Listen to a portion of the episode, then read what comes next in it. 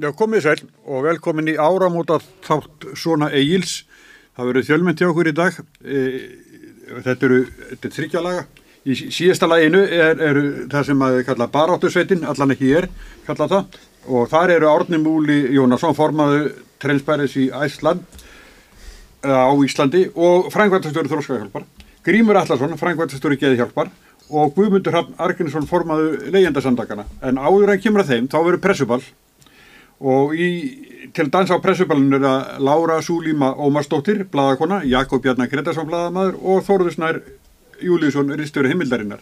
En hinga eru komin e, smári, hvað kallar þetta? ekki kallar þetta ég kallar þetta lúðrasitt verkalýsis verkalýsis, ég ætla hún þetta að vera að spila þetta en, en það er þess að lúðrasitt verkalýsis það, það er Sólugana Jónsdóttir formareflingar, Ragnar Þór Ingólfsson formaður Vaffer og Sonja Ír Torbjörnsdóttir formaður BSRB, verið velkomin. Takk. Fyrir. Takk. Sko í morgun eh, vaknaði þá ætlaði að fara að skrifa svona leiðarinn á miðuna mína og ég náði bara að skrifa fyrirsögnin að hafa dauðadæmt ríkisjórn svo ég eftir að klára fyrir nefnda er, er þetta ekki svolítið til í þessu, er þetta ekki dauðadæmt ríkisjórn? Þú erum að byrja þarna með henn Mér það best. Já, þú ert fyrst. Ég bara, ég, þú veist, ég var að stífa upp á flensu þannig að nú bara, þetta er þetta stór spurning. Ég, sko, ég Ég held að það sé búið að vera í gangi á mínum að þið allt og langur partileikur um það hvort að ríkistjóttur sé að fara að klárast eða ekki. E, og ég, einhvern veginn, þú veist, ég held að það sé allavega svo ég segi fyrir mitt leiti með þau verkefni sem eru framöndan að þá verður hún bara að halda saman og svo bara ræður hún hvað hún gerir á loknum þessum kjærasamningum en, en hvort hún alltaf lifaði ekki, það er ekki mitt að spá um það. Það er semst fráleitt að hún hætti núna svona í miðri á, að er Þú veist að segja það, að verða að klára kjærasamningan? Já, ég meina, sko, fyrstulega fyrir Íslands samfélag verða glabræði, mm. eh, en líka bara fyrir þau, þú veist, upp á mm -hmm. hvað myndi koma þá upp á kjörkásunum. Það, þú veist, þau eiga mikið undir öll, hvað kemur út á kjærasamningum. Já, ég er mikið undir því að hanga saman. Já, ég held að um, ef þau halda rétt á spilunum og um, sína að þau geta gert eitthvað annað en, en aðsnalega og bjánulega og heimskulega luti, mm. og nú er tækverð þeirra þá hérna eða sannlega að grípa það og ég trú ekki að það ætl sér að gera það. Og mér heyrist nú svona tótnin þó auðvitað í allt enn eftir að koma í ljós. En þá er svona skinsamlegri tótn um, hjá þeim en hefur oft verið. Og viðbröðin svona um, dempuð en þó gefa mér svona vissa, vissa vonum það þetta geti mögulega gengið ágætlega. Ragnar? Ég held að hún uh, muni halda. Ég get ekki séð eiginlega hvað uh, fyrst þetta er ekki sprungin úr þegar við allt sem undan er gengið þá skil ég ekki eiginlega hvað það ætti að vera. Uh, það er eiginlega allt og langur og sorglegu listi til þess að tellja upp uh, hérna, sem hefði verið ærin ástæði fyrir flokkana að, splitta þessu samstarfi. En ég tek undir með félögum mínum hérna að, að við erum að fara inn í já, líklegast eina floknustu kjærasamninga sem hafa verið gerðir í ára tíu og, og ég held að það er e, eh, mikil skellur sem að þessi flokka myndi fá ef þeir myndu e, hérna, slíta þessu samstarfi okkur átt núna mm -hmm. á mhm. þessum tímapunkti og það er þá, e, við þurftum þá að býða vantala í, í, í, í það minnsta hálft ára eða meira til, til þess að geta haldið áfram í þessu verkefni sem við erum í núna Já, Herri, Smári, þegar ég las mókan í morgun mm. að þá er viðtal við Viljálm Ornarsson, þingum en sjálfstæðisflóksins, þar sem hann er að setja út á samgöngu sáttmálan eða samgöngu áallun hvað þetta dregst allt og frestast, mjög ósáttur og svo er líka greinetti Dilja á mist einastóttur þar sem hún telur upp fjölda fyrirspurna sem hún hefur verið með á þess að fá svörfið í laungu líðin frestur sem er áður að hafa. Hann eru sko tveir þing með sjálfstæðisflóksin sem eru reynilega svona andmæla ríkisvöndi. Mm. Ekki rétt? Já, sko eins og þau stillir þessu upp hérna þá verður ríkistjónin að stíga inn og leysa kjærasamlingina e, valkostinir eru annars vegar að hækka lægsturlaunu í 650 skallega eða það er ríkistjónin komið með eitthvað á móti til þess að það verður ekki verðbólka og áframhaldandi óárann í efnaðismálum hún verður líka að stíga fram og gera eitthvað í húsnæðismálum sem hún hefur ekki gert frekar en aðra ríkistjónir hérna bara þessar öll hún þarf að gera alls konar hluti eh, og hún er eiginlega neitt til þess að stíga fram þá er eftir spurningin sko, getur hún gert það Já. og ég held að þú nefnir sko, hérna, þetta fólk eins og sagt er í sjálfstafloknum þá er ég ekki svo vissum að hérna, það sé endilega vilji þar inni að, að sko gera það sem það þarf að gera. Ég hef spurt hérna fólk úr verkefnisviðvíkunni sem að segja sko til þess að ná kjærasamningum þá þarf að gera þetta og þetta. Og svo enda mann alltaf með að spyrja því þá við að til þess að ná samningum að þá verði ríkistjónin að gerbreyta stefnu sinni í öllum helstu málum Það er, það, það er líka að gera það ef hún fyrir kostningar, ég menna þá þarf hún að reyna að selja kjósundum að hér þurfa að fara í átaki í húsnaðarsmálum og hér þurfa að gera hitt og hér þurfa að gera þetta. Það munir á því, sjálfstæðarflokki getur farið bara að tala bara við sitt fólk sem eru aldrei haft að betra, ja, ja. við dældum til eitthvað peningum í gegnum hérna, hérna sérignarsparnaðinn og við dældum peningum til eitthvað í COVID og þeir hafa aldrei haft að betra, kjósuð okkur því okkur nú er bara 22% til þess að stjórna þetta. Já, já, þeir eru líka með gamla fólki sem hefur verið skilja algjörlega eftir. Mm bæði varandi skerðingarnar sem áttu að vera stóra málið og líka varandi húsnæðismálið sem eru auðvitað í algjörum sko bara hrikalöfum lamasessi mm -hmm. um, og síðan auðvitað uh, millistjættin og svona efri millistjættin sem að hefur verið að súpa segið af uh, efnaðastefnunni og vakstastíginu uh, þetta eru þarna inn eru stóru hópar sem hafa kosið þennan flokk, sjálfstæðarsflokkin og, og þeir þurfa að tala inn í þessa hópa líka. Það er, það hvað, hvað eru að tala um, þessi 5% sem að hafa hérna mala gull í, í þessu ástandi sem hefur verið. Ég er spáð að breyta bara svarinu mínu frá því á, en vegna þess að ég var að mynda að hugsa þetta sko þegar við fórum í gegnum lífskjara sammingin þá, þá hérna, fengum við gjaldþrótt váer í fangið.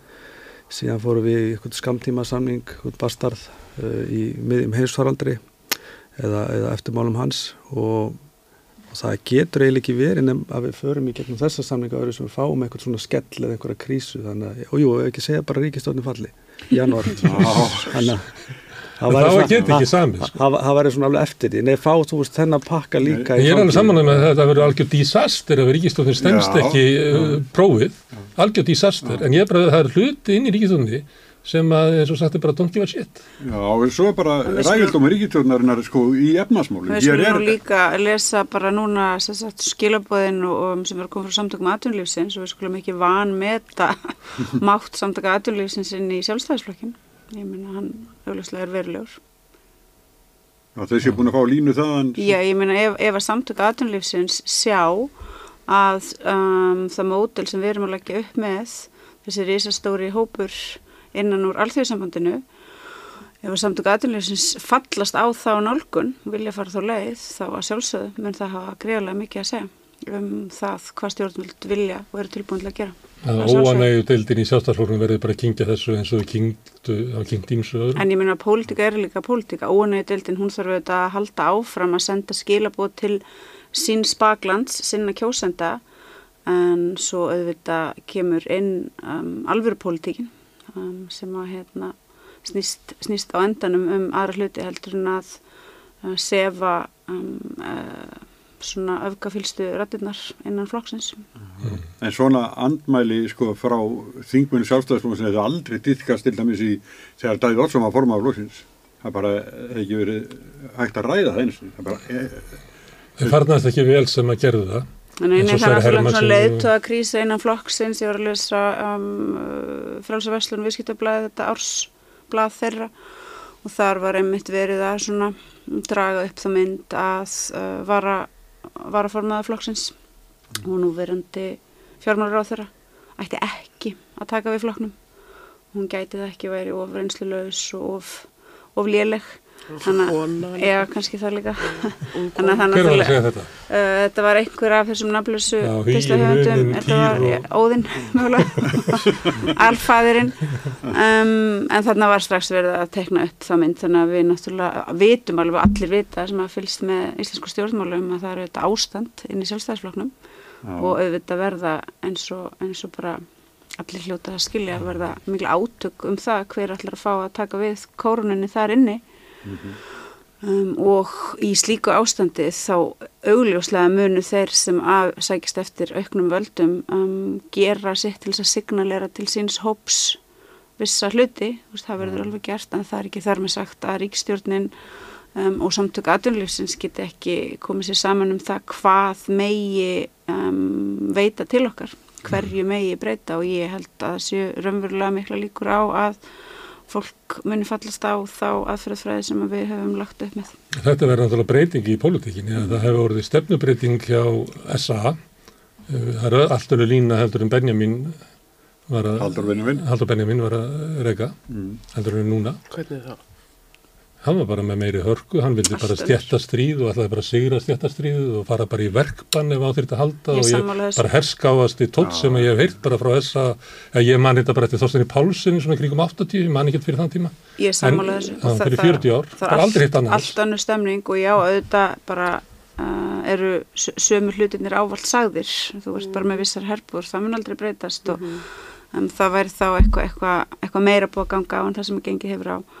Auðvitað munu fulltrá rætunrækanda og kapitalistan alltaf vera með sömu línuna um vissar hluti en það er algjörlega augljóst að það er allt annar tótt sem er í gangi Já. og miklu eðlilegra andrumsloftsjölu, ef mér bara segja það og miklu um, augljósari vilji í það minnsta enn sem komið er til þess að reyna að ná samningum án þess emmitt að gera það sem að Gunnar Smör var hér að segja að vera í einhverju hérna gladiatóra baráttu um það hver að vinna stjættastrið En þetta er bara stórmerkilegt ef, ef satt er að stefnubreitingin verði hjá SA að þessi, þessi harðu línu stefna við reka hagsmunina allra ríkustu bara blind gangi ekki lengur, þetta verði að, að, að tryggja það sé eitthvað réttlæti á húsnæðismarkaði svo að launagreðendur fá ekki sko starfsfólkið heimta bætur fyrir okra, sem ógrarnir hafi tekið af þeim.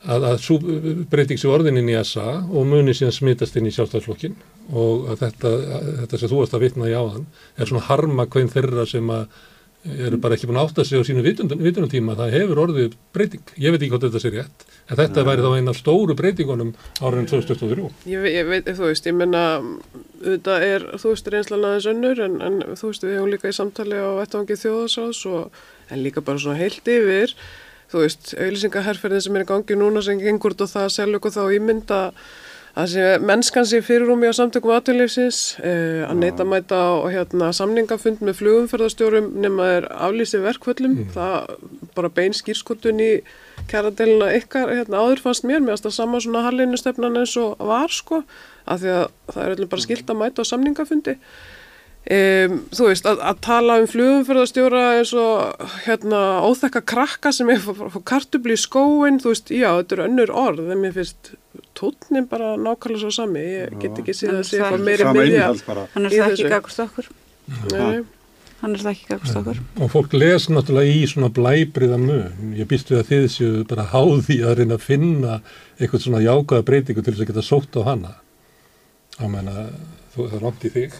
Já, ég minna þau eru ennþá að skrifa um norranna kærasansmodel og auknar valdheimildi ríkisátt að semja á þetta. En það var náttúrulega orðin líka eftir atbyrði síðasta árs, ég meina það er ekki bara þau, það var náttúrulega öll pólitíkin sem að var að tala með þessum hætti. Já, því þau eru búin að undirbyggja það. Já, ég meina, þú veist, pólitíkin náttúrulega hlýtur að geta gert eitthvað annað en að taka við undirbyggjandi skipunum frá samtökum þetta Ég meina, að. Hvað þau? Þetta er svona one-liner sem þau eru búin að grípa. Það má vel vera, en ég meina það var náttúrulega mikil vinna sett í það að koma hér á sárleika mótili. Það tókst ekki, þjóðþagsráð og aðra stofnanir eru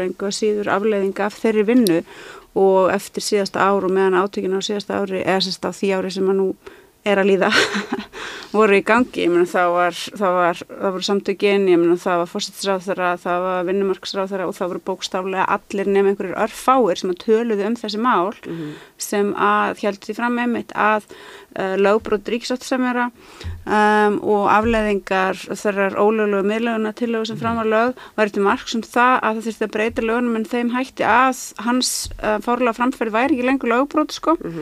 Þannig að þau voru svo sannlega ekki eini klika aðilinn er talaði um þeim hætti. Ef þið ríkistöndin náð fram frumvarpi sem að hún samþýtt að setja fram til þess að auka valdheimili Það málur ekki fyrir bí, sko. Nei, en ég hefði haldið það bara þarna, hvað, hvernig er þetta svona mars, april ég veist að það hefði bara farið ekki nú þingi bara með 56 aftöðan, bara já það var alveg ótrúlega bara, nei alveg það var bara eins og einhver stemming í samfélaginu. Að þetta bara afnema verkvælsrétt og svo breytist það náttúrulega líka þetta með verkvælum ykkar. Einmitt. þá bara breytast fórsetunar og það sem að fólk held að myndi gerast í mars, april ég held að sé óhugsandi í dag. Ég, Ég- ég er bara Ég held að sé sko, óhugsandi eins og kom núna upp í umræðinni þú veist það er eitthvað búið að færa mörkin Þannig að það er svolítið bara búið að ná þannig inn að fólk bara, já, verkvöld eru vesen og þá má bara setja lög. En maður horfir, þú veist, á dómafrangandina þegar það verið sett lög. Þá erum við að tala um, sko, þú veist, hátt í 60 daga verkvöld. Þú veist, við erum að tala um gríðala hagsmun undir og núna er bara nóg fyrir hérna, fórstjóra Æsland er að skræða greinum að þetta svipir nú mögulega til óveðisins í fyrra og þá er það bara greiðarlega fjárhásleir hæsmunni og það er ekkert það sem er undir. Þú veist, það er nöðsynlega heilsa og öryggi einhver svona atriði sem að réttlata að það og setja lög og verkvöld en annars ekki. Annars er þetta bara brot á stjórnarskráni þú veist, þannig að, einmitt, þú veist, þegar þetta komið í svo online-ir, þú veist, bara verður að auka valdheimildi ríkisáta sem er að, á bara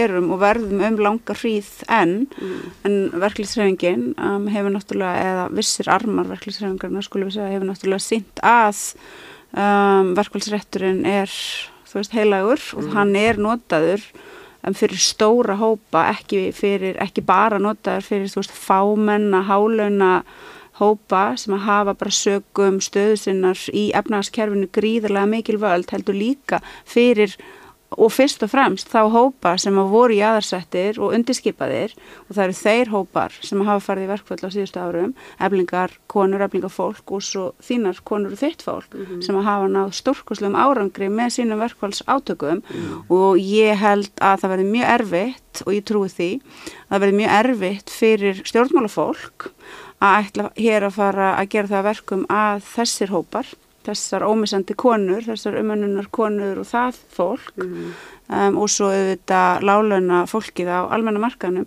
verði svift sínum verkvælsrétti. Það, það verði katastrófisk pólitísk ákvörðun sem að fólk myndi átta sig og sé núna búið átta sig á að það tapi meira á því að framkvæmana heldur en það geti mögulega grætt. Ég held að það sé eina breytingur sem var hann að, að leita ekki vel út kannski í februar mars, það var fyrirlega stemming í samfélaginu, en aðkvaða greiðstunar um verkvöldin í eblingu og síðan í BSB ég held að það sé bara engi sem getur farið á móti því að sko, verkaliðurinn er að kjósa kannski 80-90% vilja að fara í verkvall og ætla að fara að afnema verkvallsréttin ofan í það bara okay. En samt kemur, kemur fólk náttúrulega í svona okkur að spjall þetta og segir að mér finnst það eitt ekki að vera eða reynir að stilla flugum fyrir að stjórum sem að me, me, meiga 28 manns fari í verkvall eða, eða 43 ja. eða eitthvað svona pælingar. Ja. En ég held að sko staðan, ég held að kemur mjög óvart ef að þeir sem að vilja takmarka verkvallsveitin mundu ná svona einhverjum árangri á næsta ári. Kemur það mjög óvart. Mér langar að spyrja Ragnar, hérna að þetta með að auka valdheimildir ríkisvartasemira, er það eitthvað sem að þið munum taka upp í, í samtölum ykkar við, við ríkistönduna að, sagt, að eitt af því sem þau þurfa að gera það er að hætta þessu, þessari leið? Já, já, alveg klálega, ég meina það, þetta hefur verið uh, ég vil ég stefna okkar hjá alþýðisambandinu að, að, að berja skegn þessu og, og ég við svo sem eh, erum ekki kannski búin að skrifa nýra á blad en ég rekna með því að þetta verði eitt af þeim skilutum sem að verði fyrir uh, uh, hérna, aðkomi stjórnvalda er, að, er að, að þessu verði sópað vel út á borðinu. Mm -hmm. Ég sammála Klárlega. Mm -hmm. og sömulegist líka þú veist allar, allar tilröðinni með eins og var þetta frumvarpum félagafrelsi og fleira sem eru sko bara stór hættuleg um, sem er byggt bara gegn ykkur eða ykkar Já, já, já, og er, er náttúrulega bara veist, þessi aðferðafræði, þetta er bara enn einn og ný aðferðafræðin til þess að, að hvað sé að draga tennurnar úr, úr verkefnisreiningun og styrk vinnandi fólks og, og, og okkar svona saminninga krafts. Þið þurfum að kaupa þetta. Er ekki það, kannski nei, það er planið nei, nei, þeim, við, við, við þurfum ekki að kaupa eitt en eitt, við þurfum bara að setja sem skilirði að, að, að, að alla svona tilraunir og, og hérna Eh, til að, að já, alltaf svona tilunni verði bara að þeim verði bara sópa út af bóri, bara ég hef bara sett inn sem forsönd ákvæðið eitthvað svolítið, ég get alveg trúið því að það verði. Það er alltaf stór hættulegt ef það farið í fjárhara samninga eitthvað álíka og svo bara, ég meina, möguleg breyting á ríkistjórn og þar mm -hmm. með meðlut á þingi og það væri bara hægt að sópa alls konar málum í gegn til þess að vekja verkefæliseginguna. En við erum allan á sko það er er það. Já, en samt svona skarri, ég, ég held að þetta sé hérna, árangur árinu sem eru verkvöldeblingar og verkvöld BSB hafi sko lagað stöðuna Já. svona gert þetta svona meiri skynsum í þetta ég, þetta ég, er engin að ráður með átt að segja því að það er ekki hægt að breyta vinnulagjöfinni nema í, í sérst, samráði og, og, og samkominlagi við verkvöldsefinguna og það verður aldrei verið gert mm -hmm. það bara hérna, hérna, hérna, svona í, í, í februar, mars eða aflíkan sem þetta var, mm. þess að þau satt að fundi þá voru þannig bara 12 ráðarar sem að vissuð ekki. Þetta hafði aldrei verið breytt nema með samkominlega við verkefnstönguna. Mm. Og svo bara held ég að þessi bara snátt og snátt að renna fyrir mönnum byrjað svona gera menn ekki. Já. -hmm. En ef við förum að, aðeins, aðeins út úr þessu þá hérna þá er það efnaðsmálinn. Því náttúrulega sko ykkar fólk, ykkar skjólstæðingar, það margir ykkar náttúrulega eru bara reynilega bugast undan þessu. Við sjáum út öll sem skuldum eitthvað, hvað, hvað, hvað er að gerast en sko það verið svo lítið hafa verið gert, þetta er eiginlega bara látið vera, bara sko vonum að verðbólgan koma aðeins niður. En við sjáum engar alvöru aðgerðið neitt til er, er svona eins og uh, þetta fólk sé bara vannmátt út ræður bara ekki við vandans eða búið að koma okkur í. Mm -hmm. Eða bara er ekki, veist, ég menna þetta er oft líka bara ágreiningur um það hvaða tölur er að horfa til hverju sinni. Já. E, menna, og við erum að benda á niðurstöður eins og hérna konurna vörðu um hérna, stöðu launafólks og sömulegis stöðu öryrkja. Um, þú veist, þau horfa oft meira á mælingar, þú veist, í þá áttina að þú veist að það sé enginn komin í greiðsleirfileika eða eitthvað mhm. álíka, sko, mm -hmm. og, og þá er maður benda á, ég meina, þú veist, ef að það tvöfaldast hlutvall fólk sem að næri ekki endum saman á milli ára, þá hlýtur það að sína að það þarf meira til, um, en þú veist, það er oft, ég meina, þegar við erum ekki sammála um grundvöllin, að þá oft við ekki alveg saman, þetta er þetta bara líka mjög pólitíska línur og svo hvað þú vill leggja meiri áherslu á, hvort þú ætlir að setja meira í húsnæðstunning eða barnabætur eða brúa bílið eða endur með þetta verið hvernastað, skiljið, þú veist, þetta ah, er bara ja. mjög margt undir en ég held sko að því að það er auðvitað mjög mikið búið að ræðum það núna og við finnum öll fyrir því hvað áhrif verðbólgan hefur og, og vextinnir En, en það er svolítið mist, vanta umræðan um það að það eru mjög stífar aðhalsaðgerðir, ofinbærastofnarnir núna mm. og, og hvort sem við horfum á núna til framtíðar að, að hérna í mögulegri þjóðasátt, þú veist þá þarf þetta að tryggja það að allar lögnlækarnir fari ekki bara beint út í velasækarnir og það þarf eitthvað alvöru velas eftirlit hérna En, en svo er hitt, þú veist, velferðarkerfið sem við treystum á alla daga, ekki bara mhm. stuðniskerfið heldur, heilbyrðiskerfið, mentakerfið, ég meina við erum búin að vera með alls konar fréttunum það á liðinu ári og bara fer hríðu vestnandi. Eh, Einan niðurstöðunum, eða svona það sem sérfengar að benda á í tengslum við sko písa hérna konuna er að það skorti á faglega fórustu innan sveitafélag og það er líka annað, þú veist, Já. er þessar einingar nægilega stórar og burðar til þess að standa undir eh, velferðinni í næstsemfélaginu Þannig að það er, ég held að mig ekki gleymast þessi sko, þú veist, við þurfum að stiðja fólk þannig að ná endur saman getur að mannsamandi lífi en við verðum líka að vera með öryggisnett og velferðarkerfi sem að raunverulega grípa fólk þegar þarf að því að halda.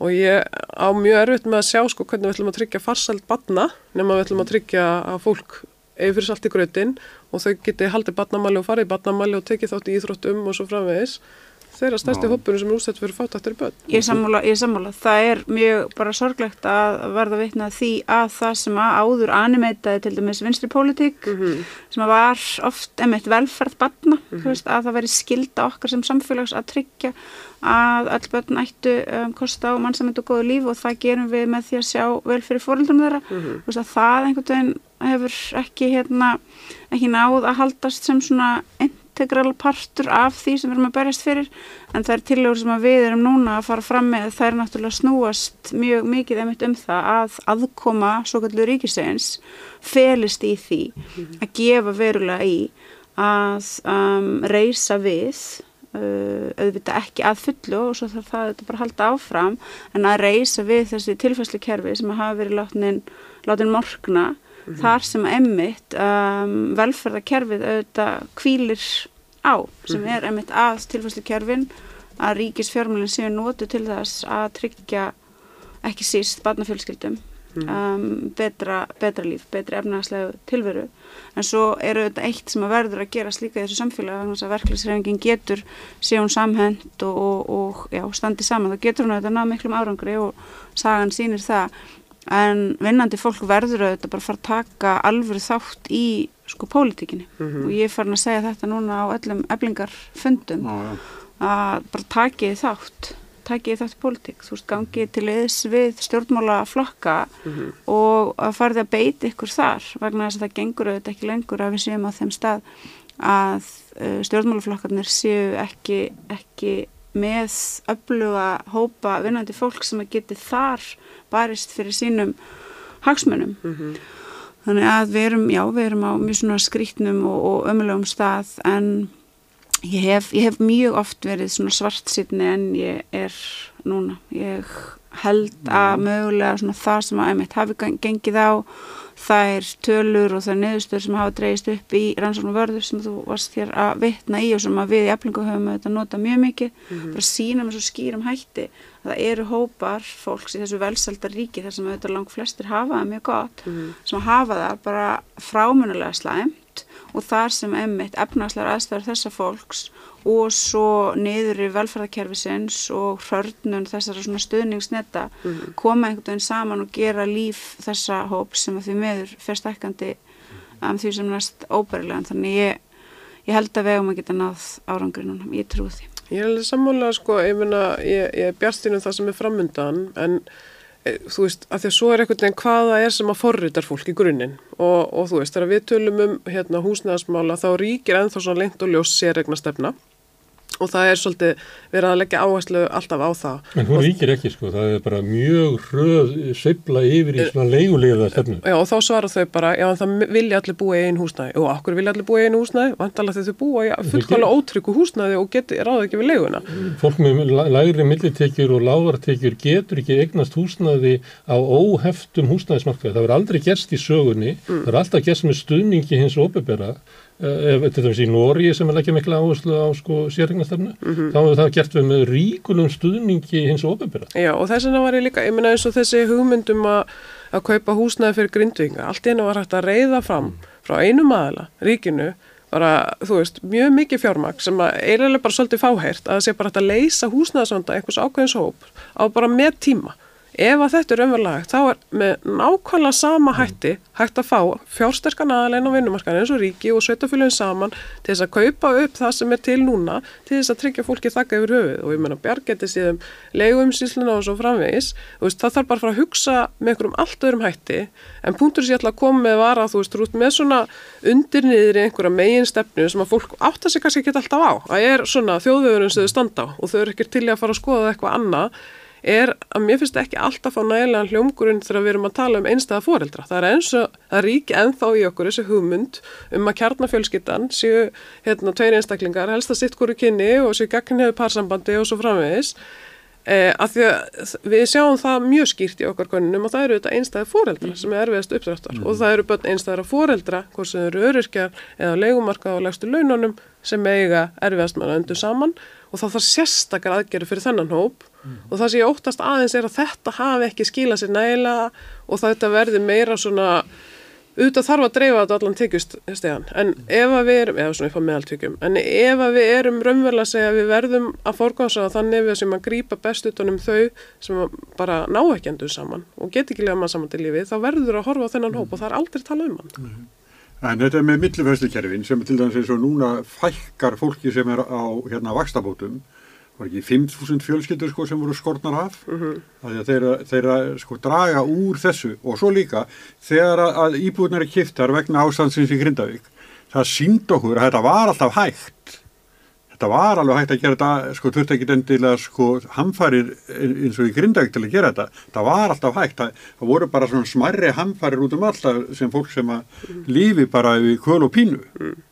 Það var ekki verðugt aðstóður ríkisins Að, nei, það er bara stjórnvöldu líta svona á grindvikingar eru verðu í raðstúðar en fátækt fólk, það getur bara sjálfur svona kent. Þetta er bara, þetta er einn ofnbæra stefna ríkisins og að því að Solveig Anna var að tala um fátækt barna sko og þú veist að tala um einstæða fóreldra mm. ég man bara þá tíma að sko það var um, meiri vakt á kjörum einstæða fóreldra heldur en hefur verið núna bara þessar völd. Ég man bara, samfélagi hafði bara meira, meira síðferðslega þrek. Það horfið á, við viljum ekki fáta batna og leiðin til þess að hérna, eigða fáta batna er að styðja foreldrana. Ég held að við séum einhverjum svona síðferðslega stöðu núna þar sem að við auðvitað viljum ekki að bötsu fáta þau hafa ekki til neins unnis. En, en, en fóreldarnir sem eru fátakir, þeir geta bara sjálf svo kjent, þeir geta bara farið í skóla og menta sig og það fengið betri laun, bara akkur varst að skilja eða ætti að gefna því, eitthvað svona, því miður, þá er þetta bara stjórnastarnan, ef þú lest hana í, í hvernig hún byrti því frangönd, þá er þetta stjórnastarnan. Mm. Við ætlum ekki að styðja neitt bara aldrei sem að hugsanlega er óverður stuðningi okkur. Þegar hver er sinna gefusmiður Já. og fólk á bara að geta lift sér upp úr þessu. Þetta er En uppskeran. ekki, vera með stuðningskerfi sem að býr til mm. möguleika. Ef þið viljið sko ný, nýfrálsíkju, þá er þetta niðurstaðan. Það er bara síðfyrirslegt niðurbrót samfélagsins. Það er náttúrulega bætist við auka lagi þetta núna af því að við erum náttúrulega þú veist það er orðið miklu meiri fjölbreytilega heldur var á svo ótrúlega skömmum tíma. Þannig að núna er náttúrulega akkurat sáhópur sem að er hvað helst í lagslaunustu störfanum í íslensku samfélagi er fólk af ellendum uppruna og þá náttúrulega bætist það við inn í vitina, í svona mismununa vitina, ekki bara fátættin heldur líka þú veist, þú ert annað. Eða þú veist. Ekki eins og með kostningarinn. Þetta er mjög mikilvæga punktur. þá En þá- þetta. En þá náttúrulega þarf bara fólk að fara að læra bara gömlu baráttuleginar upp á nýtt, þarf bara að kenna sér það í, í gegnum þú veist það sem að virkaði áður, þar sem að um, það voru fólksflutningar og það voru lönd sem að voru um, þú veist að breytast mjög hratt, uh, þú veist fólk var að koma úr sveit inn í borg, fólk var að flytjast á milli landa til þess að sækja mögulegan á betri lífi annar staðar og þurfti þá einmitt fólk og mjög ólíkum áttum að koma saman og komast yfir alls konar menningar og tungumála örðuleika til þess að finna stað til þess að standa saman í samstöðunni til þess að geta breytt samfélaginu og til þess að geta mitt tryggt að það væri ekki um, einu örlögin sem væri í bóði að vera hérna eksploterað uh, vinnuafl og það höfum við náttúrulega verið að gera í efling og við höfum náð árangri. Og við erum að kenna okkur sjálfum og, og um, vonandi öðrum að veist, það er, það er hægt að gera hlutina með öðrum hætti og það er hægt jafnvel í um, landi eins og okkar þar sem að svona greiðlega mikill innflutningur er að vinna og þar sem að reisastór hópur eru ekki eins og nefnitt með lýræðislega grunnréttindi eins og kostningarétt að búa til vettvanga þar sem að fólk þó getur komið saman og beitt sem er mjög effektífum hætti. Já, þrátt fyrir það sem hefur verið sagt hérna undanförnum þá eru þið samt bjassin á, á að ríkisjóknin standi í dassér og, og komið til mótsvið til, til að lirka Ekki sjálfur sér Ég- það, ég að enginn hérna Ég Það var að- ekki að segja búin að tala mjög lengi og það var svo svart sitt og að- viltu skipta aftur ég, í skoðun? Já, hún var að hugsa síðan. Já, ég, ég, ég er bara skipt um skoðun og held ég strís á fjóru sinnum bara með að þeir eru búin að vera að tala. En sko, en kannski ástæðan fyrir því að, að ég lít svona ég kannski bjarsinn eða kannski svona, það er svona hvað léttir að, að uh, gildandi kjærsamningur er að renna núna út uh, hérna í loki januar að uh, og þá erum við komirinn í það sem maður hefur þráð í svolítið langan tíma að vera í alvöru samningsstöðu. Uh, við erum með fólki með okkur, ég er ekki nokkur vafum það uh, og við erum með nægilega stórt bandalag uh, sem að, þú veist, stærstu fréttinda fyrir mig á þessu ári voru þetta það að, að, að félagi mínir, hérna, Sólveig og Viljámur uh, eru með mér í bandalagi aftur.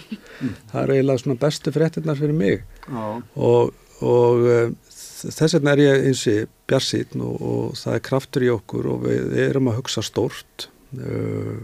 Við erum að hugsa um marga hluti bara fjármálakerfinu, tilfæslukerfunum það er bara komið ákveðinu uppgjör í okkar samfélagi, skuldadögum við uh, sérhagsmunagæsluna, spillinguna uh, og allt sem við höfum sko allt þetta niður og niðurbrót sem hefur átt sér uh, stað bara síðustu ár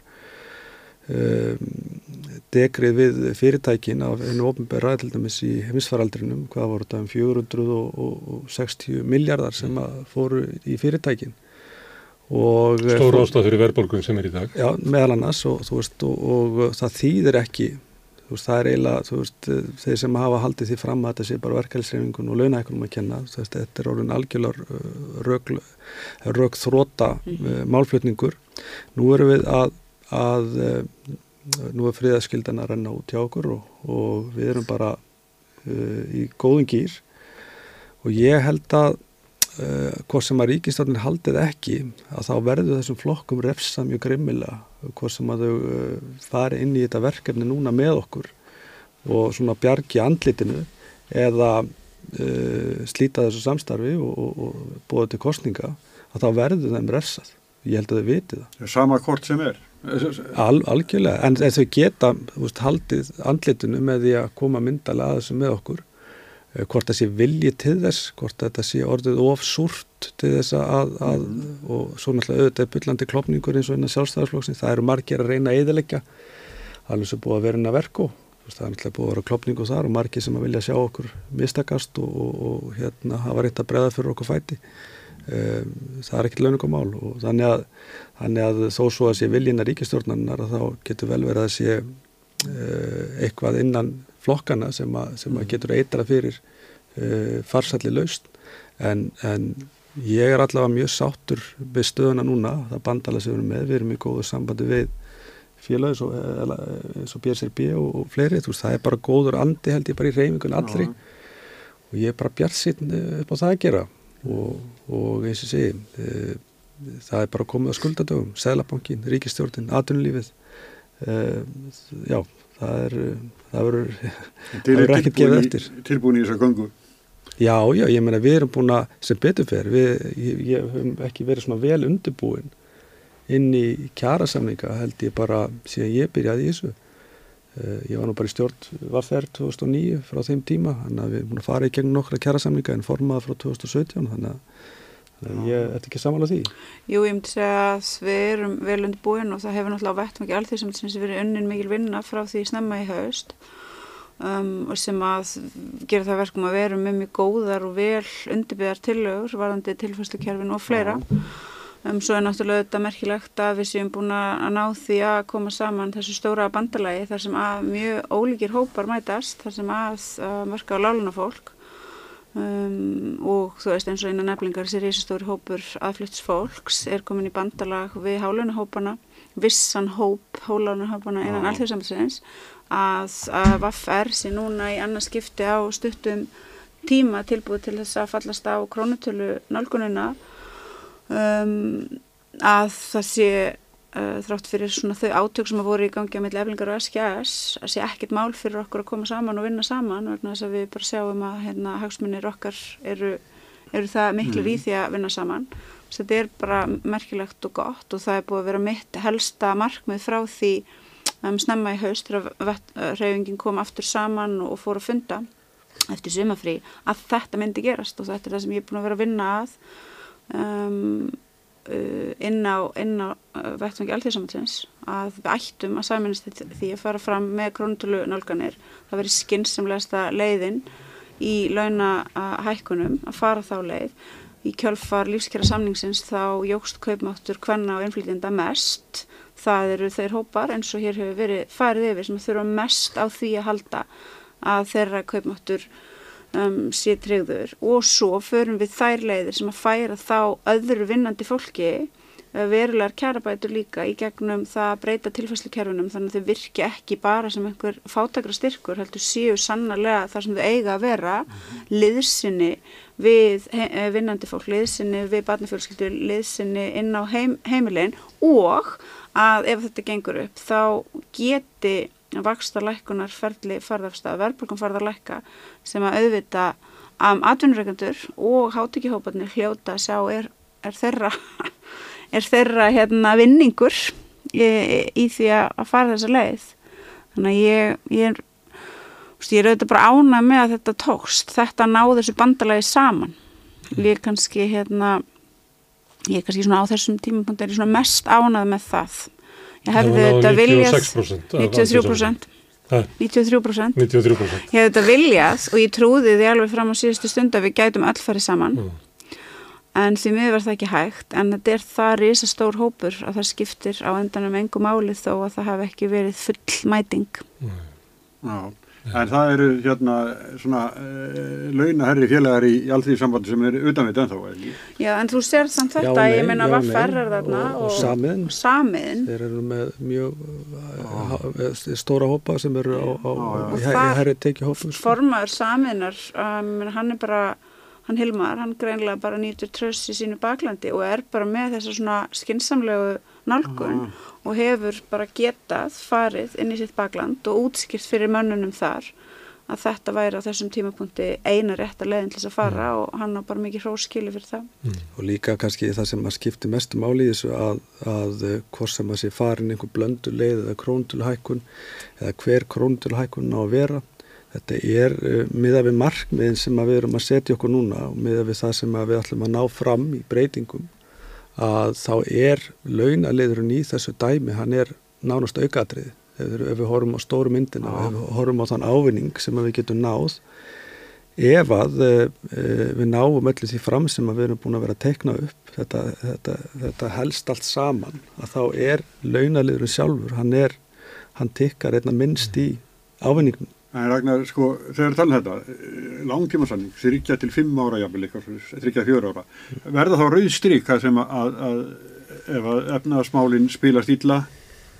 Já, já, sko, vennilega hafa rauðustrikin í svona samningum verið þannig að, að um, það er einhverja fórsendur, þú veist, þannig hvort vísitala eða, verðbólka eða eitthvað aðra mm. fórsendur, launaskrið, ímislegt annað og, og, og þá er komið einhver endur skoðan, þá er einhver nefnd sem að kemur saman og það voru oft verið ákala mikið svona, mikið svona stemningi kringu svona endurskonar ákvæðu og, og ég mani ykkur til manni í Karpúsun voru allar að býja til síndali frá fórsættistráð þar sem var einhverstar erlendis að koma með eitthvað að borðinu svo ringdan ekki og, en samt var samningum ekkert sagt upp það er alltaf einhver gullrótt fyrir aftan. Þetta er alltaf sett stuttu á þegar næsta hækkun næsta hækkun er sko veist, Þannig að þeir sem að vilja sko rifta samningunum já. eru að hafna kannski 3-4 pluss lögna En, en, en, en þau, þau fórsendu ákveð sem við erum að teikna upp inn í, inn í þessum samningum eru miklu strángari og þau hafa miklu Um, já, eru bara rauninni miklu aðhaldsamari heldur en önnur fórsönda ákveði sem ég séð í, í,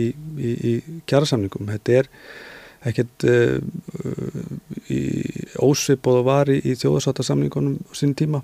Það voru gríðala kvöss og hörð fórsönda ákveði. Við erum að horfa til dæmis að það ef að vaksta stig uh, segjum bara að þú veist að verða hækkun frá 1. janúar núna og svo verður hækkun frá 1. janúar 24 þá kemur fórsynda ákvæð mánuð og eftir hækkun.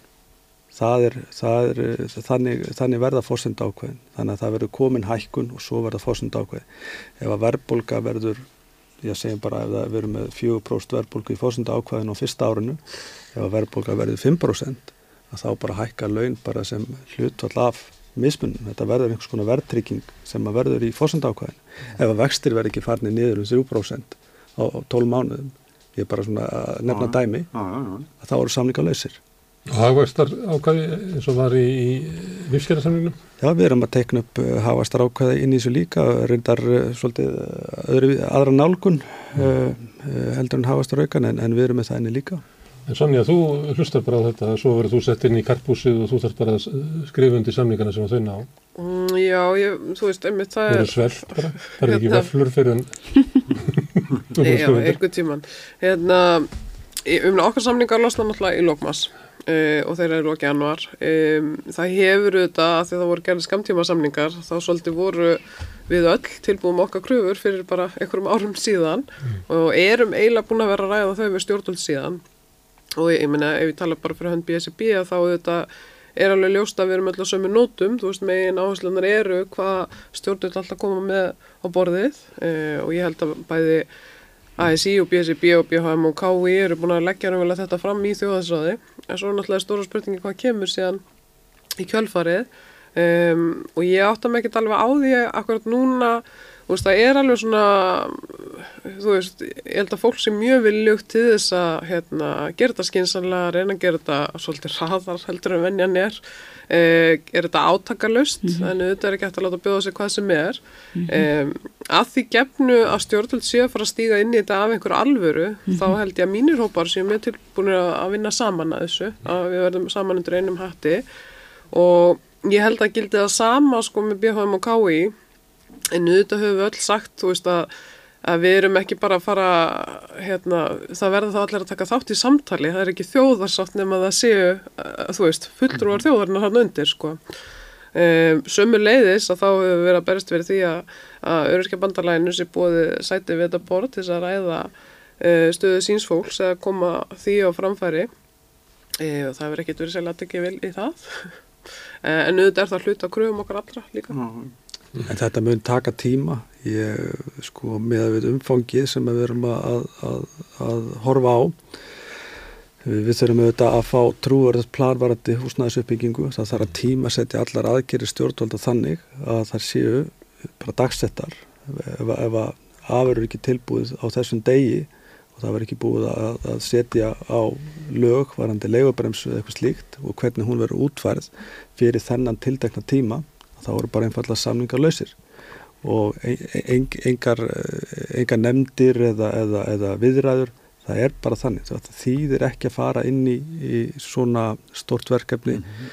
með slíkar vanemdir sem að hálfu ríkistjórnarinnar úr síðustu samningu sem við hefum gert að uh, uh, fórsynda ákveðin það verða með stífasta móti og það mun taka tíma að útfæra hvert einasta atrið. Ég er ekki sérstaklega björnsinn að vera náum að klára þetta fyrir um, uh, hérna Loki ja, fyrir fyrir, fyrir loki januar en, en ég hef trú á því að við verðum komin mjög langt í þessari vinnu og hérna og með við svona ég hef ekki skinnjað uh, svona mikinn samningsvilja að hálfu SA sem auðvitað stjórna öllu hérna á þessu landi mm. uh, Sandöku Adunlýsins og, og, og sjálfstæðarflokkurinn og, og hans fylgifiskar, er bara stjórna öllu og ráða öllu og ef þau hafa og við erum að upplifa, ég er að upplifa svona áður svona óstæktan eh, svona vilja og stemningu til þess að taka þátt í þessu með okkur, ég menn það kemur yfirlýst frá þeim í gæri það sem skora á fyrirtæki til þess að lækka uh,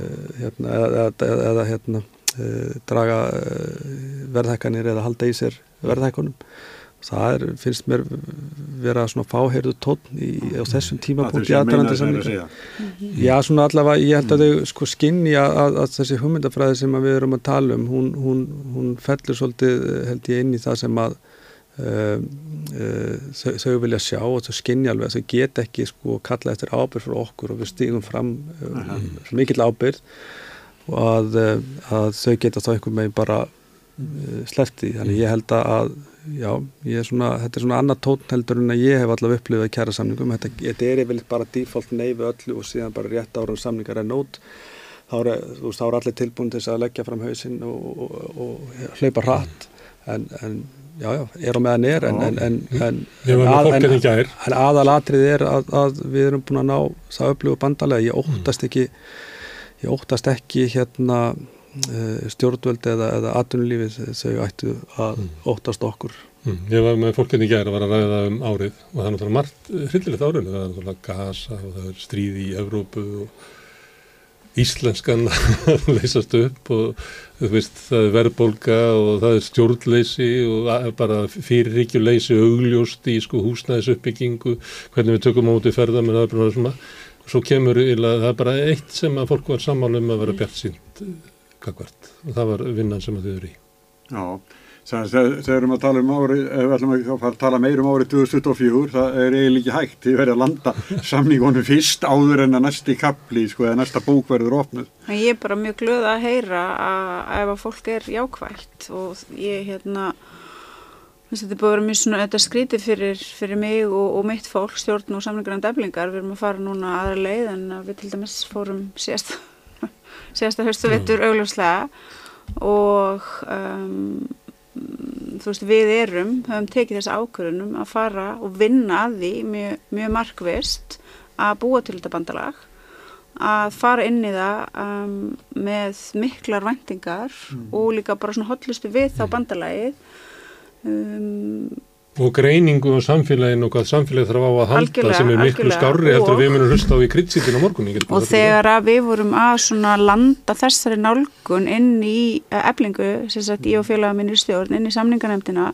bara miklar umræður, langir fundir fólk mikið að pæla þá, þá svona sá ég það með svo ótrúlega skýrum hætti sem ég hef reyndar oft, oft séð og upplifað áður en, en það gerist enn einn að ferða nokkað sem ekki nú með skýrari hætti en nokkru sinni áður vegna þess að það eru þetta ekki auðvelt og það skulle enginn ímynda sér það fyrir fólk sem hefur mjög lítið að milli handana að fallast á mjög hófstiltar launahækkanir mm. en við bara fórum í gegnum þetta saman og um, fólk var á endanum samfærstum að þetta væri rétt að leiðin til þess að fara vegna þess að það væri hægt að ná árangri með því að sækja emitt í tilfæslukerfin og með því að svo auðvitað ná niður vöxtum og verðbólku. Mm -hmm. En ég er líka bara mjög stolt af um, samlingarnand eflingar fyrir að vilja fara í þessa vegferð, fyrir að vilja treysta því að það sé hægt að ná árangri með því að mynda þetta bandalag Já. með þessum álíku hópum mm -hmm og svo sækja fram og ég vona bara einmitt að þeir aðrir sem á þessum kannski tímpunkt eru ekki að koma að þessu eins og auðvitað þú og þitt fólk sem að mörgu leiti eiga sem er hagsmann að gæta og, og allavega einhverjir hópar innan neflingar um, séu tilbúin til þess svo að, að sjá að, að hérna, einmitt, þarna er kannski akkurat réttilegin til þess að fara á þessum tímpóndi.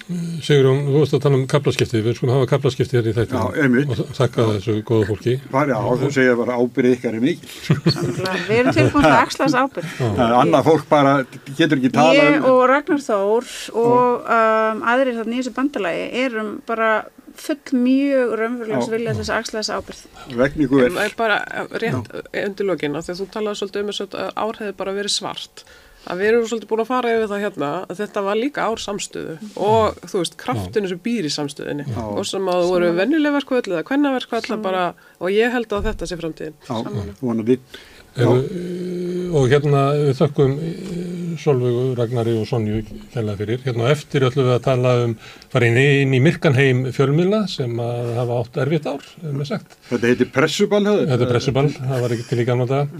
Koma hinga þrý blaðamenn og við ætlum að tala um, um árið og kannski stöðun og fjölmiðlum út frá því. En á, á meðan þau eru að koma sér hérna fyrir ætlum við að fara niður á Östurvöll. Þar er fólk sem er að berjast fyrir lífi fjölskyldin sinna, er búið að tjálta á Östurvelli og vil að, uh, búin að fá samþygt fyrir fjölskyldusamningu og vil fá sitt fólk heim til Íslands. En það er einhver, eitthvað sem stendur í veginum, eitthvað aðgerðarleysi, eitthvað fyriríkileysi, eitthvað bergaleysi. Sjáum hvað, hvernig hérna, þessi staða horfir við fólkinu sem að sefur á Östurvelli þessa dagana.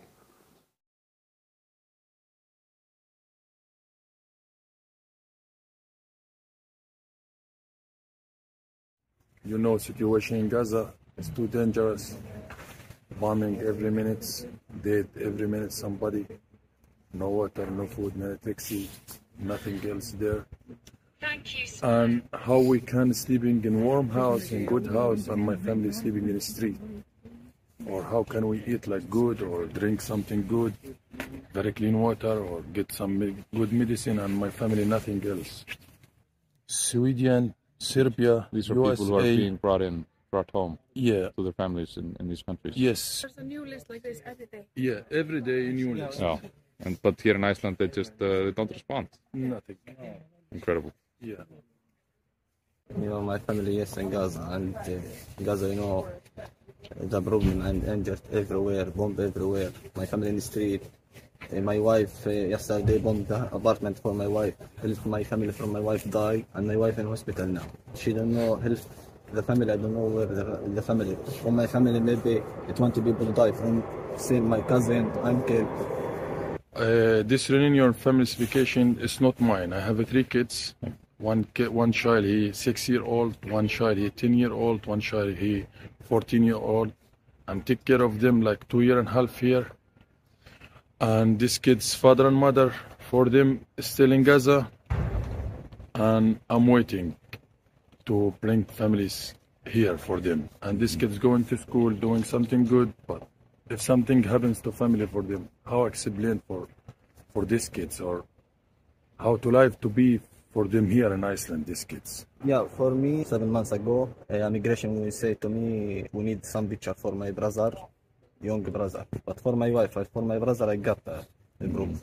But you're concerned that uh, you haven't heard much. Like they've approved, but uh, nothing has Yeah, been no, heard. And I have family from uh, in Belgium. Like we got all family out before one month.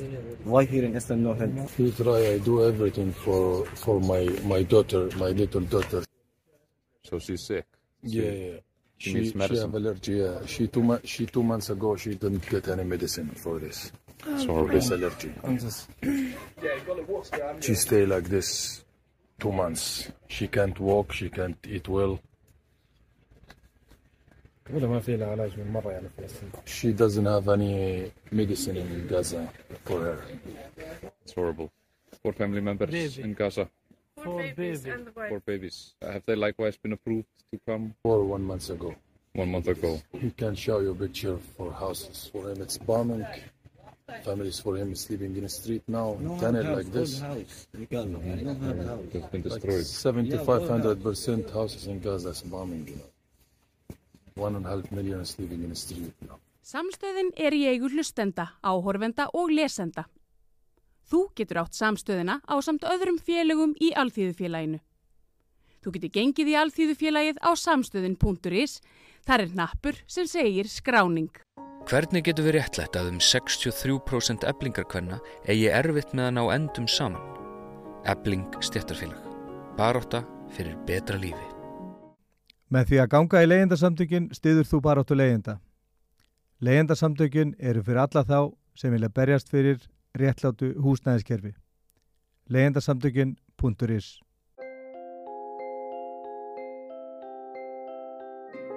Hver er að býða eftir þér? Mundu eftir réttindum þínum í desember.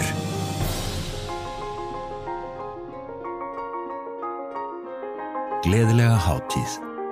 Vaff er. Allir þættir samstæðvarinnar eru fáanlegir á öllum helstu hlaðvarpsveitum. Taktu þátt í vali á stopnun ársins 2023 á sameiki.is. Hlýtur þinn vinnustæður verlaun. Sameiki. Segðu það á samstöðinni. Samstöðin er í eigu hlustenda, áhörvenda og lesenda. Sláist í hópin og gerist áskrifendur.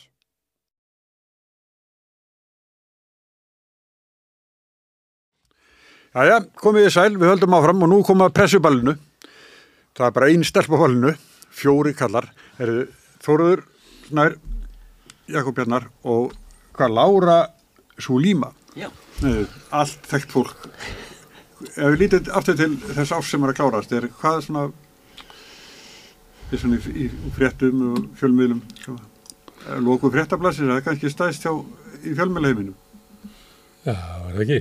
Já, þú meinar bara hvað miðlana sjálfa var þar? Nei, bæði og. Já, miðlana, byrjum á því. Já, byrjum á. Já, það lítur náttúrulega að vera þetta, þessi lókun fréttablassin sem var náttúrulega sjálf og sér reysa frétt af, hérna, af fjölmiðlunum sem slíkum þó að við kannski ekki beilinnis komið á óvart en það kom mér á óvart hversu svona skjótt þetta gerist. Já, já. Það var bara bump, það var ekki eins og þeir var að reyna að halda þessi eitthvað á lífi, þetta er nú kannski eitthvað vörumerki í þessu sem að mm. menn telja nú vera einhvers virði þessi vörumerki. Já. sem að menn færa til hérna, egnar í bókaldi sem ég nú aldrei skilji hvernig er metið en, en Ég held að það er alltaf það er stórlega ofmetið í fjölmunum þetta vörumerki. Það er bara mörg dæmum að það gengur ítla að flytja sko sætti og efnistætti á milli, miðla og annars slikt ég held að þau eru ykkur að sérstakar ansónir á vægi vörumerkja í í hérna Sólur Snær tók nú þátt í að loka tveimur uh, góðum vörumerkjum og, og samin í eitt. Búið til nýjan, við eigum reyndar hinn vörumerkina þá, ekki það þessu bókvært sem neitt virði. Þannig að hérna, við höfum ekki farið í þann leika eins og margir að hérna, hafa verið að stunda.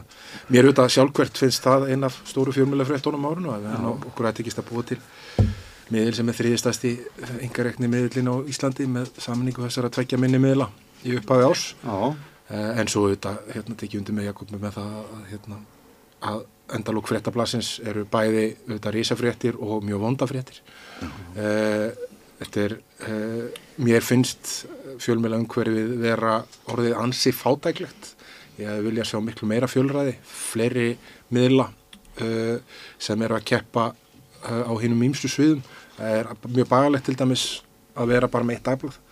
Uh, ég finn það alveg sem frétta neytandi og Já, sem svona uh, á verandi starfandi í fjölmjölum Mm. uh, þannig að þetta var svona hérna jákvætt og neikvætt ár í, En, í fjölmjölum ekki má gleyma hérna, því sem þið hefði gert hérna, eh, samstöðin, þetta er orðin starrað fjölmiðis. Nú eru bara, þetta er svona tilurna stofa bara, við erum að pröfa hvernig er þetta, hvort það setja búa til fjölmiðl í breyttu landslægi. Ég með sem ég held að allir séu eitthvað staðar að leita að eitthvað staðar, sko, hvernig þetta er hægt. Já. Uh, ég er búin að vera þessi tíu ár sko, Já, þessari leit. já. þannig að og svo kannski ef maður tæki þann hluta fjölmjölana þá er náttúrulega orðið alls konar ég held að podcast og fleira séu fyrirferða meiri, ég var svolítið að hugsa þetta í morgun, með ekki okkur ég, kannski ég var því að hlusta á vikulokkin og fannstu einhvern veginn svona svolítið eins og væri verið að sko að endur taka eitthvað sem var fyrir sko 15 árum eða, eða 20 árum eins og það væri lausnin, ég er ekki vissum að við höfum að reyna að venda það sem að var. Því að ég held að við sem að gangi gegnum sko sem fjölmjölafólk og sem ég nú háaldraður og finnst allt, allt innu bara miklu meira gaman að vera bladamaður heldur með mér fannst lengi vegna þess að það er bara svo mikil svona degla og það tengist bara í sambandi við sjónarhóttn og tón og blæ og hvernig við tölum saman í fjölmunum þú veist þessi formlegi vettfangur er að falla. Ég hugsaði þegar ég var að hlusta á viklokkin líklega þegar maður hlustar á þetta eftir svona tíu ár þá hljómar þetta jafn annarlega og þegar menn voru að þéra ráð þeirra hérna áru þetta er bara, það er einhver hátilegi yfir þessu sem maður bara á ekki við í dag Mér hefur þótt einmitt, eh, sko fall fréttablasins var stórfrétt og það var mjög bagalegt að missa þann miðil. Og ég sammála því að það vond að vera bara með eitt dagblað á Íslandi. Eh, saminning eh, hér, stundarinnar og heimildarinnar, sko, sérðu hvað, og kjarnans, þannig að sérðu, þeir eru búin að festa heimildar inn í hausnum á mér, þannig að gömlu nöfnin eru bara horfin, skiptir yngur máli lengur. en það var mjög jákvæmt og, og, og hérna, það skref, þetta sem þið eru að gera hérna finnst mér líka uh, sína að það er mikið gróska, en á móti kemur það líka mikið um svona, hvað ég segja, uh, fjölmiðla, uh, samkvæmt fjölmiðla nefnd, eru margir fjölmiðla til sem að eru líka bara að bylla eitthvað út í loftið. Og mér finnst það pínu uh, hættulegt þróun sko. En allir það jafni sig ekki ég, ég held þetta sé svona svolítið eins og Gunnar Smári er að segja við erum að fara gegnum eitthvað svona tímabila sem við þurfum einhvern veginn að finna finna okkur á ný það væri gaman að fá dagblað aftur ég er bara að skora á heimildin að fara bara að drífi í því Nei, Og- nei, bara, það er bara að ekki nokkur leið, sko. Þú getur alveg sóstæðan Já, að fara já. á hausinn bara strax. Já, kannski. En svo held ég samt að ef að að það sem að sko, ég held að, að fólk sem að hefur verið vantrúað á fjölmjöla undanfærin ár, það er búið að vera að grafa svolítið undan trúveruleika þeirra, að ég held að það muni líka jafna sig að það er svona mín spá. Og smám saman fari fólk í það að borga fyrir þessa netmila uh, þegar hinnir áskriftamilandi detta smám saman út eins og til dæmis eh, vísi var fréttablaði fríblað en mokkin hlýtur á einhverju tíma búndi að fara að hugsa einhverja aðra leið fyrir sig. Og hérna þá vonandi verður það til þess að við förum að borga fleiri fyrir sagt, miðlana bara á netinu. Og, og hérna og hætta að halda að fréttir komi frýtt og svo verður við líka að fara að trúa því öll sem eitt að uh, fréttir og fréttamiðlar eru mikilvægir líðræðinu og fólk má ekki halda þetta sé bara því að fjölumila fólki sé svo monti með sig og það vilja alltaf verið svisljósun eins og hefur svolítið verið svona umræðan undarfarið til sjálf einhverju stjörnu sem allt sé ekkert að hugsa út í almenning. Það er bara ekki rétt. Fjölmilar eru, eða fréttastofur allavega upp til hópa, eru að hugsa um almenning. Og þetta er mjög mikilvægt að við náum aftur uh, þessum vopnum og, og að fólk fari að líta á fjölmiðla sem mikilvæga í líðræðsamfélag og þá fara þeir að borga held ég Þetta er náttúrulega alltaf það fyrsta sem að menn gera þegar óþægilega fréttir eru sagðar að það er að vaða í trúverðilega bladamannsins. Mm. Þetta er við þekkjum þetta náttúrulega auðvitað öll. Þetta er bara fyrsta, fyrsta viðbrað. Við erum að lifa gríðalega deglutíma núna. Ég minn langar nú til dæmis að nefna bara þetta hérna, brotkast sem hann Frosti Lóðarsson var, var að koma á koppin. Snorri Másson er komin svona einn með hérna, einhvers konar ég veit ekki alveg hvernig það var skilgreina en þetta er alveg rétt sem Lára segir þetta er svolítið skilgreininga vandi Podcastið þjóðmál held ég að sé nærði að vera sál sjálfstæðsflokksins heldur en. Já. Ætla að bæta því við. Einmitt. en er það fjölmiðil? Nákvæmlega, þannig að við erum nefnilega í svöllum skilgreininga vanda þetta en það er mín sko en Þetta er svona daldið þannig að um, veist, við, við erum ekki búin að uh, finna réttu leiðina til þess að búa til aðstæður fyrir fjölræði og fjölmilamarkaði uh, eftir að, að þess að svona sögulegu uh, tekjustóðir sem fjölmilar höfðu það er í raunlega hrundu að fórsöndu þeirra hrundu með bara tæknibildingunni við sagt að skilin séu svona 2007-2008 þegar iPhone-ar og Facebook koma og, hérna, og tekju frá að flæða yfir aðra markaði og neyslu hefðum fyrir að breytast. Og þá uh, hefðu við þurft að bregðast við, við hefðum þurft að bregðast við sem samfélag Já. meðal annars með því að færa okkur meira í átt að því að borga fyrir fjölmjölun og fréttir til þess að styrkja tekjustóðir uh, þeirra miðla sem voru til þá uh, en við vorum eins og að búin að búa til hérna svona daldið það konsept að fréttir væru fríar Mm. og, og hérna það er að hluta til út af fréttablaðinu sem var mjög farsælt hérna á Íslandi fyrir þessi skil gekk vel, gekk upp í þessu samfélagi en líka vegna þess að netmiðlar hafi verið byggðið þannig upp hérna á Íslandi sem er annað en hefur verið að gerast núna á undarföllnum árum í Skandinavíu og í þeim löndum sem við höfum svona verið að sækja okkar helstu áhrif til og eftir stendur að við erum búin að missa alveg greiðarlega mikið fólki út úr þessum gera mikla reynslu út úr þessum gera.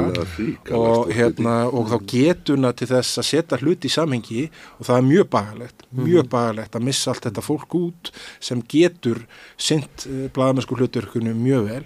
Uh, við erum konum með aðstæður það sem það er mikið samkeppni spjögun á markaði vegna þess að stórir djúpir sérhagsmunavasar komast upp með það að er hún að borga aðra í þrótt það er þetta að reka risastór fjölmjölafyrirtæki hérna ár eftir ár eftir ár það sem augljóslega er verið að, að, að fylgja eftir sérhagsmunum. Það þarf nú ekki mikið annan að lesa að leiðara morgunblassist í dag það sem er lagt fram svona nokkuð skona manifesto Mm. það sem er sagt svona hvað ei, ríkistjórnin eigi að gera á næsta ári. Hún á að láta sjárótvegin vera og hún á að virkja meira og hérna og hún á alls ekki að láta neina peninga í þessum villifæslukerfi sem verkefnisfyrhefingin er að fara fram á og, og svo framvegis.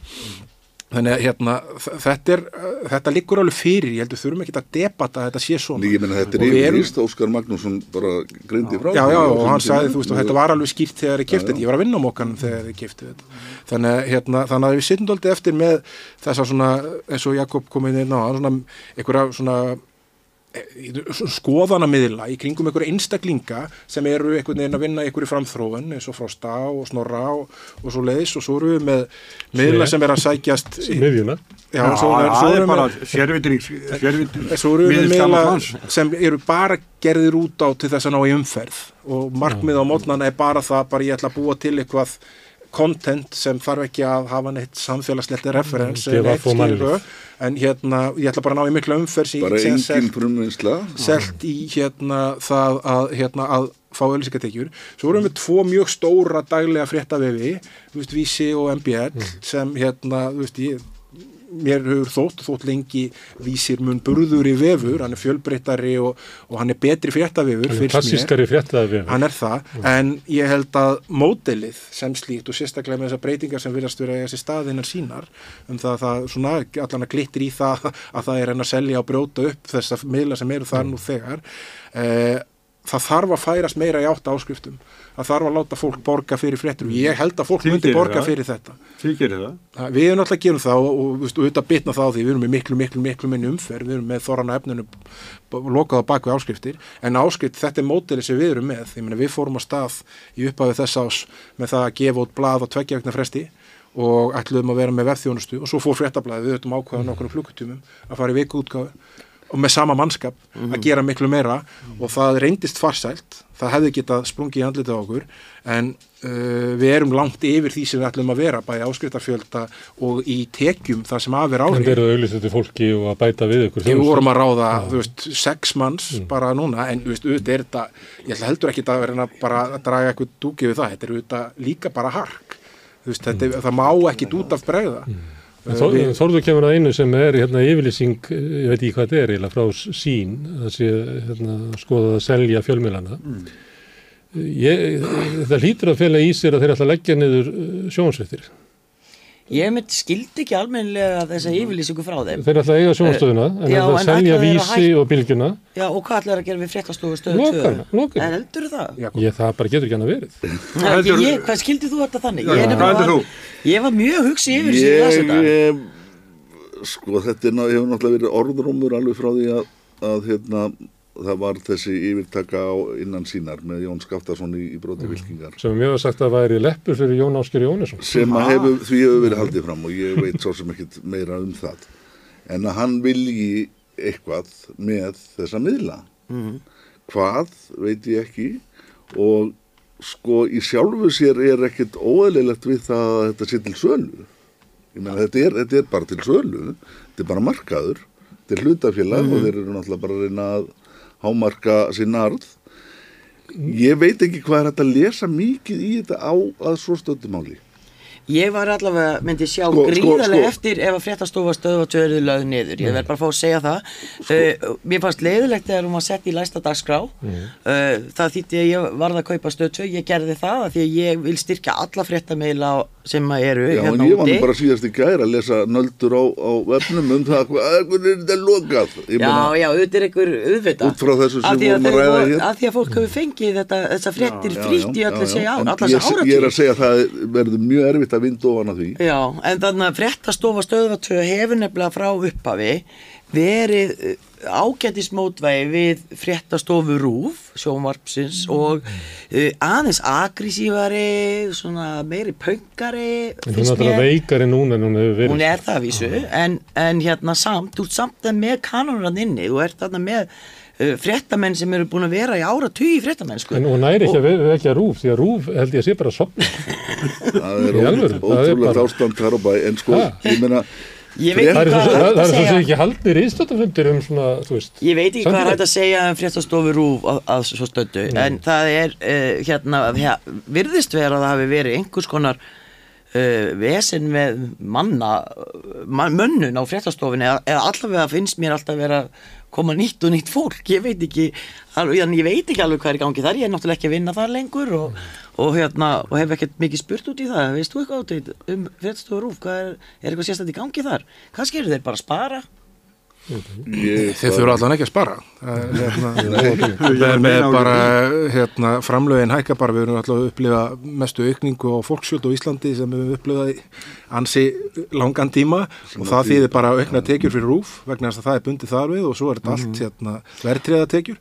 Þannig að hérna, þau þurfa ekki að spara. Það er engin niðurskur að krafa á rúf sannlega ekki. Og, og uh, samgættistekjunar eru að aukast. Ég held að ég lýsi stundu þannig þegar við erum að ræða þetta að hérna að, ef fjölmjöla landslægi í Íslandi er svona svona uppblásinn barnasundlug sem er með út í garði þá ertu með kval sem liggur í barnasundlugunni og hann er alltaf að fitna. Og við gullfiskarnir sem eru einhvern veginn sveimandi við har alltaf verið að skerða súrefni til okkar vegna þess að hann er hann svo feitur. Og kval, kvalnum er eiginlega alveg orðið alveg sama. Hann er orðið sama um áhrifin sem hann er að hafa aðra og eina sem hann vill gera er það bara að geta En kannski er það mér finnst bara Bönnum eru inni að horfa á YouTube. mér, finnst hérna En kannski það sem gerðist var einmitt það að þegar að fréttastofa stöðvar tvö fer í læsta dagskrá að, að þá er uh, fréttastofa rúf í raunin ekki minn eina alvöru, alvöru samkipni allavega ekki á sjóvarsparkaði og þá skiptir svo sem ekki svo miklu máli hvað þú gerir eða hvað. Ég er bara svona veltaði fyrir mér að því að á sínu tíma þegar fréttastofa stöðvar tvö var stofnuð að þá var kallfæði minn að vinna á rúf og hann hefur líst í þannig að það bara breyttist andrúsloftið inn á fréttastofu rúf að því að sjónvarpið þurfti bara að hýsja upp þessu buksunar og fara að gera eitthvað. Bylgjan og fréttistöðsöðu tvö breyttu bara tóninum í hvernig fréttir eru sagðar. og svo maður sé- Menningabygging. sá þetta líka á tímum eins og bara eftir bankarhönni þegar þá bara mjög öflug fréttastofa reikin hjá stöð 2 þegar Óskar Rapp var að stýra þarna og svona hann gerist fótbollþjálfari eh, og þá var rosalega samkynni maður fann það að það var, svona, það var alltaf nálum með það bara hvort að hérna, út því ég var að vinna inn á fréttablaðið á þessum tíma uh, úst, hérna undan og svo eftir að þú veist, það var alltaf nálum hérna, uh, með það hvort að hinn samgetsælum var búin að ná ykkur sem hinn voru ekki búin að ná Mhm. þessi tími bara liðin, maður bara hefur einhvern veginn á tilfinninguna eins og uh, Rúf sé bara svona daldið komið inn í skona Allir sama. Og bara fara að það, setja sko. la- lappirnar upp í loft og, og fara bara í gýrin þegar kemur eldgóð Ég held að séu bara í alvörinu að passa það að sé ekki hringt í þá og þessu skammaðir. Já, já. Já, það er bara þannig. Það er alla fréttum verið þannig, það ringir enginn og skammar hann. En það kannski Nei, Jakob- getur verið lítið á því að þeir lenda í gríðalegri árás. Þið verðið sko að taka líka til í til þess að fréttamenn og fréttastofurúf lendu í gríðalegri árás bara eng, sem við, eh, enga sögu farið af öðrum eins árásum eins og voru hérna eftir byrtingu samherja þáttarins uh, hjá Kveik þá er ég í rítstjórn Kveiks og þetta voru, hvað voru þetta ekki 20 eitthvað fréttamenn sem að fengu á sig kæru til síðanemdar rúf uh, þurftu að skrifa þar á meðal ég fyrir að hafa sett like á okkur að tvær færslur á Facebook. Hafði ekki sagt auka tekið orð um þetta?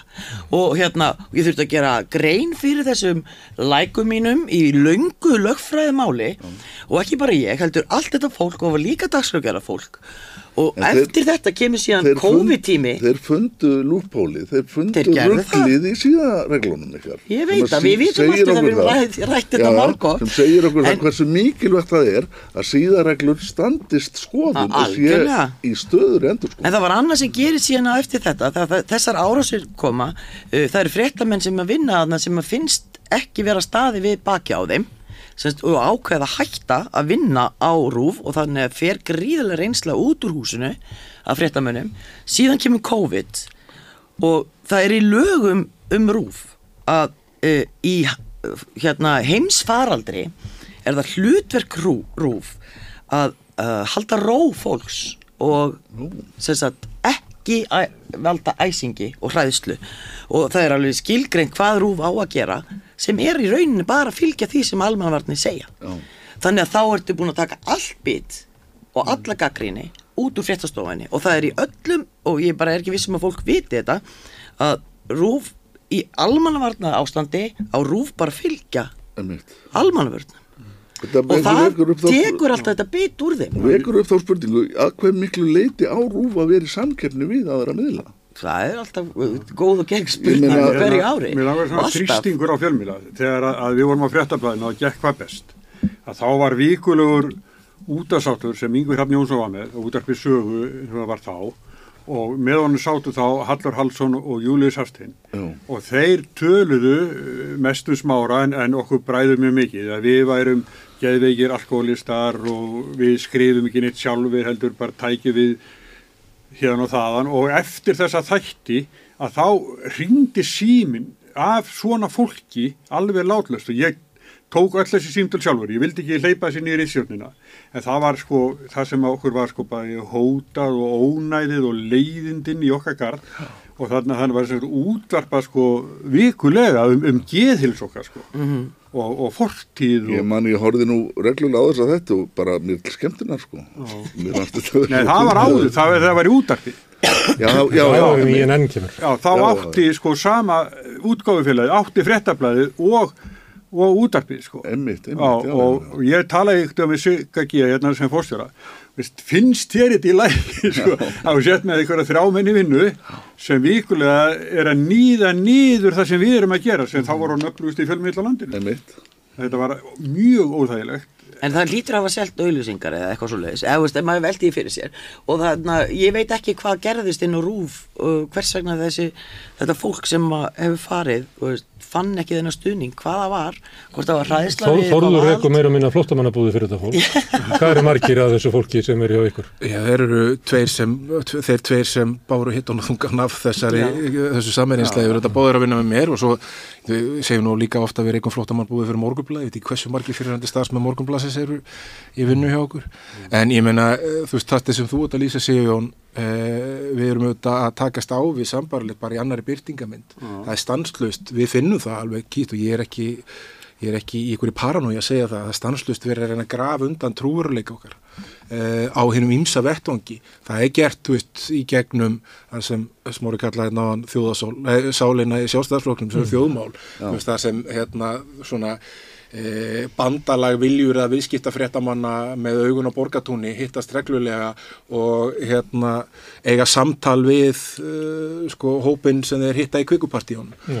uh, en það er líka auðvitað og það sem er alvarlegast er það sem við erum að upplifa með í gegnum laurugluransók sérum undir og hvernig er verið að fjallum hana og hvernig ímsinn meginströmsmiðlar taka þátt í umfjöllunum hana Mm. vegna þess að það er undirleikjandi að það er verið að sækja blagamannum einvörungu fyrir að skrifa fréttir. Mm. það er að eina sem okkur hefur gefið sök að gera að það er að tekið við gögnum og skrifa fréttir upp úr þeim. Fyrst þú finnst ég nú með því þetta, hvernig stendur það mál eiginlega? Já, ég bara veit það ekki, ég hef ekki fengið neinar þau neita að Mm. gefa okkur upplýsingar, þeir veit að þér nú meir upplýsingar þegar þú ringir en við fáum sem sagbortningar í málunu Mm. en það eru tveim Svo er lögbann í fortilu veru heimildarinn. heldur betur, að það er þá og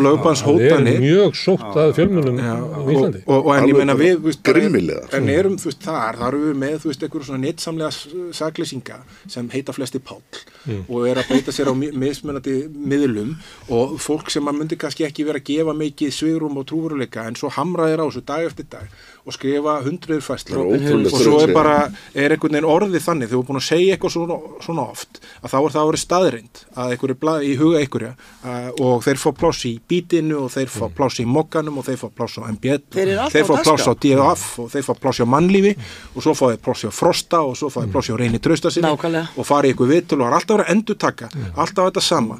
Og markmiðið er það að samirjamálið muni kallast kveiksmálið. Símastuldursmálið þar sem eitthvað narratíf sem er ekki hægt að sína fram á með neinum gögnum heldur fyrst, lungur hægt búið að afsana með öllum gögnum og er ekki til neinstæðanum í höfuð og einu manni eh, að þetta er eitthvað sem við stundum frammi fyrir við sem erum með stuðu sakbótnings í þessu máli að, hérna, að þurfa að svara fyrir mjög reglulega, fara eru fjölskyldubóð og að koma stöðu. einhverja frængur og segja bara herfi hérna, af hverju voru það eitra fyrir húnum Páli? Já. af hverju voru það misnót einhverja konu? Mhm. uh, af hverju eru þið að stela símum? Er það blaðamennska? Og þá eru þetta sigurinn unnin, það er tilgangurinn. Ég var að svara Eh, mikið fyrir þetta eins og í golfferð að það var maður þar sem var sannfærð um að þið var líka meina- og hann, hann var svo aggressífur ég gati ekki það ég gati ekki þagað undir þessu þetta var svo Að hugsaði þér, veist, og, og þú veist, og bara aftur, ég, veist, þetta hef séð og þetta verið gert upp þegar, þegar þetta er búið sem hlýtur nú að fara að stýttast í. Eh, en hérna, ég búin að sjá öll rannsóknargögn og veist, ég veit að veit alveg nákvæmlega að það er búið að sína fram á að allt, að, að þess að lögreglan getur ekki sínt fram á neitt sem hún laði upp með hvorki í gegnum vitnisspurði nema gögnum sem hún eru aflað þannig að hérna málið er lengur búið en í tilgangur þess núna er bara að draga það á langin svo við þurfum að sitja undir þessu lengur og það er mjög alvarlegt að mínu vati og það er mjög alvarlegt ekki bara fyrir okkur persónulega fjölmjöla sem við vinnum hjá heldur fjölmjöla yfir höfuð Mm. Og þeir geta, uh, menn með fulla vasa af peningum geta dreigið þetta í árum saman, bara svona þér að segja. En þetta, sko, og það erfið í sig líka það að það er svo lítið sem að fjölmeila mannski getur gert. Uh, ég man uh, löngu undan þessu að þá var uh, kona að vinna upp á rúf sem heitir Anna Kristín Pálsdóttir og hún var að segja fréttir uh, úr Evropasambandinu og eitthvað svona og eitthvað fréttir bara og hann, uh, það var þarna bloggari á, á MBL sem að fær hana bara á hausinn og hann bara lígur um hana og segir hún hafi sagt eitthvað sem hún sagði hún aldrei. tapaði því máli, og hún tapaði því máli fyrir dómi. Þetta var ég held ég eina skipti sem að rúfa ákvað ok, nú ætlum við að standa hérna með okkar blaðmanni það er verið að, þú veist, að draga hana niður í drullusvaði hérna og ljúa upp á hana. Og, og hérna óðinn hann ákvæður þarna að því að vanalegast þú stefnaðinni og rúf verið að, bara æ, þetta, þetta veist, róast. En þarna ákvæð, var ákvæð bara, þú veist, þetta gengur ekki. Nú förum við bara í málvinnamann og það var gert. Og, og það tapaðist, af því að hann hafði bara fulla rétti að segja það sem að hún síndist, sko, af því að hann var bara bloggari sko, af því að hann var ekki fjölmeð hann var ekki, það hefur ekki fullan rétti þess. Það virtist verið þessu. þessu Að- er svo og, þetta var mjög vond sko, þarna var bara verið að gera lítið úr hennar personu og, það, veist, og það, þetta setur það fordæmi fyrir marga í blaðamennskuna sem Já, bara til hvers að reyna einu sinni að fara í mál Er hérna, hérna, hérna, hérna, já. tölvupósmálið á, fréttablaðinu, það var ofbósleg spenna á læti, þú komst Já, nú til eftir hérna þegar að, þegar að hérna, síslumaður setti dómin í inn á skrifstofunni minni Mm. og, og svo komu hérna lögbannið og, og það allt saman eftir og það var mjög erfið mál. Já, Sem ég að- man eftir því ég, að því að ég var þá að vinna á NFS þegar að Jónína fór og fund hérna upp í turninum í skaftalið og ég var send yfir með einhverja myndavél að taka myndir inn um að svona gler á Já. og hérna uh, Ari var ekki kátu þegar hann sá mig og var alltaf að reka mig þar og þá og þegar. En vakstjóri minn sem betur fyrir var með beinu að það er ekkert alltaf þannig nefnilega. En ég, en ég hitti mann milli jóla nýjás sem að vera að sækja um sem upplýsinga fulltrúi í óbefri stofnun, svona sæmilega stórri, ekkert stórkostlegt starf sko. Uh, launin sem hann átti að fá voru 1300 sko. Já, sæl, þannig sér þið Hvernig ætlar að vinna það á, á frétta, á fréttaminni? Og þetta þarna er ríkið er að reyna að soga þegar vorum að tala um sko hæfnina út úr stjættinni er að soga það með því að sko Já, já. ég held að svona kannski þegar menn er búin að vera með þá reynslu að þeir hérna, er eftirsóttir í þetta ég veit ekki hvað þeir eru kannski 850 skall, ég veit það ekki Sem fréttamaður? Já. Já, Nei, 1300 ekki Það eftir hvað er búin að vera lengi. Útgefandi. Þannig að við sem að spyrja. 13 kallar mikið og- Já, bara, þú veist. Þetta er alltaf 50% álægi eitthvað. Þú, þú allan að, ég skal orða það þannig án þess að fara í launamál starfsmanna að meðalaun þeirra sem vinna hjá okkur eru mjög langt frá því að vera 1300 skall á mánuði. Uh, þetta er ekkit bara þú veist, við erum með upplýsingafulltrúa í sko allir í stjórnsýslunni uh, í öllum ráðunitum uh, öllum minni, eða með- meðalstórum og stærri stofnunum. Eh, sveitafélögum, við erum með sko í ríkistjórn, ríkistjórnum að vera með 27 aðstofamenn, svo ertu með sko starfsmenn þingflokks og þú með hérna uh, með hagsmunagæslu aðeinar sem hafa styrt þennan hlut hjá sér mjög, þú veist, ráði fólk í upplýsinga fulltrúa stöður og, og, og ráðgjáfa sem sinna ýmsum hlutverkum til þess að koma málum á framfæri mm. það er ekki bara það að starfsfólkinu, eh, að blaðamennum sem eiga að veita aðhald, valdinu aðhald hafi fækkað og reynslan hafi farið út úr því, Man, að upp í blaðamannafélagi kom það eitthvað tíma fram að það eru fleiri sem eru með undir 5 ára reynslu í blaðamannafélaginu núna sem eru starfandi blaðamenn en eru með yfir 10 ára reynslu heldur hefur líka svona anstæðingnum, svo skefna hefur fitnað mjög mikið. bara þetta verið bara pláa og, hérna, og það bara eh, verið að bombarda mann með uh, alls konar uh, áróri fyrir hönd þeirra hagsmuna sem þeir eru að gæta. Og þá auðvitað reynir líka á reynslu bæði reynslu af því að taka slík samtöl og slægi en líka hafa stofnarnamenni til þess að vita þú veist, hvað hefur gerst áður og, hérna, og geta tekist á við það. Og þegar þú ert alltaf með nýtt og nýtt fólk sem er að taka slíka slægi kannski í fyrsta sinn Mhm. þá auðvitað aukast líkurnar á því að, að þeim verði ágengt. Það er eitt lítið atrið, allar þessar stofnanir eru með sérstakka vefi og þar eru þau með seksjón undir fréttatilkynningarna sínar, þetta er lítið atrið sem þeir kalla fréttir. Og þetta skiptir máli út bara út af skilgreiningar já. Þetta er ekki frétt í neinum skilningi, þetta er áróður. Þetta er sammeilegt ákvæmál hjá mér og Jakobi að, hérna, að er kalla þetta sem kemur fram á þessum þessum vettvöngum aldrei frétti En ef við ekki saman, bara algjörlega bara ríkið og sveitafélag, við tækjum það saman, alla þessa upplýsingar fulltrúa, þá er ríkið að eigða sko kannski fimm sinnum meira heldur en inn á fréttastofu ríkisútarsins við að framleiða upplýsingar til þess að hafa áhrif á almenning. Þú veist, peningarnir eru til, já, já. þeir bara varið á bara ótrúlega stjúpit hátt. Já, já. Mér finnst þetta, það er ein frétta tilkynning eða, eða, eða framsetning á stjórnaráðsvefnum sem kom fram í ár sem satt rosalega mikið í mér. Og það var uh, stutt eftir að Hagstón hafi verið að byrta tölur um það að kaupmáttur hafi verið að rýtna og kaupmáttur ástöðunum þegna er bara það sem við eigum eftir eftir við erum búin að borga okkar skatt og gjöld og hvert, hvað við fáum fyrir þá peninga. Og Hagstofan sem sagt, tekur það kemur með ásfjórungslega frétt um það. Svona er hérna, kaupmáttur ástöðunum þegna heimila og vaksta gjöld eru aðalega að slíga heimilin bara augljóslega, Mhm. verðbólka og vaksta hækkanir og það er stóri faktorin í því að uh, ráðstöfunatekjur heimila hafa verið, að- rýrna. Það kom frétt tvísvar á stjórnaráðinu þar sem fyrirsögnum var bara kaupmáttur heldur áfram að aukast og það var bara, svo lastu nokkur no- nokkra málskrina niður og það var bara já, ef þú sleppið í að taka vakstagjöldin með Nei. Já, já. og hérna Hvernig hvað getur er- sleppt því? Hvað er þetta? Er stærsti Og- og- Og þátturinn? hver er tilgangur? Fjármálaráðið hefur stundað þetta, algjör á upplýsinga óreðu svo kallar En hver er tilgangur þetta er að setja svona fram þú veist, sem er sko í andstöðu við það sem Hagstofan sem hefur það hlutverk að greina þetta og segja okkur þú veist, hvernig staðan raunverulega er.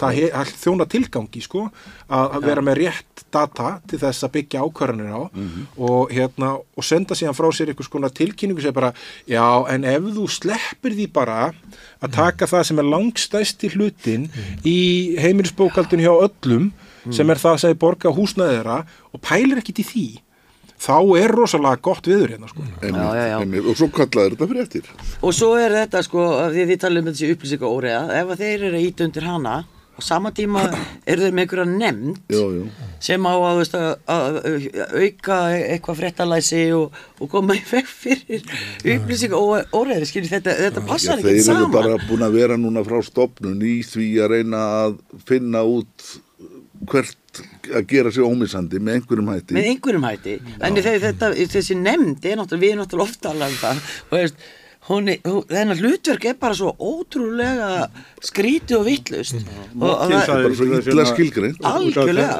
Skipun Sannindar Holm sem sendi þeirra eh, skipun Sannindar er tímabundin sko. Það, Til fimm ára. Já, en þessu sko, fyrirsögnum var svona sko. Þannig að Eins og það verið fréttin sko. Já, já, já. En hérna, stóra fréttir, var Rýming Grindavíkur stæðsta frétt ásins? Já Mér fannst nú bankasalan alveg Já, slaga og hátt upp í bankasalan það. líka.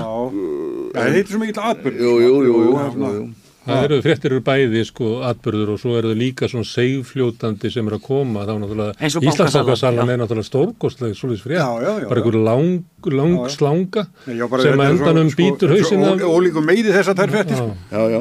endanum býtur hausinn af Bjarnar Ben Gerir það ekki ef vísu?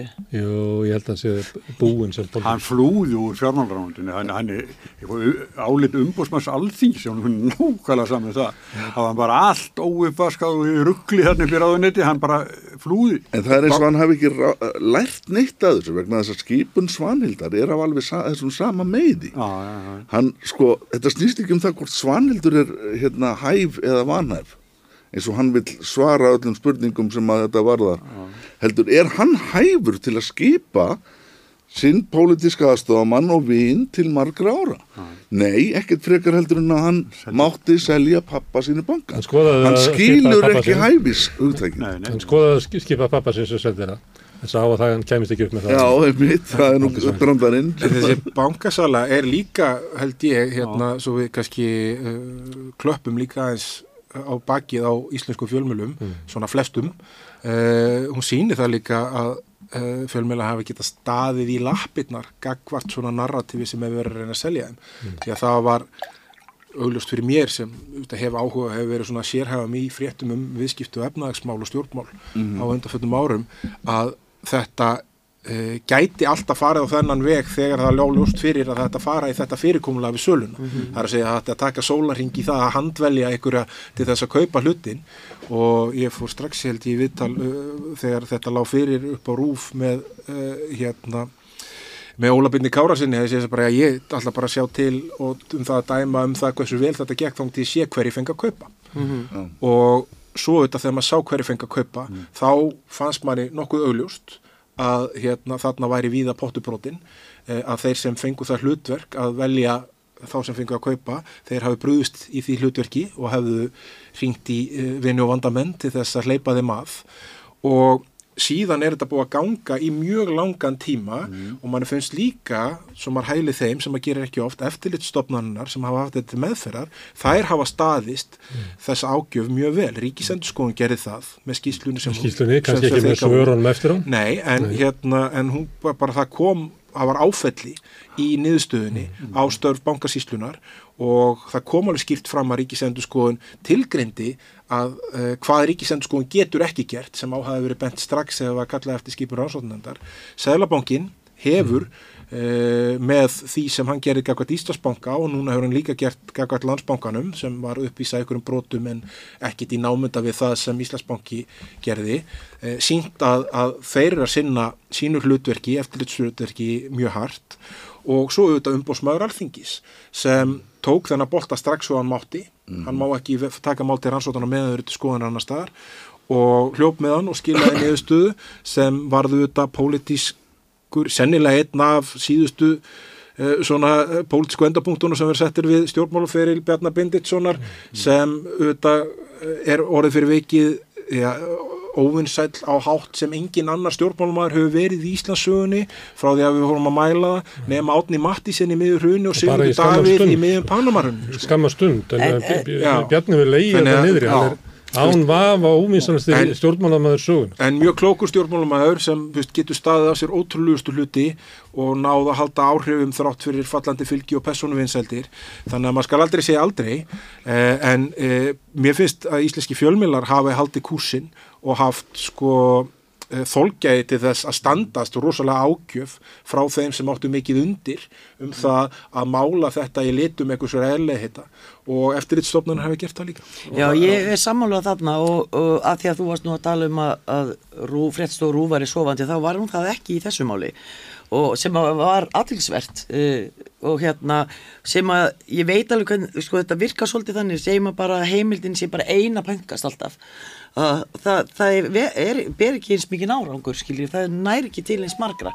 Þannig það er kostur ef að, að fjölmjölandi hinn eru með, vísi stóð sér rosalega vel, stötu var í, veist, það var eins og allir fréttamenn þarna á þessu tíma allavega, áttu sig á hversu stór frétt þetta var og þannig að þarna síndu þeir þó En þetta þarf að virka því ef þetta virkar ekki að þá er bara valtað yfir almenning bara linnulust. Er það ekki Við svoleiðis þurfum að alltaf, hafa bara Gunnar Smári? alla Hefur það ekki alltaf verið svoleiðis? Við þurfum bara að alla fjölmiðlana á tánum. Það er þannig, já. Mokkan og tengdamila sem auðvitað fjallaði ekki um þetta mál og hefur ekki fjallað um þetta mál á neitt hátt eins og aðrir hafa gert. Jó, það var hann að fyrirsögnin hérna, þetta sýnir að eftirlistofnan virka, var það ekki niðurstaðan sem þau fengi út úr þessu En líka að þetta verið best, ráðuneytinu? besta sala ekki bara Íslandi heldur í, í Evrópu. Já, ég er að meina, var það ekki, það, narrat- var það ekki sagan sem að var búin til eftir skýslu ríkisendur skoðunar að, að þetta sýnir að eftirlistofnanin virkar? Já, samkettniseftirlitið með, með hérna samskip og ymskip eða Já, skipafélagmáli, það er, það er eftirlitstofnun sem virkar sem En það er, verið, að- það er náttúrulega verið að ráðast á hana. Núna, það er bara Já, svo já. skrítið að eins og þeir sé alltaf að reyna að svindla þú veist það er bara, bara you name it þú þarf bara að vera hérna byrja. svindlar er svindlar já, einmitt. það er eins og þeir bara get ekki sko hjálpa sér Það er náttúrulega svo margt sem að fyrir undir radarinn.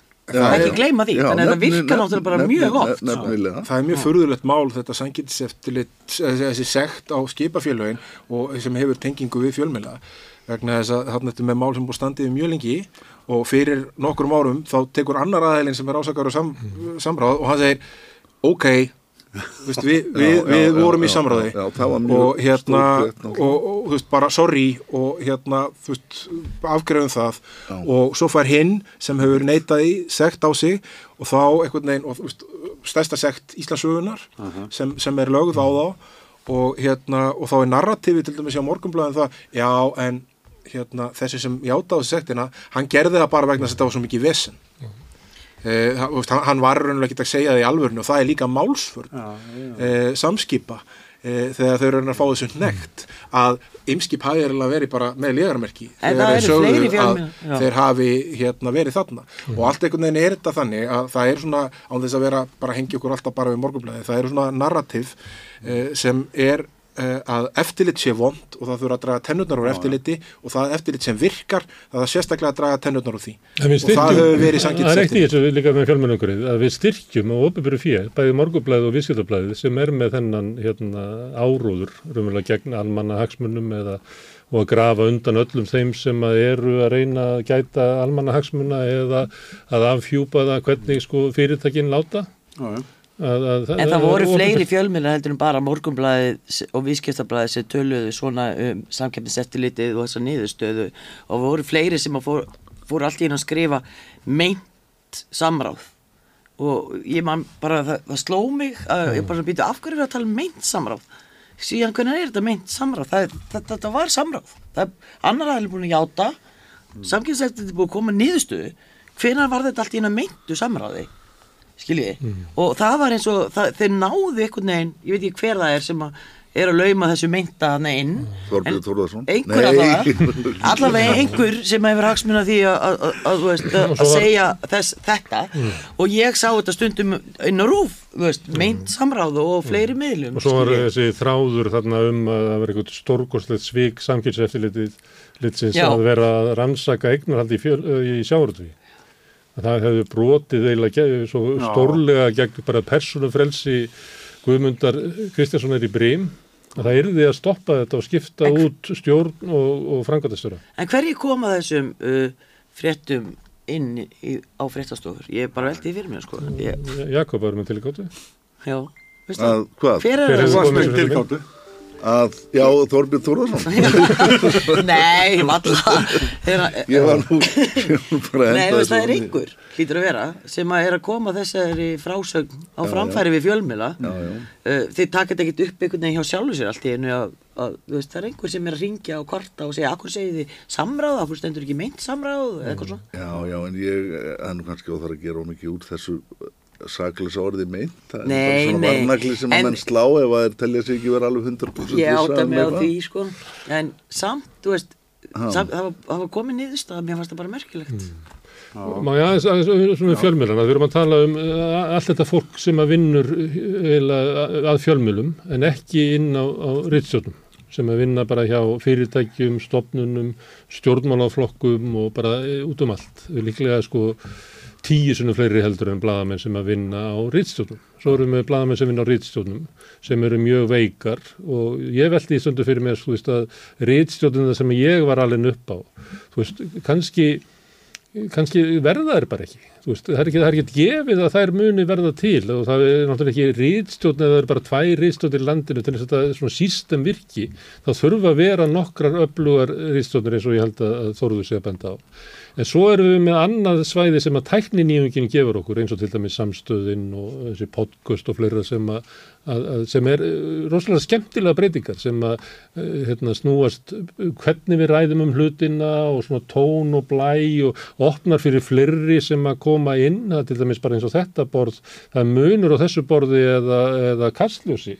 Mm. -hmm. það fær ekki að koma í kastljós bara þeir sem hafa vita fátakt, það fær ekki að fátakur að koma þar inn Skilji, þannig að þetta, þetta breytist rosalega mikið. Og svo er hérna eru kannski eins og broadcast og svona sem að getur rekið bara svona eitthvað svona andvókisma í eitthvað svona setti.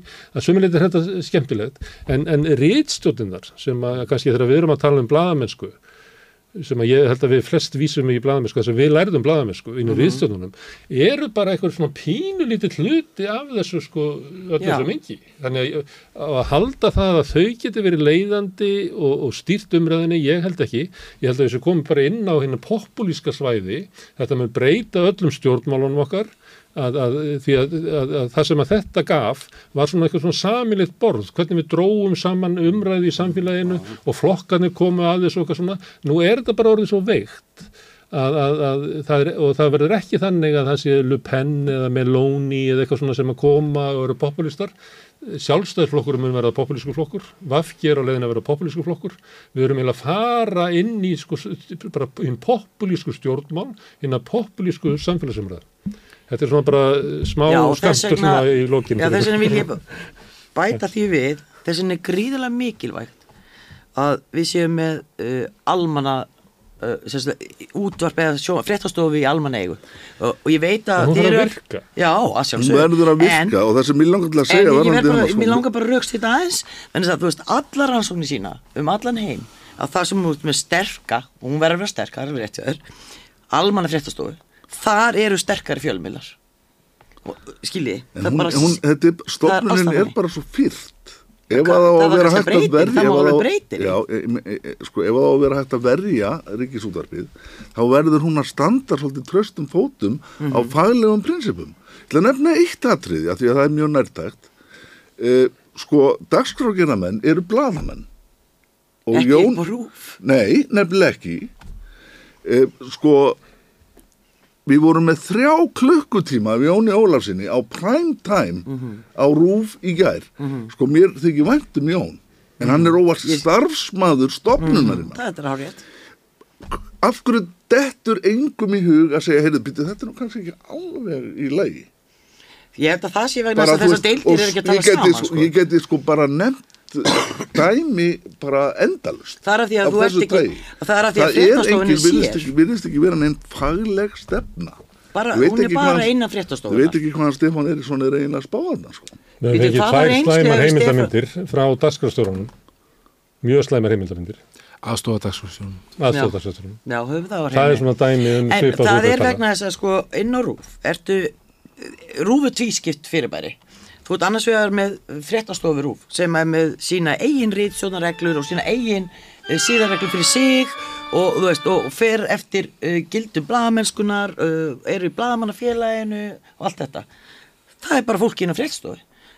Allt hitt fólki sem er að vinna á dagskröggjarð í útvarpi og sjónvarpi eða vef eða hvaða er, það lítur ekki lögmálum bladamennsku. Það er bara fólk sem er að vinna að það og veist og, Já, og það þarf ekki að og, þegar það er þannig þá myndar svona eitthvað eigendafélag.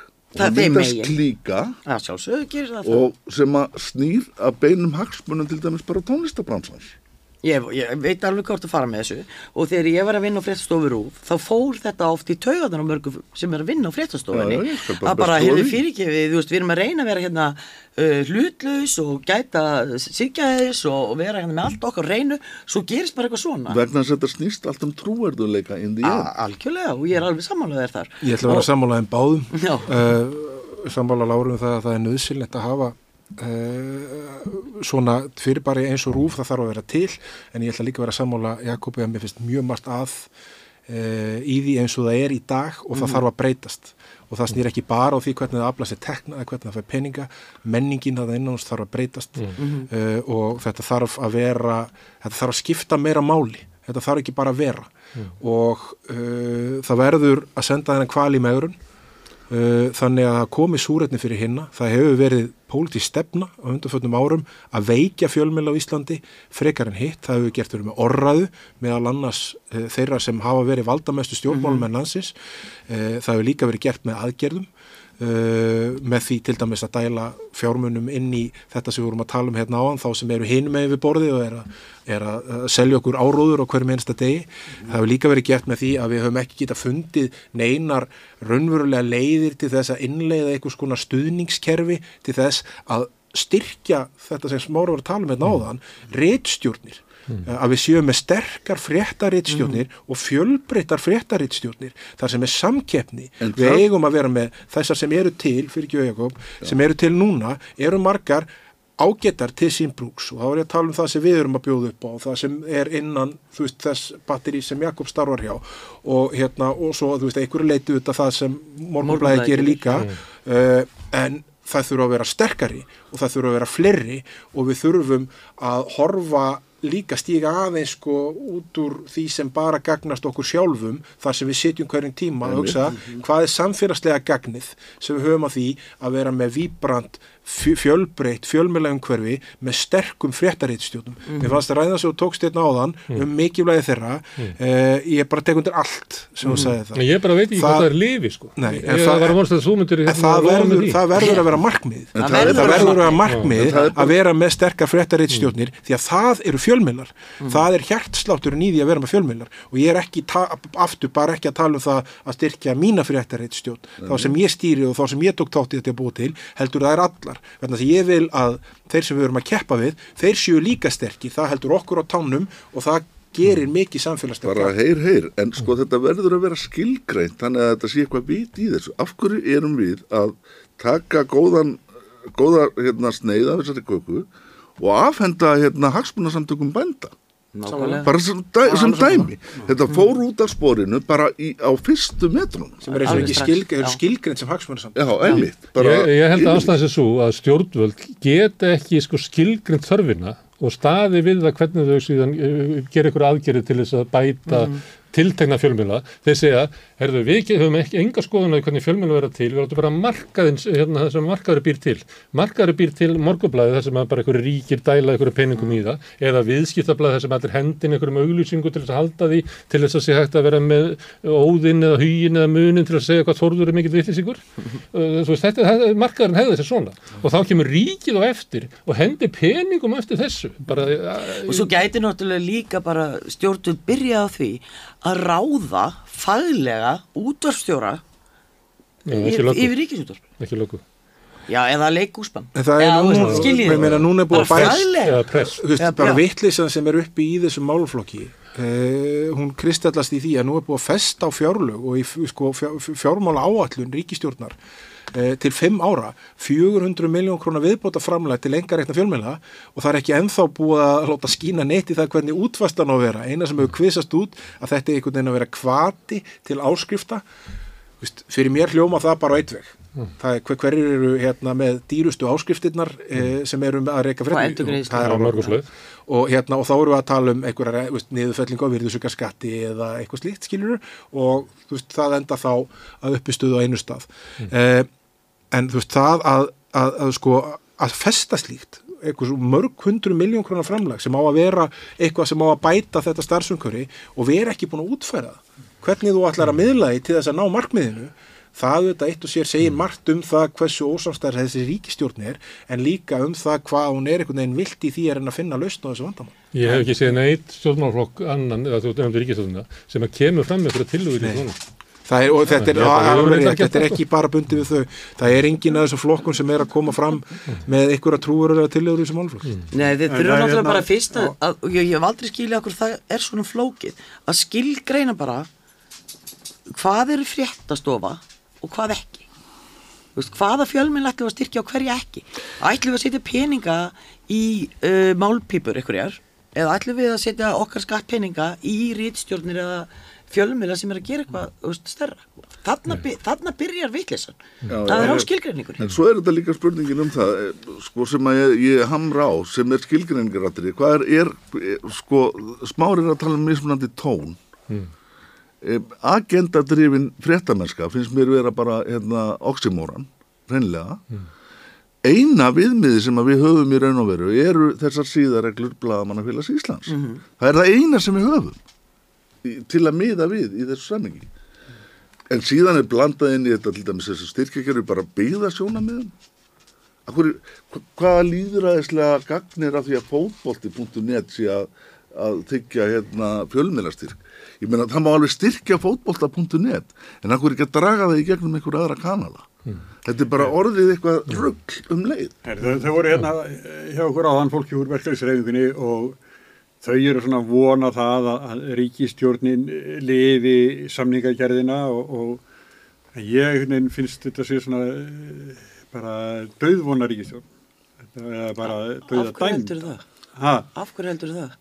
Af hverju? Já, hver, hvað, hvaða merki er um það að hún sé döðvona þessi ríkistjórn? Já, já, Ég bara veldi fyrir mér, því mér finnst hún alls ekki vera döðvona ríkistjórn. Mér finnst hún standa bara mjög uh, styrkum fótum. Já, alltaf leið, en til þess bara í mókunum í dag eru tveir þingmenn sjálfstæðarflokksins sem eru raunverulega setja út á út á ríkisjónina og það er svona óeining greinilega í, í því þingliði og ég held þessi mjög mikil þreita ég held Já, búið að vera lengi og þessi óeining er búin að vera lengi. En þetta er, þetta er ríkistjórn sem að uh, ætla sér bara að vera ríkistjórn Skipt, þetta óeining skiptir ekki Já, máli. það er nú fara að herða að þeim eins og í orkumálum til dæmis og efnaðasmálum, það er allt í kalda en kóli hún allavega klára kjörtíðanbili held ég sé alveg pott Það er alltaf líka grein í morgunblæðin í dag eftir reitstjórnafulltrú á morgunblæðin sem starfar oft fyrir sjálfstæðisflokkin í kringu kostningar þar sem hann spáði því að hún springi Já. Andrés Magnússon Andrés. þannig að hérna Já, uh, já, ég har allan að það, ég, ég tók það út úr greininas ég held Já. að hérna uh, að ríkistjórnin er komið með stuðning á þann stað sem ríkistjórnir eru með þegar það er falla og ef þau Já. lifa fram á árið 2025 hvort sem þau myndu fara í vor eða haustkostninga það ár þá það eitt og sér er því pólitískt afreg með við hvað Mm. þetta er orðið erfitt og leiðilegt og þungt Já, á er markmiðið? og þau hafa stór uh, úrlausnarefni fyrir fram að þau þurfa að takast á við og ég er einhvern veginn á mjög erfitt með að sjá þau leysa Eh, Það kjærasamningana. Það er, kjærasamningar eru eitt þar sem auðvitað við komið fram núna vermiði á það hvað þarf að gera það verður krafa um það að millifæslukerfi verið styrt vakstabótakerfi og barnabótakerfi um 20-25 miljár ári og þetta eru kerfi sem til dæmis sjálfstæðarsflokkurinn hefur mjög markvist og skipulega núna í meira en áratug unnið að því að veikja Mhm. skipti Tekið það. um húsnæðistuðningakerfi og fór í það að borga efri tekjuhópum Mhm. eh, eða veita þeim skattafslátt í gegnum nýting og sérhætnaspartnaði í staðin fyrir að nota þetta eh, annar mál sem verður ómögulegt fyrir ríkistjórn að leysa eru orkumál. Það, það, er, það er ómögulegt fyrir þau að leysa þau eru það fjarrir hverju öðrum varðandi þau, hvort sem það er vindorkan sem er búin að vera vandræðamál allan þennan tíma sem þau hafa verið að finna einhverja lausnum það hvernig það gera það. Það býða fullt af kapitalistum, inn, innlendum og erlendum á hliðalinni klæjar í puttana að fara að en setja heldur að upp, þau muni ekki bara humma þetta af sér Já, þú veist, það þá, það þá, held þá ert að Þá fara, í- þá ert að fara í gegnum þennan tíma án þess að leysa Mhm. þau málefni sem eru mest knýjandi. Nú eru við til dæmis að standa fram fyrir orkuskorti, sko. Við erum að standa fram fyrir því að það er ekki tilnæjanlega orka til þess að selja til heimila og lítilla fyrirtækja. Eh, núna það sem er framundan allar ríkistjórn ekki að taka þetta samtal og reyna að leiða það einhvern veginn í jörð þá er hún ekki mikið ríkistjórn þannig að ef við horfum þetta, ef við horfum á kjærasamningana ef við horfum á hvað er standavarandi flóttamannamál og útlendingamál þá ætla ég bara að enda þetta eins og ég byrjaði þetta á. En ef þau ná að klára með þau hvað þau eru orðin súr í garðkors annars sem þau eru, ég vinn við það að, að, að, fjallum þau uh, þá er það ákveðið pólitíst afreik, sérstaklega í ljósið þess að margt sem bendir til þess að eitt að, að ráöfnunum í líminu sem er Bjarni Benditsson uh, að hann sé svona að hefja sinn lokakabla með ákvörunum eins og það að skipa aðstofamann sinn valdamesta sendiherra í Íslensku utaríkistjónustunni Mhm. sem ég er ekki ennþá búin að hitta neitt sem með svona uh, bara beinu andliti segir að hérna að sé bara kósir ákvörun þannig að hérna Ég- ég- eh, ég ekki. ég, ég, ég á mjög erfitt með að sjá þau gera að sjá þau ná að halda út allan þennan tíma uh, en auðvitað Ég held bara að Katrín verður maður aldrei bara- að segja aldrei sko. Nei, ég held Katrín. bara að hún, Katrín, sé bara svo einur í því að klára þetta. Þú getur ekki verið eini ríkistjórn, sko, eini Jú, í rauninni vegna þess að sko ætlaði þessi- ríkistjórn að þessi ríkistjórn þessi ríkistjórn er bara samansetta ráðherrum sem að gera það sem þeir vilja hver og einn ráðherra fyrir sig og þeir bera bara ábyrð á sínum ráðuneytum. Og þannig hafa þau silt í gegnum þetta tímabil allavega. Þau þurfi ekki einu svona að ræða á ríkistjórnafundi mál eins og lauruglumenn með að bera byssur eða breytingar og útlendingalögum eða hvað sem er. Ráðherrarnir eru bara með sín ráðuneyti og, og hún hefur svona haldið þessu saman og útskýrta bara og, og alltaf komið með þá skýringu. Já hann er bara, jú ég treyst honum bara vel í þessu ráðuneyti og hann nú, er bara að gera nú er að til dæmis einn af ráðurum, samráðurum hernar að fara að leggja fram frumvarp með breytingar því. Og, hérna, og það er sko, þá frumvarp sem bæði ríkistjórnarflokkandi verða að taka afstöðu til og verður að fá að komast inn í þingið. Eh, ég er ekki að sjá það frumvarp fari ekki endur ríkistjórn Nei, eins og það þarf ekki. En af því að sko- sko, fyrir það, það, frumvörpin þurfi ekki að fara í gegnum ríkisjón Ég átta mig á því, það er, það ríkistjórn er ekki fjölskipa stjórnvald á Íslandi en það fer hins vegar til kynningar í ríkistjórn og ríkistjórnarflokkandi þurfa að standa saminar og bakveða þegar fer inn í þingið. En og sko- ég er ekki að sjá það að það muni gerast. Ég held að munur síðan að Lára hefur trú á möppunni mál sem hafa verið leist með því að gera ekki neitt. Já, ég er bara það, Já. ég held að Katrín Já, að halda því áfram. Strákarnir er held að það þurfa að leysa þetta mál. Nei, ég, ég, er, ég veit ekki hvað ég á að halda vegna þess að ég ætla, þetta að slá fram hérna einnig kenningu sko, sem að snýra fámenninu. Og ég held að sko, þegar þessi stjórn var sett á laginnar fyrir sex árum þá fannst mér það mjög afhjúbandi fyrir sko ríkalegan kerfislegan vanda. Þessi flokkar er ekki um neitt annað heldur en bara sérhagsmunni heiðarlega staplið í því er náttúrulega framsóknarflokkurinn sem að læta sér þetta vel líka. Ríkið hefur blásið út eins og við vorum að ræðum við náðan á öllum póstum. Og það eru bara ansi margir sem að hafa af því persónulega hagsmunni að þessi ríkistjórn haldi. Og, og hérna og, og, þú veist, gott og vel kostningar, kostningar, en hvað hva fáum við upp úr því, upp úr þeim kassa? Við ráðum engu sem kjósendur. Þetta er einn dabri, þetta er íslenski að- líðræðið á Íslandi er dögt og það er nú. Einhvern veginn vandinn þá, er þetta ekki bara þetta er- líðræði, ha, þú veist að skipar og bekkur fyrir mig Það er svolítið hérna í stúdíónu. Þóra Snær, Jakob Jarnar og Lára Súlíma. Súlíma, takk fyrir komuna. Og við ætlum að hérna, fá hér uh, það sem við köllum hérna, barátusveitina, það eru uh, fólk úr leiðarsamtökunum, geðhjálp, þroskahjálp og spillingarsamtökum sem ætla að koma hingað og fara yfir árið með okkur. En á meðan að þau eru að koma sér fyrir þá fyrir við aftur niður á Östuvöll og ræðum við fólkið sem er að berjast fyrir því að, að heimta fjölskylduna sína úr hryllingnum á Gaza, fá það til Íslands, heyrum við þeim.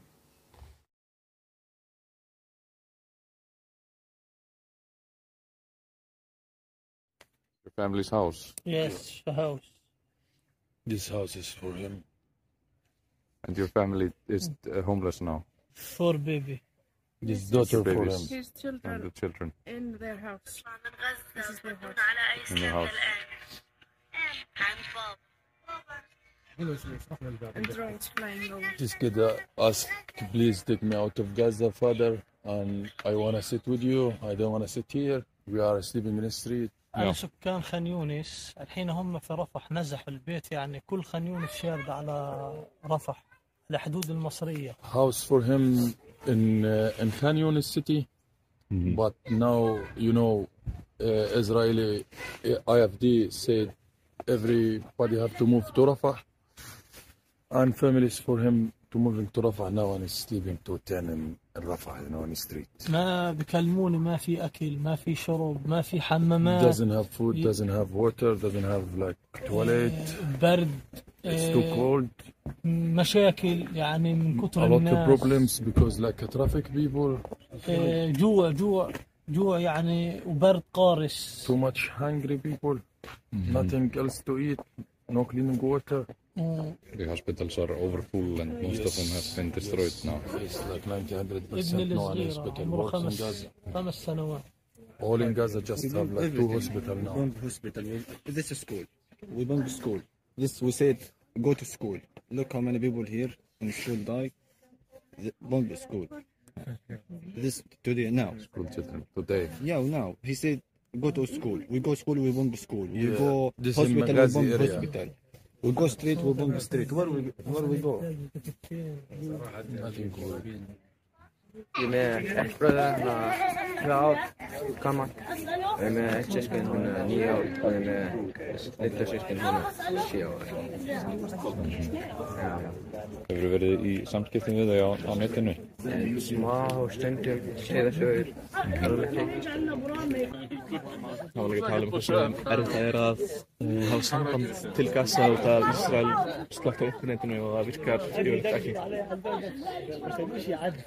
Svo bila allir myndir slögt á internetinu nefnum til að fela eitthvað. Já, í rúmar 70 daga hafa verið gefnir listar af uh, stjórnmöldum annara landa sem eru með samsettar fjölskyldasaminningar, setur fólki á lista og flytur þau til sín og það er allir hefur listan. Literally. So you have a list there of uh, family members of Yeah. uh, immigrants from Palestine who have been Mhm. accepted in other countries. Yeah, like we talked with the ministry for this. He said Mhm. boarding from Egypt is closed, but boarding from Egypt nothing closed. Right when this war start right now, every day somebody get out from Gaza. It's truly, truly evil what we're seeing. And the least we, Iceland can do is uh, respond quickly and help people. I hope so. We ask any human man to help us. I go for work. My my mind is stuck in Gaza, you know, with my family. How can my life to be? How can I sleep? How can I do good in my day? If if my family stay in this in dangerous place.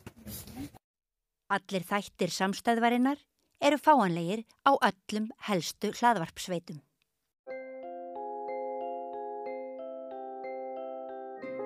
Hver er að býða eftir þér? Mundu eftir réttindum þínum í desember.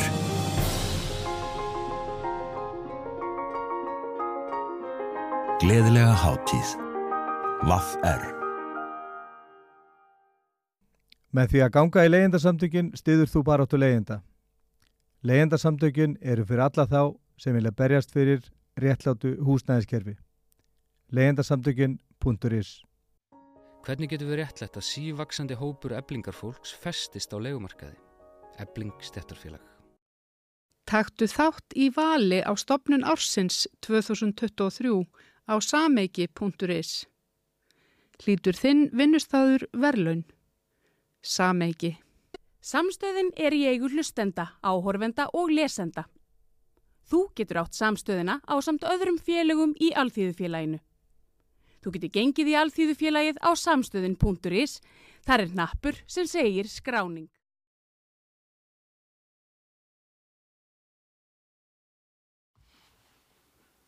Já, komið sæl enn á ný.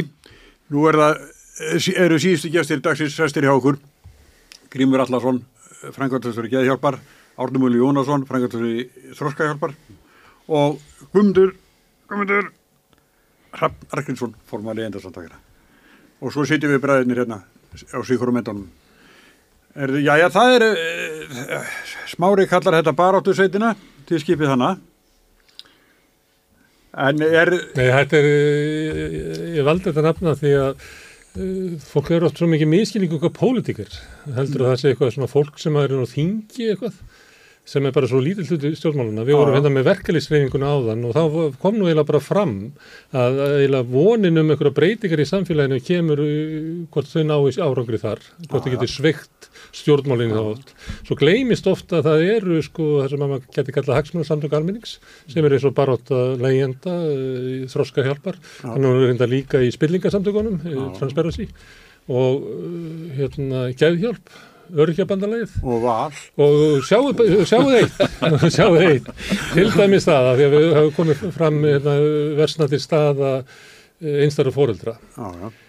Ég myndi vilja segja það að ástæðan fyrir því er að, að sko, hinn öllu hérna, félag einstara fóröldra sem var hér alveg frá bara snemma 8. áratúlum og, og svona fram yfir aldamot að þau eru bara ekki öllu núna og það leiði til þess að staða einstara fóröldra vestna. Staða leyenda hefur vestna vegna þess að það hafi ekki verið öllu leyendasamtök frá því að leyendasamtöki voru endurreist að þá hefur verið fjórusunum eða þrísunum verið hækkuð sko húsanlegubætur sem er reyndar ekki kannski markmið leyendasamtökana að gera en það hefur samt gerst eftir að það voru endurreist ef það hefði ekki verið gerst að það hefði aldrei, aldrei sko þá hefur Ríkisvöldin bara gert eins og þrjú, fjúr árið þar á undan bara látuðu liggja dauð hérna, húsnæðistyrkin þannig að bara endurist leyendasamtakan hefur skilað leyendum 1,8 miljardi krónu Svo svo þau hef ekki eins og beðið um þetta. Nei, nei. En það er eins og líka að vera svona ákveði fát á stjórnvöldum út af svona orðröðu leyendasamtakana og bara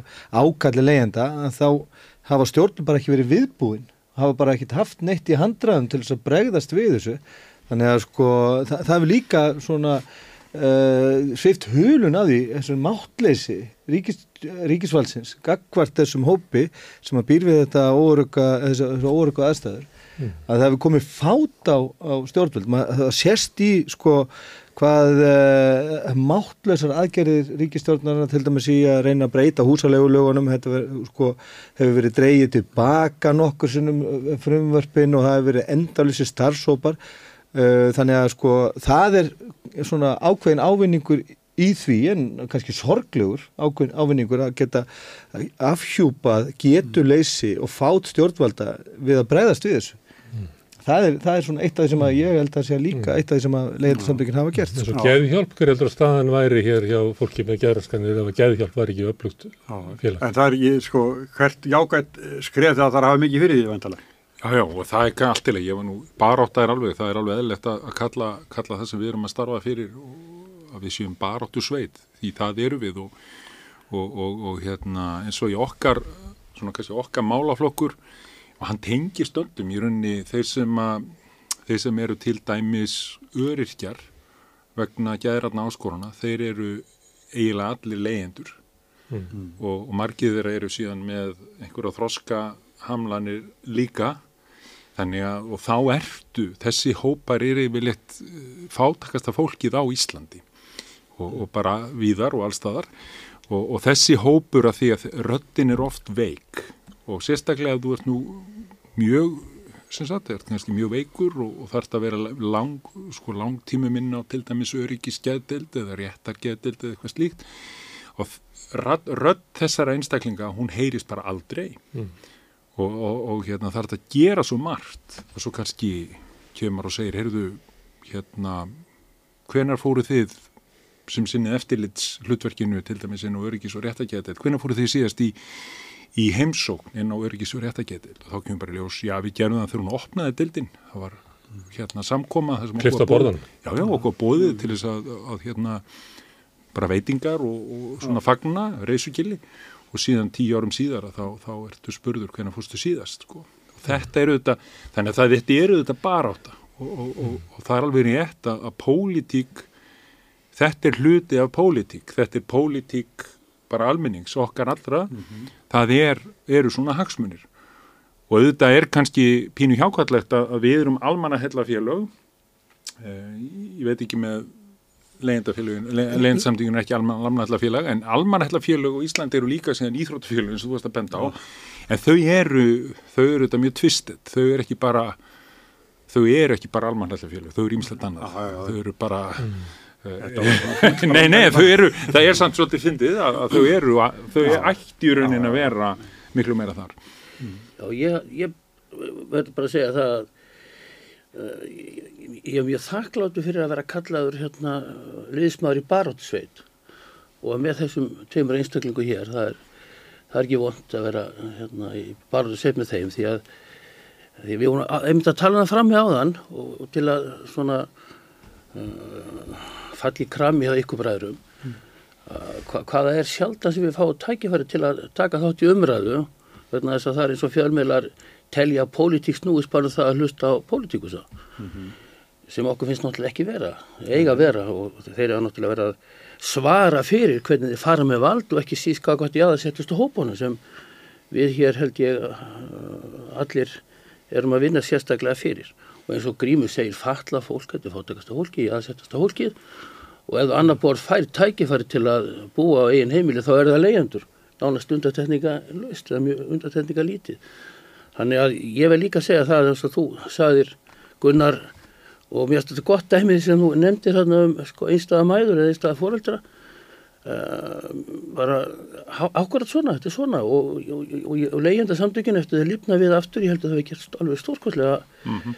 Uh, góða hluti. Breytt umræðinni algjörlega. breytt umræðinni þannig að þá, þá verða náttúrulega svona samtök að fá tækifæri til þess að tala og þess, því hefði klárlega bræður opnað nýja vettvang sem er tekið eftir. Já, ég er samanlega átna með þetta sko, að þessi vettvangur hér, rauðaborðið og samstöðin almennt, hefur bara skerpt á sko, framkomu minnstakosti leiðandarsamtakana. Þau dreyji fram sko, baratumálin og gefa okkur vettvang til þess að fjallum þau.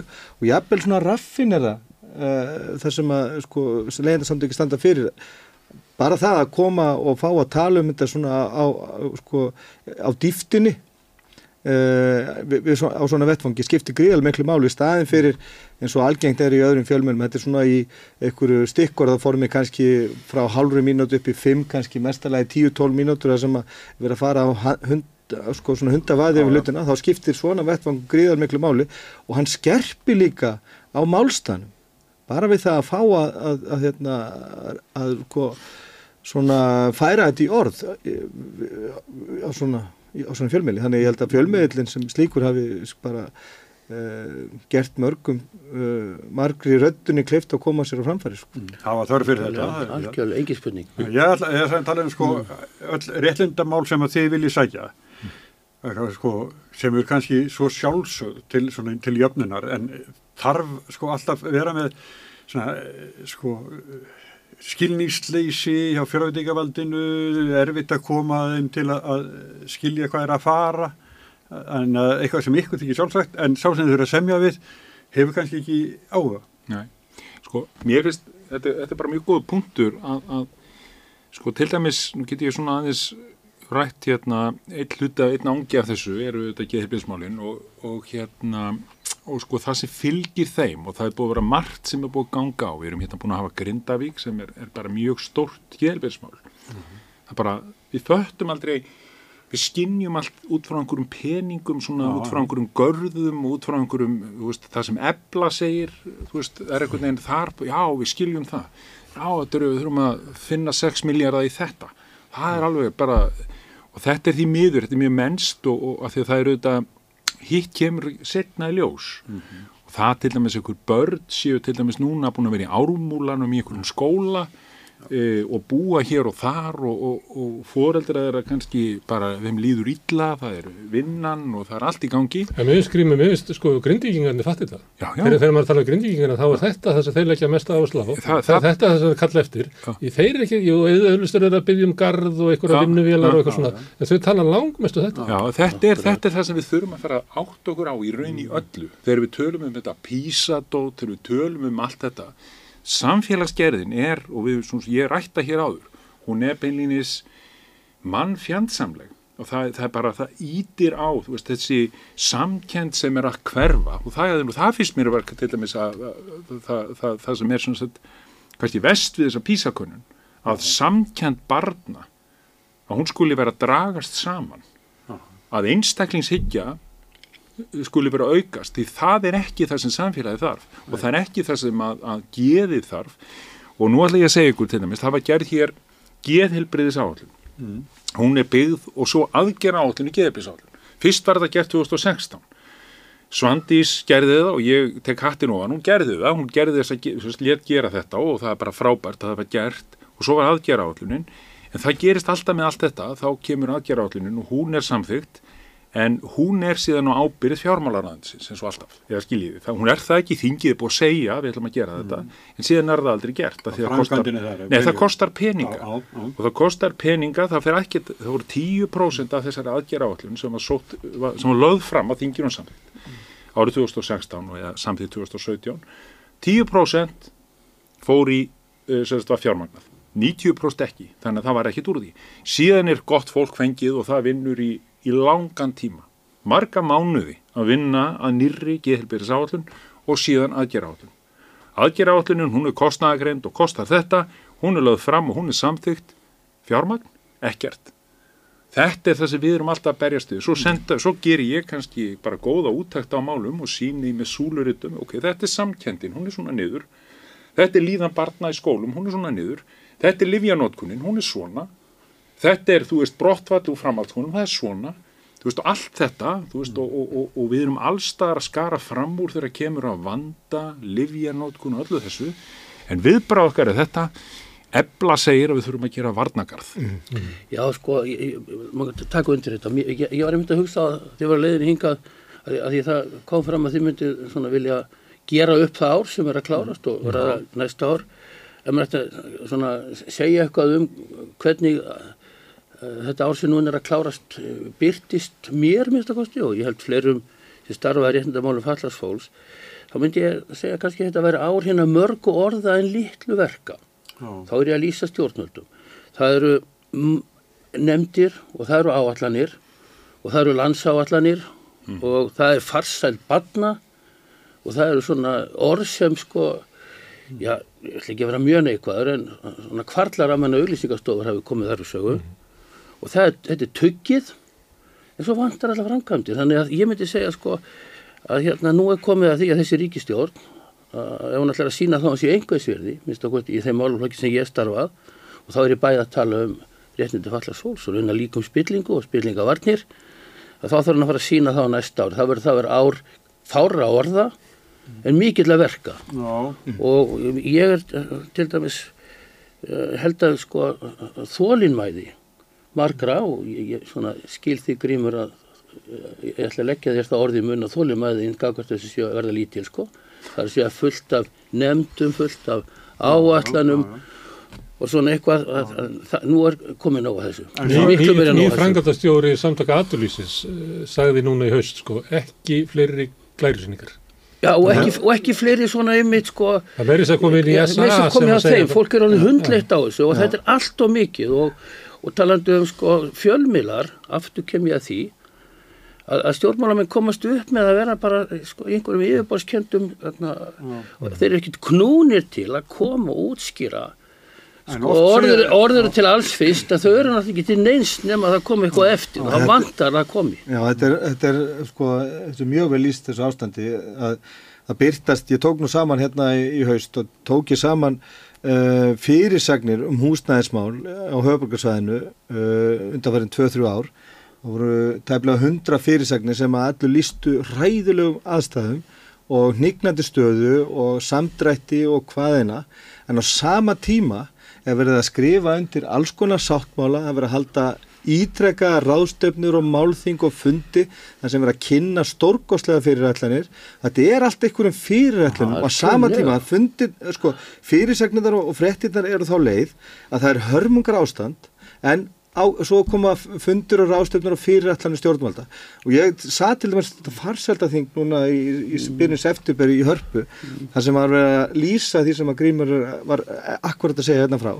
Hvernig lífanókun barna hefur aukist, hvernig brottfallu skólum hefur aukist og hversu mikil vanlíðan barna hefur aukist gríðarlega í skólunum. Uh, og það kom að það var kynnt að það rannsóknar fóreldrum sem sögðu að það var enga þjónust að fá að það verður sko marga ára byglistar og enga þjónust að fá fyrir þessu börn. Uh, Laust stjórnvalda fólki því að, að búa til eitthvað svona tengilega kerfi.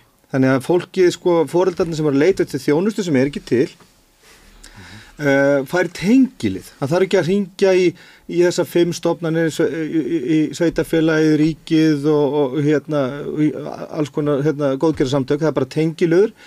En tengilöðurinn, hann runni hefur ekkit annað hlutverk heldur en bara að dempa dempa sko álægið og svona veita fóröldanum svör en þjónustin er ekki til og það var ekkit eh, sko markmiðið eða, eða einhverja fyrirallur um að auka hana heldur einfallega bara að búa til þetta tengilega kerfi.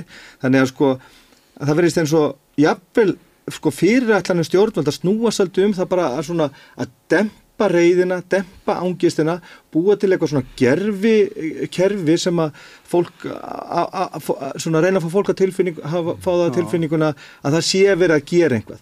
En það var ekkert í plönunum eða pípanum um það að auka þjónustuna eða setja fleiri fjármunni í að þjónusta þessi börn heldur en bara búa til eitthvað svona tengilega kerfi.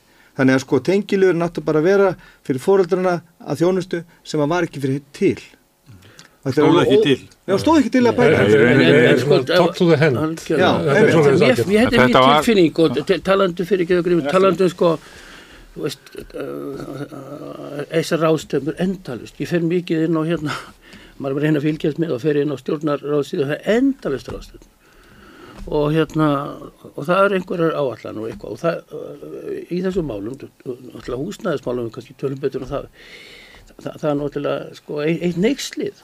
Þetta er bara áfælli stómur yfir stjórnvöldum í þessu ríka landi með þessar stórkoslu auðlindir. Mm. stórkoslu auðlindir það get ekki einu sinni. Staðis í þessu. Þetta, þetta er bara það vantar ekki hérna yfirlýsingarnar. Og það voru tvær skýslu sem kom núna í desember sem því að við nú séð annars vegar var það skýsla sem hérna var gerð um stöðu fallars fólks. Rillingur Rillingur Rillingur að lesa og, og talandi þar um sko, sko andlega vanlíðan vegna fátæktar, bara fátæktar í okkar ríka landi.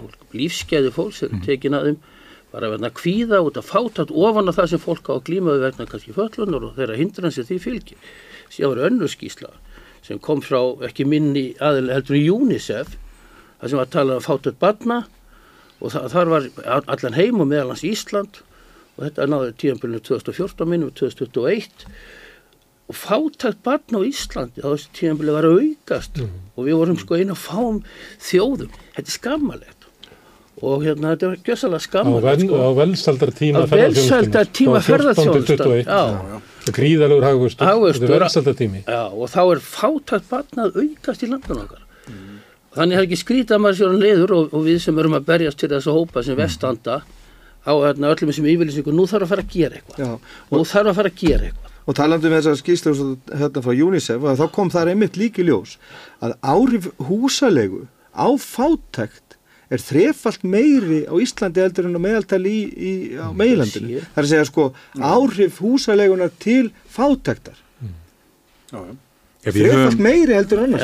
Já, bara, við höfum náttúrulega það einhverju hluta vegna þá, þá, þá er þetta því miður og það er, veist, við erum hér þessi eiga og kannski vegna þess að við við vorum svo sko ofbóðslega fátæk í aldamótin og síðan einhvern veginn gerist þetta við förum inn í stríðin tvö þarna og einhvern veginn breytist hér hér verður ekki þetta kollektífa í stríðinu því að það var veginn, þar var bara, þar var bara uppgangurinn, þú veist, það kemur breyta vinnan og allt þetta og það verður svona stuð.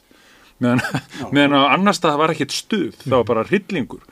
Og þú veist, sósialisminn og, og sósialdemokratarnir á Norðurlandunum þeir bara voru þarna, mm -hmm. þeir bara voru með þetta, meðan við bara það var, það var engin sósialdemokrati, það var eitthvað svona einn stjórn, það sem að var, skiluru þeir fengi að vera þarna en síðan bara var þetta þetta, við bara erum einstaklingsíkju fólk. Mm -hmm. og það er böl okkar sem gera merkum að þegar ég bjóði í Danmörku fyrir tæplega 30 árum og legði íbúð frá lífeyrissjónum mínum lífeyrissjóður sjúkrarlega þroskaþjálfa og, og hérna hjúkunafræðinga var sama með lífeyrissjóðu og þeir voru bara um íbúður, ok, þú ert einn og með barn, þú getur verið í þessar íbúð og þessar íbúð.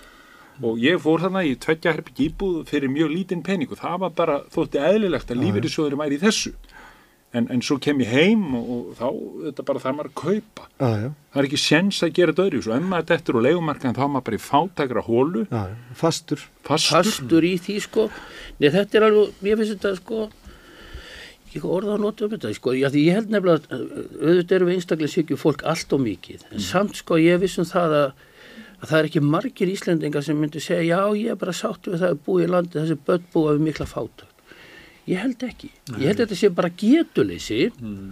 og, og, og stjórnkerfið og pólitíkus þar, sko, þetta er bara getuleysi og, og þetta er ekki verðan að það sé einhverju flokkar sem bjóða fram í, í krafti mikið sjójafnöðar, það eru vísu einstaklingar hann innanum sem einhvern veginn er, er ekkit sérstaklega á ekki fullir en tölubenda til dæmis að arður fyrirtækja mm. síðast ári hafa aldrei verið meir.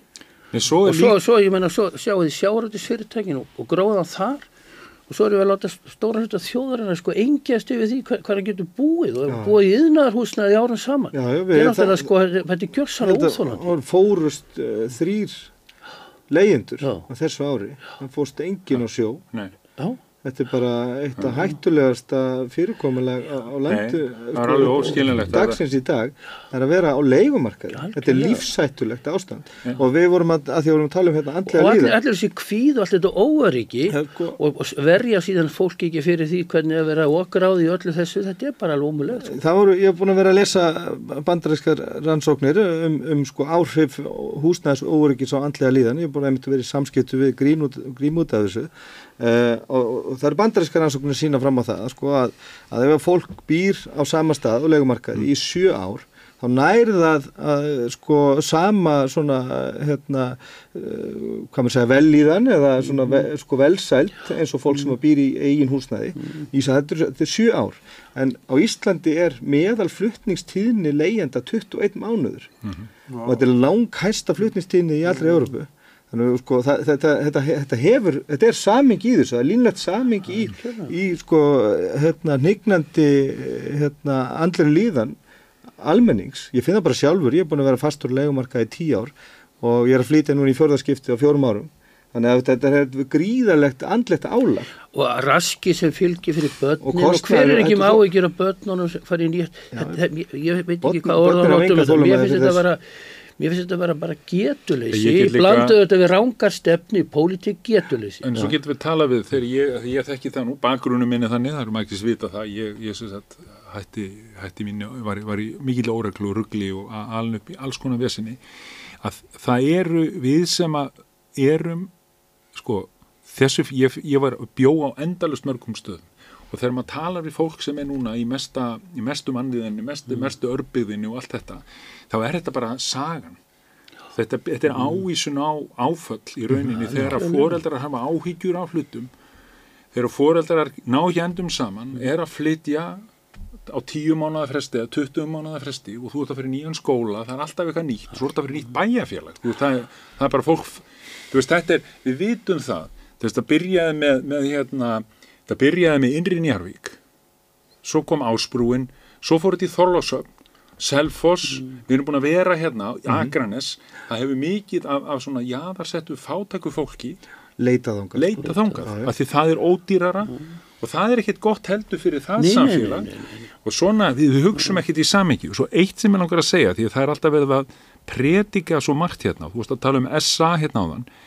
Og við trúum því, við trúum því að kaupmáttur hafi aukist mest á Íslandi af því það er búið að segja það svo oft við séum alltaf að fá of mikla launahækkanir, of mikið hér og það er allir bara með samviskupið út af þessu. Svo kemur bara í ljós Danmörk, kaupmáttur er ég maður ekki hvað, 30% og tekur langan tíma herri, hann er hækkað um 30% meira en hér. Noregur er herri, það eru Finnland er aðeins læra á Svíþjóð. E, Holland er líka herri þetta, er, sko, það, þetta eru bara svona tuggur. Og það er svo vond að því að þessi þú varst að nefna sem ég finnst eiginlega mjög góður punktur í staðans að ég siti hér og það ættir hún að vera þannig, ég sit hér með þessa ræðu mína svo situr hér einhver sem er í rauninni er að verja eitthvað eða er að standa fyrir eitthvað Já. og við erum hér saman að takast á um þetta í staðins að ég komi bara hér og haldi monologum eitthvað sem ég held að sé rauninni aðeins öðruvísi en, en pólitíkus en ef að pólitíkus situr hér þá segir hann hér að kaupmáttur hefur bara hækkað og mikið hér og við verðum að verkaliðsrefingi verður að vera ábyrgari eða einhver eða eitthvað Nei, Grímur, ég held að það sem að ræðan er svo, já, Grímur, þú er átt að hvað við höfum gert. Já. Við hækkuðum örorkubætur um 1% umfram verðlag þarna fyrir síðust áramót. Við höfum hækkað hú- húsnæðisbætur. Við höfum svarað þessu, þið kannist þessu ræðu. Já, já, Þetta kannum- sem stendur upp á. Katrínu Jakobsdóttur. Eða þá, eða þá erum að fara að gera þetta í næstu viku. Já, já, alltaf Eða við við sem- spurðu því hvað hérna, hérna, ég hef verið að lýsa hvernig ástandi er, að þá stendur upp úr henni bunan eða við gerum þetta og við gerum þetta og við gerum þetta og við gerum þetta. Já, já, það er bara nýsa þurfi, en það þurfi einhverju aðrir að sitja hérna sem segja, að vera- ég er hérna já, í þessu kerfi, ég bý á ásbrú eða sonur minn býr á já, ásbrú sem maður reynda gerir og, og þá getur maður Þetta eru sultarkjör sem fólki er skamta í ríku landi með alveg stórkostlegar auðlindir. Það eru staðrindir. En- Það en- er kjarnimálsinn og tala ekki um sko öðrirkjar sem, þú veist, þetta er sultarkjör, þetta er skammar. Það er skýslu sína það, maður geta þvælt þetta fram og tilbaka.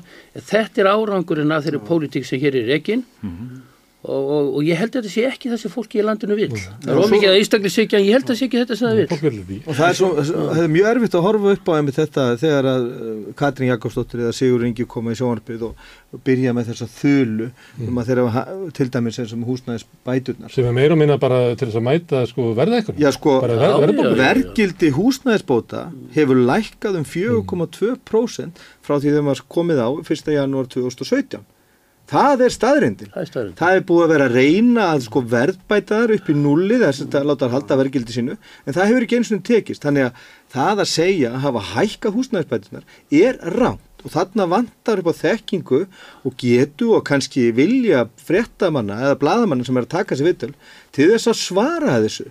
Segja býtu nú hæg, þetta er ekki rétt hjá þér. Húsnæðisbætur hafa ekki hækka neitt verkildið hefur dreigið saman um 4,2% á sama tíma eru hérna, tekjumörki nánastu sömu á meðan að sko verðlega hefur hækkað um 60, eh, 50, 50% frá, frá 2017 uh, og húsalega ennþá meira.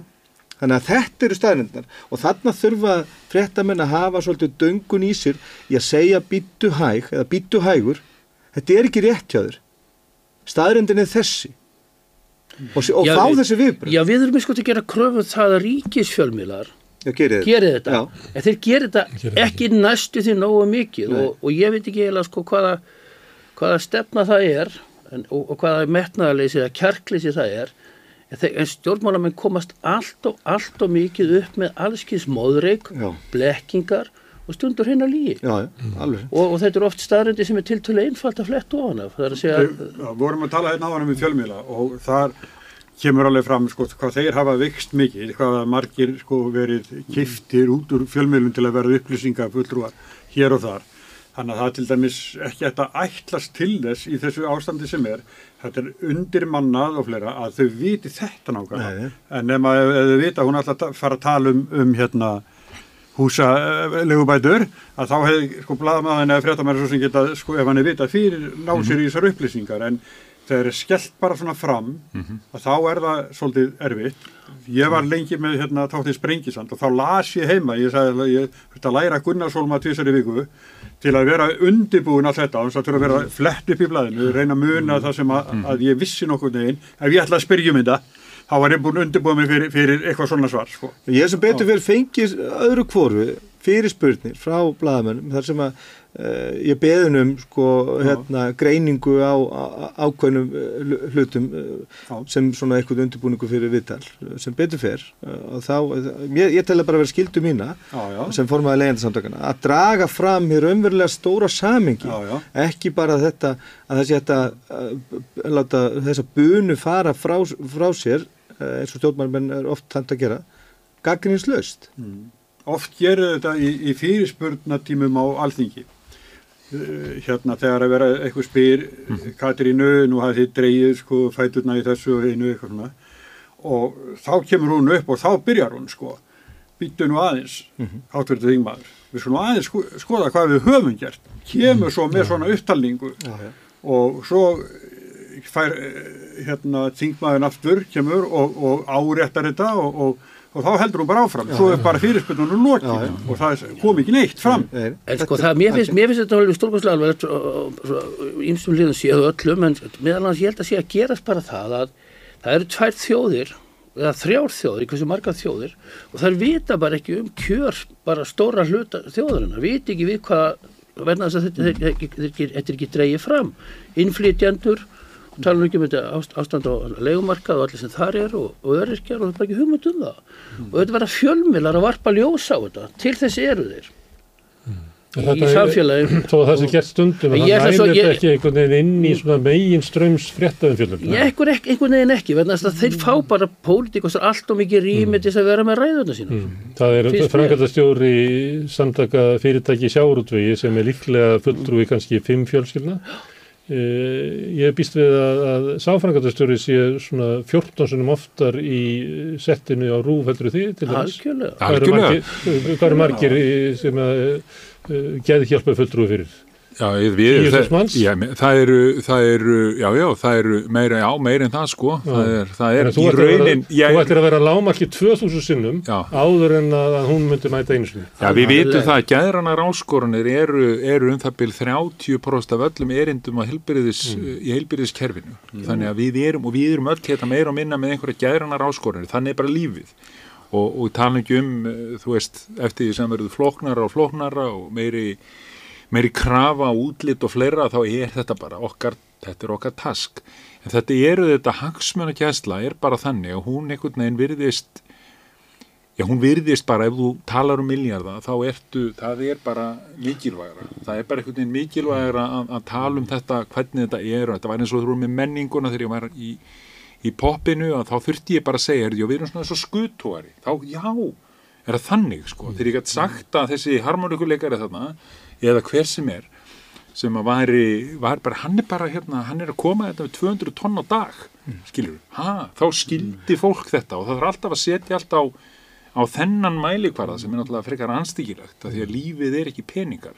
Já, en það virðist vera eina leiðin til að ná í gegn. Mér finnst stundum eins og þetta sé svona e, e, e, eins konar sko, stástofu samfélag. Ég, man, ég var formar íbúðsamdagan í Grafarholti í, í nokkur ár og átti mörg samtöl við þávarandi borgarstjóra og þar meðal Dag Bjegilsson sem að lagði mikla áherslu það að þegar kvartaði yfir því hversu illa útkværum voru þjónustu bæði með íþróttastarf og innviði og alla, alla sluti að sko áherslan yrði að vera á sko miðborgina sem stástofuna sem yrði sínd erlendu gestum og þarna væri sko miðpuntur og þarna myndum við sækja okkar menning og afþreying og svona. Það er allt kapplagt á að gera stástofuna sem glæsilegasta.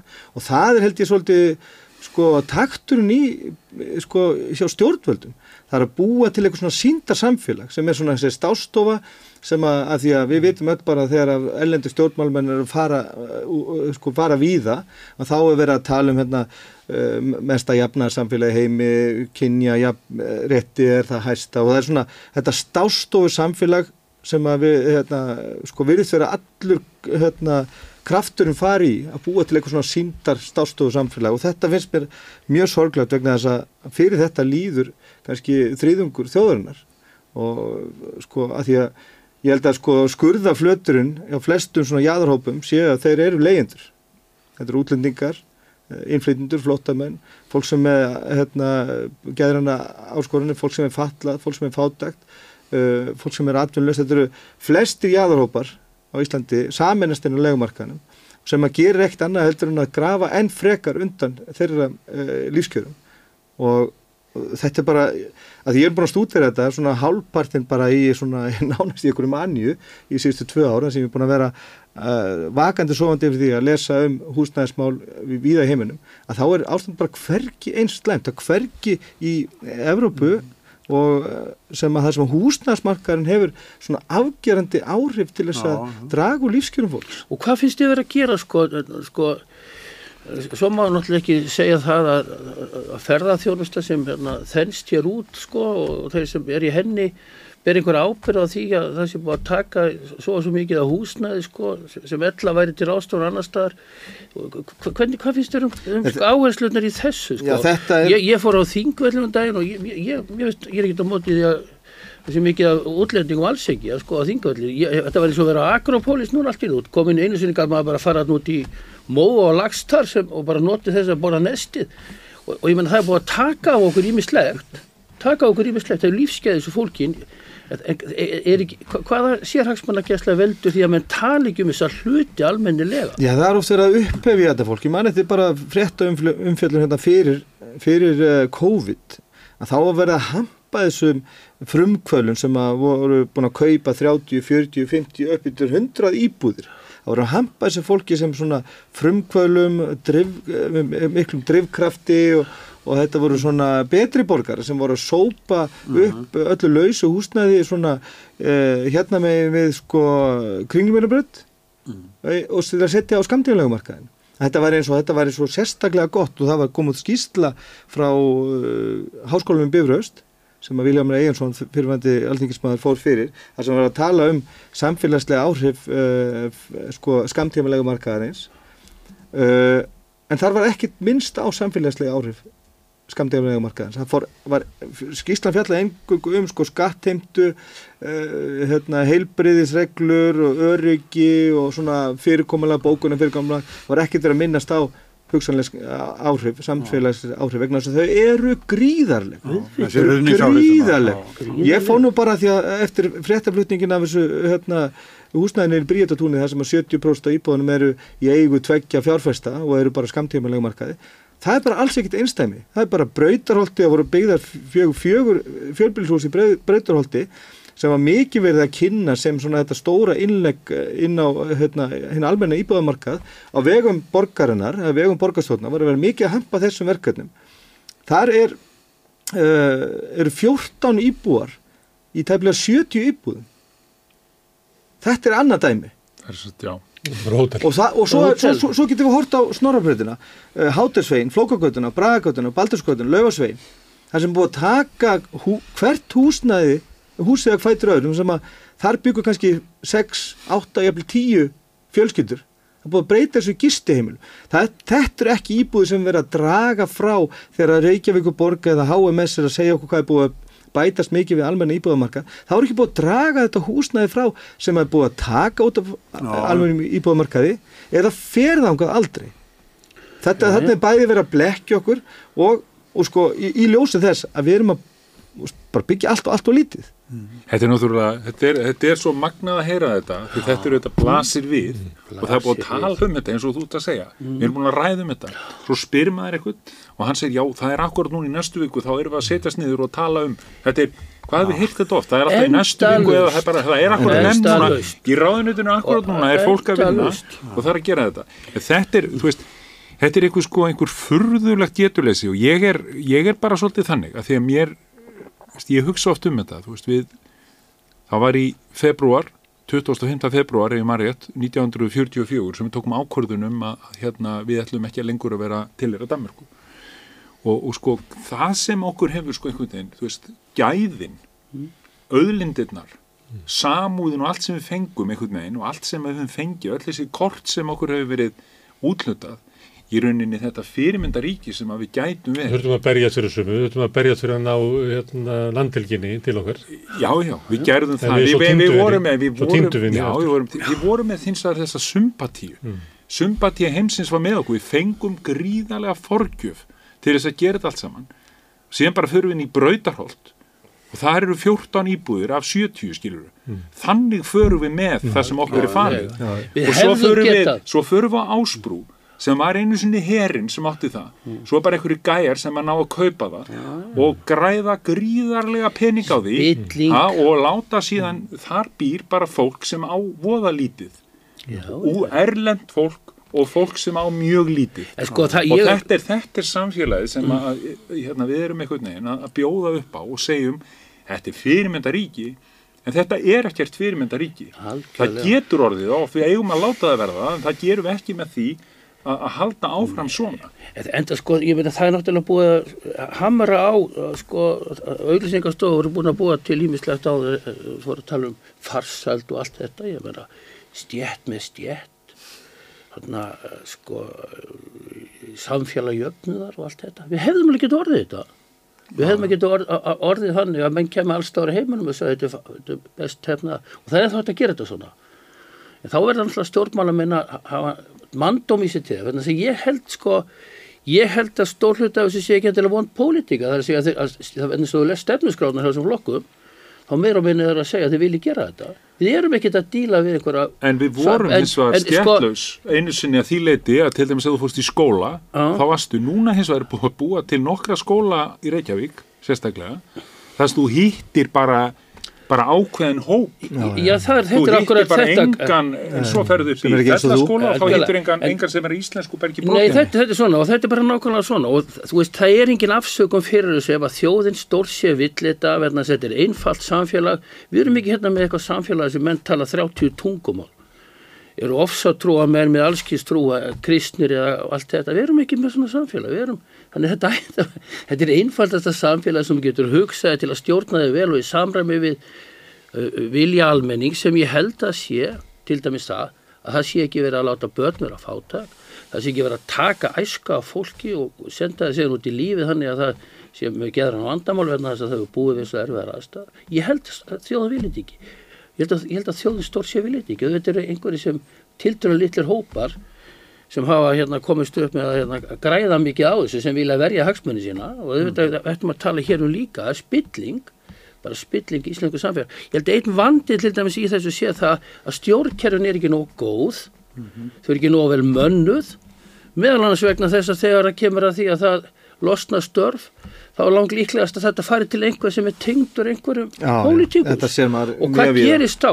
Ungt fólk sem allar sér til dæmis að fara að vinna í stjórnkerfum sem hefur mikið til að bera, hefur það þólimaði til að starfa í svona vitandi það að þegar það kemur tækifæri til að takast á við eitthvað áhugaverð, ég hafði fá hærri laun eða eitthvað slíkt, þá er langt líklegast að það verði einhver sem er tengdur. Síðan ætla menn bara eins og þetta nýjasta dæmið um ráninga sendi hér að fara að standa í einhverju bla bla um það að viðkomandi sé svo og svo hæf. Ég segi bara, það eru mörg þúsund íslendingar sem eru jafn hæfir. En þeir fá ekki þetta tækifæri. Og svona er þetta í kerfinu öll. Og hvað Alls gerir þetta? Stjórnkerfi þetta grefur undan því að stjórnkerfi sé með bara ég er ekki að gera lítið úr fólkinu sem starfa þar en þetta er það sem við erum búin að vera að gera lengi. Og þetta er einn ástæðis hvað við gerum ímislegt illa verðna þess að ráðuneytun og stjórnkerfi er bara ekki nógu gott. Ég hef haft, haft á tilfinningunni gegnum þetta starf mitt í, leiðindarsamtökunum að, að víða í stjórnkerfinu, bæði í starfsópum og líka bara í stopnunum, þar séu, séu ráði fólk sem hafi það hlutverk að verja ráðuneytin. Það er að segja, sko, hafið það er bara, það, það tak, annað takið upp hér sjálfur sér, eða ráðið það bara veita að ráðu þessum fórsendum, að það stendur vörð um pólitíska stefnu uh, þess sem að situr í ráðuneytinu og oftast samflokk og pólitíska frama, Já, bara bara- verja hann bara Ég óvandana. bara tilfinningunni og þetta er bara, ég bara orðin sannfæri um þetta, að þetta er svona víða og ég tek bara eftir þessu í, í starfsópum til dæmis hjá innverðraðunitinu að það fer enginn fyrir starfsópum hjá innverðraðunitinu nema að vera framsóknarmæður.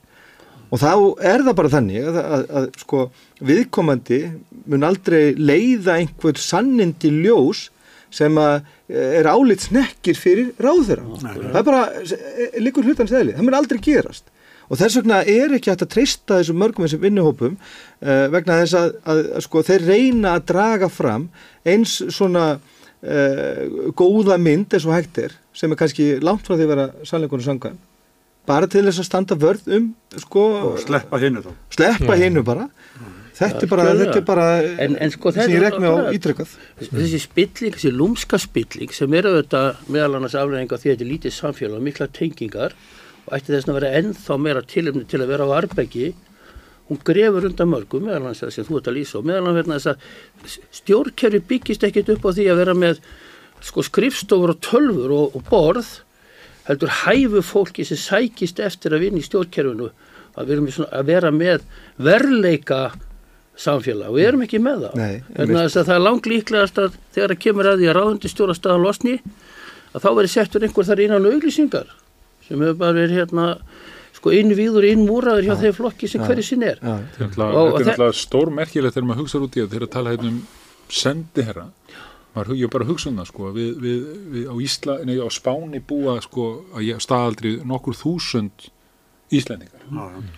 Uh, en við að því að það er ráðunitustjórin eins eins og hann hefur verið kynntur mér fyrirverandi að hann var með svona Ítalíu bara áhuga. Það talar ítalsku. Já, já, bara mjög, bara flott og hefur áhuga Ítalíu, en á Ítalíu er engir Íslendingar, við hefum mjög lítillega hagsmenn að gæta á Ítalíu, samt erum við komin með, sko, með sendir á þar, með þannig að þú stýrur í stór ríki, er raun að draga saman í þessar Þetta er náttúrulega að setja sendir að á Tenerife. Tenerife eða, það Algarve Algarve. þarna þar, þar, Það- búa hérna Torri Veja og hvað þetta heitir, þar eru bara þetta þar búa- þar það búa meðal annars öryrkjarnir sem get ekki búið á Íslandi en hafa, geta haft lifibröð þarna en ég núna á nú að taka það af þeim þetta persónafslattin svo þeir fara nú að koma Já, sér það heim. verður gert eftir ár. Já, Það- en þá koma þeir sér heim á þessu ári skilur, við. þetta eru þetta, við erum alltaf að elta þessa þessa glæpamenn sem Er það, þið, þið talið svolítið út frá því að almenningu vill ekki hafa þetta svona. Almenningu vill búa í réttláttu Ég veit samfélagi. ekkert um Ég- það. held það, ég held það það, er- það alveg það. hægt að sjá það í bara könnunum. Könnunum, já, það, það bara er þannig en við erum hins vegar með stjórnvöld sem að sinni sér ekki og að einhver leiti þá hafa þau uh, hérna, fundið skjól í því að, að láta eins og segja að gera eitthvað þó þessi ekki að gera neitt. Það er ráðstöfnur og glærusýningar og er að skrifa undir eitthvað út í móa af eitthvað borð og eitthvað svo leiðis. Að þá erum við kannski bara með svona eitthvað svona kultúrískan vanda. Hérna, við Guðmundur erum í félagi þar sem að stjórnin er með svona spjallþráð og ég sitt reglulega bara inn á spjalltráðin hérna, við skulum ekki vera að ræða hér hvað við hérna, ættum að gera, við skulum bara gera eitthvað. Ja, því að það er svo hættulegt að þetta hópurinn sko fyrir að fá tilfinningarlega svona útrás eða, eða svona gratification fyrir að vera með ráðagerðir. Að þetta er bara, þetta er bara þekkt gildra í hópi að fara í þetta. En ég sé ekki betur en að ríkistjórnin og bara stjórnmáli elita meira minna sé bara föst í þessum gæðræna vanda að telja það að ráðagerðir séu aðgerðir Ég finnst þetta vel orðað. Já. Mér finnst þetta vel orðað. Þannig að... Það við erum að hjálpa þeim. Það erum að segja, komið út. Já, komið út. Farið Við erum að að vinna... Farið að vinna fyrir fólki Já, sem treystir ykkur til fyrir að fara með vald. Já, þú sagðir einhvern veginn smári sem að ég varst alveg stórkostlega svona að draga þetta mjög skýrt fram að þegar að breiðholtið var byggt sem voru ykkur 11-12 íbúðir að það var engin ástæðanhaldi Nei, engin. Engin. En frá aldamótum hafa verið 62 starfsópar um húsnæðismál á vegum stjórnvalda. 62 starfsópar með sko 5-7-8 manns í hverjum einsta hópi á þetta, laun. er- þetta er náttúrulega mjög merkilegt því við erum sko eitt af þessum elementum sem maður hefur kannski kunnað einna best við í fari Íslendinga og vest það er þessi í rauninni kvartvísi og þessi að, veist, að, þú veist, eru þetta, þetta. gerum Já, þetta. já, akkurat. og, og það er merkilegt að því að við gerum mjög margt, þú veist, við, við förum í og búum til eh, garða og við björgum vestmannegum og við gerum allt þetta og allt þetta sem við höfum, svona, þetta er okkar þetta er okkar essence en í þessum málflokkum að þá er bara einhvern veginn, þá verður þetta það er einhvern veginn nærið þetta ekki upp við förum og við byggjum tilgangslös göng, nú ætlum ég bara að vera harður Mm. Þú veist að því að ef við tækjum það á einhverju mikilvægi stíð þá erum við búin að byggja nokkur tilgangslöst göngin sem voru kannski í númer 30 röðinni en höfum ekki gert hina því það er einhvern veginn, þetta hendar einhvern veginn Já, í, í einhverju pólitík þú veist auðvitað og er þetta fínt að fara vaðlega það göngin, það er mjög fínt skiljið, en það var hins vegar aðgerð hún var illa ígrunduð Já, og var já. bara farið í hana Já, já. Þú veist, ég myndar ef við gert þetta bara, þegar við ætlum að nota þessa 17 miljardar hérna, 20 miljardar, við ætlum að nota það í húsnæðismál. Akkurat. Það, við ætlum að gera það núna, við ætlum bara að fara hérna og staðins og vera einhvern veginn að að sveita fjölögin eru komið einhverju svona, einhvern, þú veist, það bara lóðir þurfa alltaf að seljast á, á, á, á hassbjóðanda og þetta er allt í einhverju svona bygg Sem er ný hugmynd, sko. Ég veit það, er bara og þetta er bara rugg. Það, þú veist, við þurfum þetta ekki, að því ef að fólk getur búið í sveitafélagi, þá er það gott. Auðvitað á þetta heldur ekki að vera 64 sveitafélagi, þetta ætti að vera, sko, eiginlega ætti að vera eitt stjórnsýslu stig á Íslandi, af því að við erum ekki með nógu mikið af fólki, þessu uh, verðileika fólki til þess að vera í öllum þessum atvinnuveganemdum, í öllum þessum skipulagsnemdum, í öllum þessum nemdum og svo þessa bæjarstjóra og þessa, þú veist, formenn, allt þetta, allt þetta dót. Algjörlega. þetta er sóun og, og hérna gerir ekkert annað en að þá gerist það að við þurfum að byggja göng til þú veist eitthvert sem, að, sem engin þarf á að halda en við gerum það því að það er bara nógu frekur hópurinn sko. Já. Ég, sko, ég ofta að velta fyrir mér sko að e, sko, kynnslóð ömmu og afa og jafnvel fóreldrar minna byggðu hérna hér á skóla og sjúkrahús og, og vegi hérna 20 kilometra við erfiðar aðstæðuna með lélegan tækjakost hérna alveg framöndu 1970-80 var verið að byggja upp innviði Mhm. að, fátak, að fátakri þjóð hérna á hverju einasta uh, sko, út, útnára félagsheimili sko, Bólgavík félagsheimili og, og hérna, stjórnsýsluhús og sjúkrahús og, og hérna brýr og, sko, héraskóla og og einhver fát, Flugvelli. ein, ein fátakasta þjóð í Evrópu svona er á leið til ríkidæmis er að gera þetta og við sem erum tvöfald fleiri og tvöfald ríkari, við getum ekki einu svona reiki það sem var byggt fyrir okkur. Mm. við erum að loka svo öllu saman eða enga við þetta þetta er sorglegt. Fólk út um all land sko hérna sér fyrir sér að flytja söður út af óryggi í samlunda helbriðismál. já, Já, og þjónustu við falla fólk. Já. Það, Já, það, þetta það, það er bara- frekar reglan undansetningin og eignast falla barn út á landi, þá verður það að hlýtast Það er eitt dæmi sem ég tek aftur að þegar við erum hérna í Bólholti og hérna Mm. Þær voru komnar á plan 1967 síðan uh, hvarf síldin Mhm. en það voru samt byggðar. Mhm. Þetta gat samfélagi þá, ég er ekki að leggja til þess að við byggjum fleiri en þetta var átak sem var stórkostlegt átak í húsnæðismálum örkja sem var gert við þetta beint ofan í síldarhunnið. Það er bara, eitthvað það tapast, bara geta hérna samfélagsins til að taka á sig stór verkefni. Því að það er eina sem að, þú þú ert að tala með þessu svona átakafólk, Já. getum gert eitthvað, en ég held að átakið sé þetta svona, herðu, já, er þetta, já, ef við ekki að skella í eina góða ráðstefnu, Já. getum við ekki kallað hana bara velsæld, eða getum við Já, kallað hana, eh, þú veist, Nei, þetta, þetta er, svo eru þetta, við, við verðum að bara horfa stjögu við það að hérna, sérhagsmunahópar, ég finnst náttúrulega, bara, ég meina, ef, ef við myndum bara lýsa því hvernig hefur verið farið með arðin af auðlindin okkar, stóru, fiskveið auðlindinni, þú veist, og, og, og, þetta matla bara svona áfram og sama tíma fólk á ekki þakka yfir höfuð, ekki einu sinni ekki á ekki þakka yfir, getur bara fundið sér þakka yfir höfuð, það þarf að byð- búa í yðnar húsa með börni sín og svo framvegis, þá er ákveðir hópa sem hafa þess séragang sem bara, bara, bara skrúa frá krananum og peningarnir leka út. Og ég meina, það er einhver sérhagsmanna gæsla hann sem er stórkostlega alvarlega í þessu sam- samfélagi og við myndum bara lýsa þess og taka út af þessi Ísland og svo framvegis. Þetta er senna, þetta er hérna, auðlindin og svona farið með hann og svona og svona. Ég ég er svo flestum myndi segja, er þetta ekki einhver staðar í hvað langt í burtistan, þetta er ekki Ísland þetta, þú veist, skiljiði, þetta er, þetta er, þetta er fyrir niðan allar hellur og svona mallar þetta áfram. Nú var að koma út ný sjávarúti stefna maður lesi þetta byrju, er eitthvað að vera að taka á því sem máli snýst um, þarna var nýtt orð helviti flott orð, fyrir gefiði sem var endur tekið nokkru sinnum, það var það, það yrði að já, það er það auka haflæsi þjóðurinnar Haflæsi. Haflæsi, það er eitthvað, og þetta var fallegt, þetta er umhverju, það var ekkert talað um þetta stóra mál sem þjóðin er ósátt við, eðlilega, rosalega ósátt við. Þannig að fólk sem er, sem er á surtanum, haflæsi, skoðið. Þetta, þetta kom aftur og aftur, Haflæsi. þetta eru nýju orði, það verður rástefnum haflæsi. og vandin er það að íslenska þjóðin er ekki nú haflæs, Haflæs. þess vegna erum við ítla við kvötakerfið, ekki það að hún sé Ég, í ég, gegnum ég, það. verð, ég verð að ímynda mér að það getur mögulega verið hugs, hugsunin, þetta er eitthvað við þurfum allir að haflæs, sko. Að, þið skoðið þetta, þetta er... Já, ég, ég, ég, ég bara veist þetta.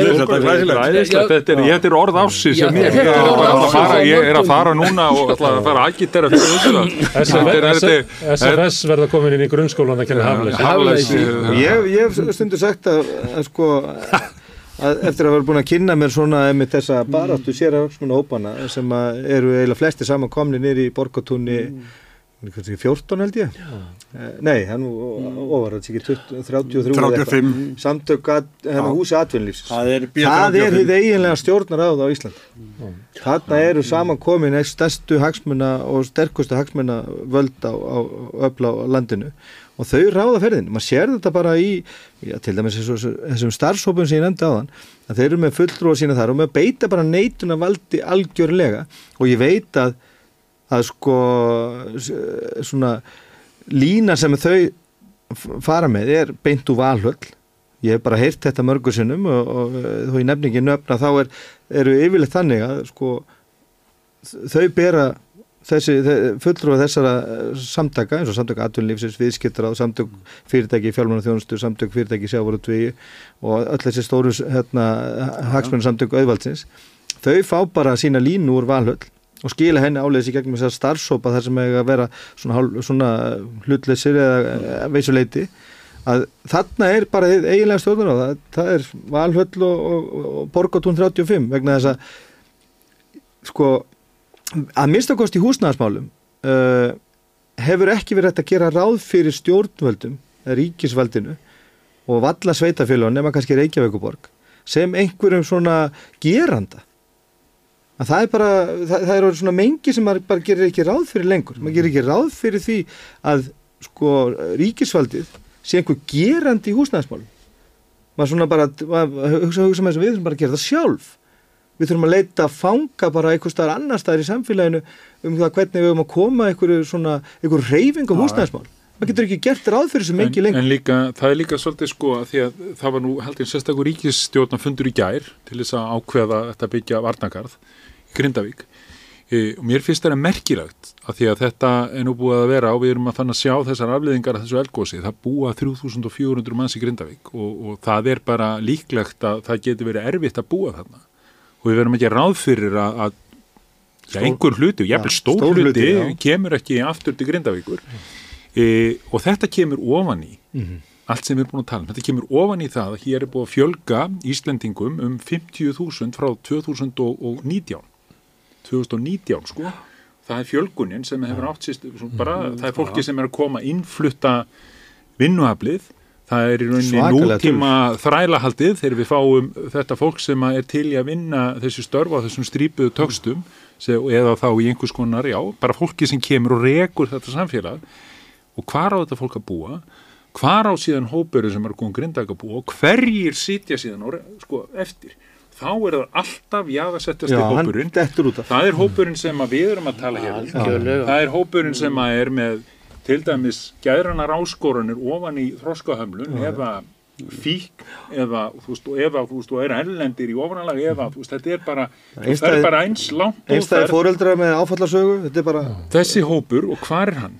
Og, og svo erum við hér að byggja. Við höldum sérstakar ríkistjórnafundum það. Við ætlum að verja byggðina, það er ágætt, það þarf að gera en hvar eru, þú veist, funditunum það? Hvað ætlum við að gera, Já, þú hvað veist, að við að við, bara hvernig vinnum við þetta, ekki ráðstefna heldur, veist, við verðum að bregðast við. Núna, því ég held að sko það eru þolmörk og þau eru ég hvenar fóru við við þau, það er aldrei nátt síðan. En ég hef svona, mér finnst þetta mjög, mjög alvarleg staða með þetta því að við erum að fá þennan hóp og, og hvar, á, hvar er það Þetta hér? hefur stórgóðsleg áhrif og er strax farin að hafa áhrif á almenna legumarkað, innkoma allra þessara fjölskyldna uh, inn á húsnæðsmarkaðin hérna, legumarkaðin hérna á höfbrukarsvæðinu uh, með alveg gríðarlega greiðslugetu uh, og er með sko sexfaldan húsnæðistuðning án einhverja teku tekuskerðinga sem að allir leyendur þurfa að búa við þeir, þeir alltaf að fá húsnæðistuðning sem er að hámarki 60.000 krónur að þá er hann tekjuskertur bara við 19% umfram lámaslun. Mm Mhm. Við erum að tala um sko, þetta eru smánaleg laun sem að sko, þá byrjar, byrjar sko húsnæðsbæturnar að skerðast þegar Mhm. og það skerðast líka við sko uh, tekjur allar sem er eldri en átjánar á heimilinu og eigur þeirra, ef þeir eiga bíl eða spari fjö, börnin sem er, er eldri en átjánara, þá kemur það til frádrátta fyrir þig sem almenna leiðanda á húsnæðismarkaði. Nú koma þessar 1200 fjölskyldur eh, frá, frá Grindavík flestir er í sérregn en það eru þarna á annað undur leyendur líka. Inn á húsnæðismarkaðin hérna á höfuborgarsvæðinu með sko 270.000 krónur í, í húsnæðisbætur án tekiskerðinga frá ríkinu. Uh, og sem veldur gríðarlega miklum hækkunum vegna þess að lítum húsnæði að koma fjárstyrkja einstaklingar uh, með fjárstyrning frá ríkinu inn á legumarkaðin ít upp legumarkaðin svo við, við vitum að leguverði fer aldrei niður aftur. En þannig búið að búa til nýtt viðmið. Svo fer þetta fólk kannski aftur he he heim til sér sko vona það að Grindavík verði byggilega mestu aftur og þetta fólk getur snúið heim til sér aftur. En þá er búið að þennja upp efri mörkin á legumarkaðinum sem að allur legumarkaðinu fylgir eftir. Við sáum bara dæmi um það að, hú- að húsnæði í Hafnafyrði hækkaði um 120.000 krónur auglýst leguverð að undirskrifum legumarsamningi vegna þeirra ásoknar uh, hérna fólks frá Grindavík sem er náttúrulega sjálfsög þetta er fólk bara í mikillir neyð en fær, að því við heyrðum nú rætt um þetta, hverju eru verðugir uh, þykjendur stuðnings uh, frá leigjendur. almenni leyendur hafa ekki verið það. Ekki leyendur, ekki öryrkjar. En sko, til dæmis- En þarna töl- koma fólk sem að sko, stjórnvöld geta veginn samsamað sér við. Og, og sko, gott og vel ég er ánað með að, grindingar hafi fengið hennar stuðning en við verum átt okkur á afleðingunum þegar að þess, þetta fólk er gert kleift að snúa aftur að þá er búið að hækka húsalegu sem þó hefur hækkað meirinn í nokkru öðru ríki sem að ég þekki jafnvel eh, sko, miklu meirinn í bandarækjarum og sko 7-8 meira heldur en í Evrópu á meilandinu að hún hækkar ennþá frekar en kjölfarið og það er enga ráðstæðanum um hvernig almennir leyendur í, á höfbrukarsvæðinu eða suðvestrótinu eiga að geta bröðist við þessu. Sko, er þetta ekki ennið dæmi um sko, hvað stjórnkerfi okkar er lélegt, sko, og þú veist, hvað, meina, það er að halda einhver ráðstöfnu, en þetta sem er augljóst og þú sjálf, er eitthvað búið að reyna að greina hvað að gera og hvernig að mæta, hvað áhrif þetta hefur á þessa hópa? Þeir eru, eru, eru undirbúið ráðstöfnu. Þeir eru sennilega undirbúið ráðstöfnu það, en talandi til dæmis um þetta, svo ég maður koma að þessu, sko, að því við erum nú hér við grímur, svona, ég alveg sérstaklega að horfa á falla fólk, við tölum mikið um húsnæðismál og falla fólk, það hefur bara lagalega rétt á því að fá stuðning, ekki verna þess að, að það sé einhver svona svakalega uh, þarna, Eitthvað metnaður Nei, nei, þeir er lagalega rétt og það, það er bara árum saman. Og það er bara stór hópu fallarsfólks ólíkt ímsum sem þurfa svo sannlega stuðningi en þa- þarna eiga lagalega lagalega rétt bara á rétt á stuðningi til að heimil ekki til eignast að heldur til að í leigu og fólk er bara áratugur saman á byðlistum jafnvel í sveitafélögum sem er, sem er styrt af ára, áratugur saman. Flokku sem kenna sér við jöfnu og, Já, hérna, já. og, og hva, hvað er þetta? Hvað er þetta? Þannig að það geta að kenna ríkinu allt og eins og nefndir það metnaðarleysi. sveitafélög Já. eru líka metnaðarleysi. og þetta, þetta voru sveitafélög voru áður reppandi sem voru kannski staklega stopnaði til þess að standa kannski og þó að það endilega verið gert vel alltaf það var þó til að tryggja það að fólk myndi síður vegna fátt þetta bara deyja og, og allt þetta. Það geti ekki einu sinni haft metnað til að gera þetta almennilega. Nei, nei. og talandi um sko, ég sá skýrslu sem kom einhvers stað nýlega sem að vera að tala um sko ferðamál á Íslandi frá OECD en ég er ekki einhvern aðdáðandi OECD það eru nokkra hagfræðingar þar sem svona hafa aðeins verið svona að kynna sér hlutina og sem voru að segja að Ísland þyrti að finna leiðir til þess að taka meiri skatt að ferðabransan og svo framist til að hæja á þessu meðal hans út á húsnæðismálum og öðru. Þá kemur hérna ráðherra ferðamála. Nei, nei, hún þarf ekki að að OECD að segja sér fyrir verkum. Nei, Nei, var þetta Þetta- hvað, hvað er þetta? Það eru hróki og sem stendst eitthvað skoðun. En ég held að það? sem er líkillin er, það sem þau og voru að það var segja ekki allt vitlaust, hvað er í gangi? En líkillin sem að, sko, þú, þú bendir á þetta, Guðmundur, það er þetta að samsama sig við og með. Og það er, þú ert með, við skiljum sko Grindavík, að því við erum einhvern veginn, þú skilur það, því þú ert ekki þú ert ekki á öryggis réttageteld og átt í rauninni rétt á því að fara þann út en það er ekki túsnæði og búin hann er sem sagt ekki hann er ekki, heilbyrðiskerfi hann bara á að fara út, hann er búinn með allt sitt, en hann og, fer og, ekki. og umbóðsmáður aðrir hafa Já, já, sagt að þetta er og lögbrot. það er, hann er ekki bara einn þú veist, svo á öðrum deildum hérna á landsbyðir fólk sem að bara kemst ekki út. Að því að, að það er bara því að sveitafélagi segir nei og ríki segir nei og þú veist og þú ert í þessari stöðu. En við samsumum okkur ekki með þessu eða við þetta, við bara skiljum þetta við ekki. gerum það grímur. Já, ég er að segja- ég erum. segi við, og ég ég að held að stjórnvöld gera það ekki. Og Nei, ég er held að segja bara rosa margir gera það ekki. Og Allt- þess að vanta það, vantar að skilja þetta og við þurfum að segja þetta á hverjum degi. Það er maður þarna inni og það er kona þarna og þau eru, og eru ekki tvö, þau eru ekki þrjú þau eru nokkur, nokkri tugir. Svo er allir hinni sem eru á byðlistum og búa kannski einu herbyggi eða á herbyggja sambíli við fullt af fólki.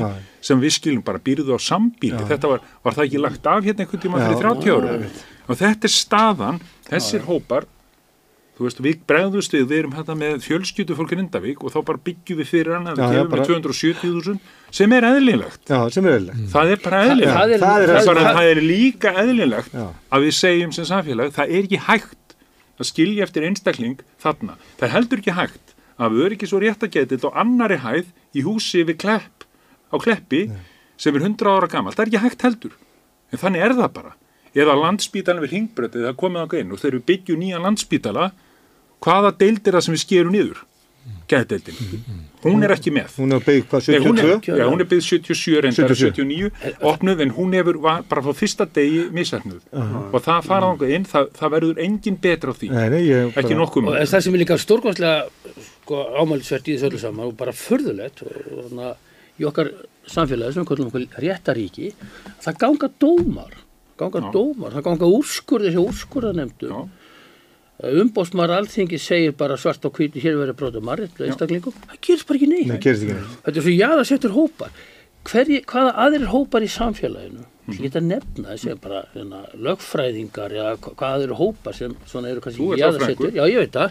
Þú ert nú svolítið jaðarsettur. Nei, ég er ekki einn- Nei, ég meina, en ég sé leik, þú mátt ekki tröfla mig. Meina, þú veist, hva, Hvað er þetta? Þessi hópa sem njóti ekki einu leiðara sinni réttar. Eh, leiðara og leiðara og staksteina og reykjagubref við því stórkostlega órétti Mm. sem að Guðmundur Kristjánsson í Brím var beittur verður þess að samkjörnvis eftirlitið ætlaði að kanna eignarhaldi sjávartvegin og þau grétuðar á reyðstjórninni það var, var tárvott blaðið í nokkra mánuði þeir meina- svo til með manninu Já, þe- þeir, þeir fá alltaf sko ekkaköst í hvers Mm. sem sko samkemniseftiliti sem þeir eru náttúrulega að reyna að drepa Já.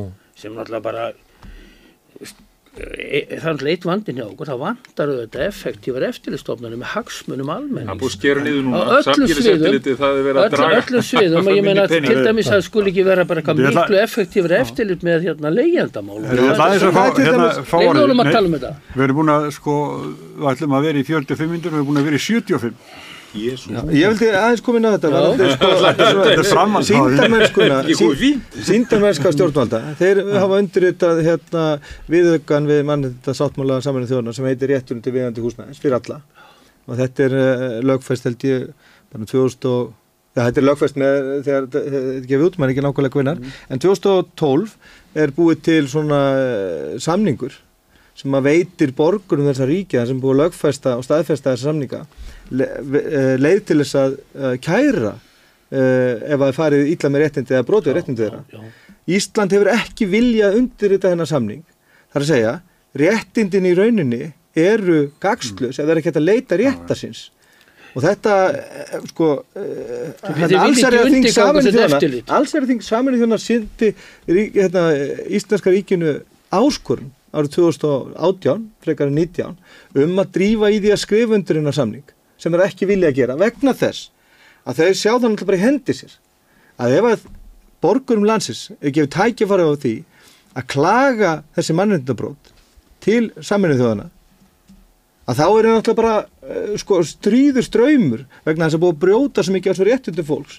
Að réttinu til viðandi húsnæði sem að ríkið þykist er búin að lögfesta og staðfesta og hampar mikið svo allendu grundu en vil alls ekki að borgarni geti leita réttarsins.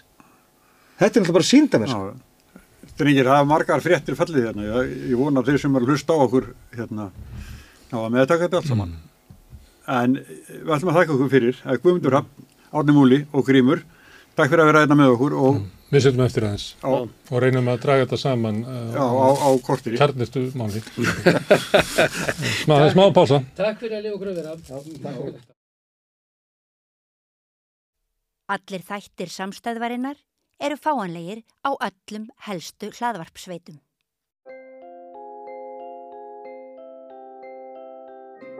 Hver er að býða eftir þér? Mundu eftir réttindum þínum í desember.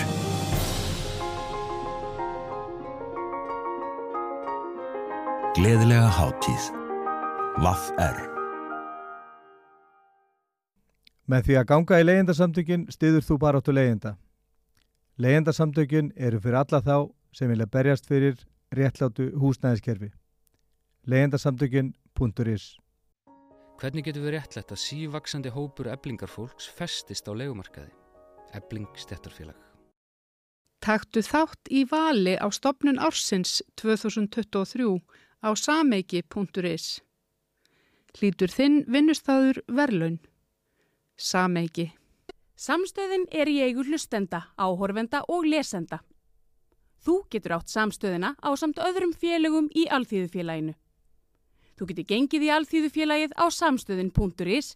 Þar er nappur sem segir skráning.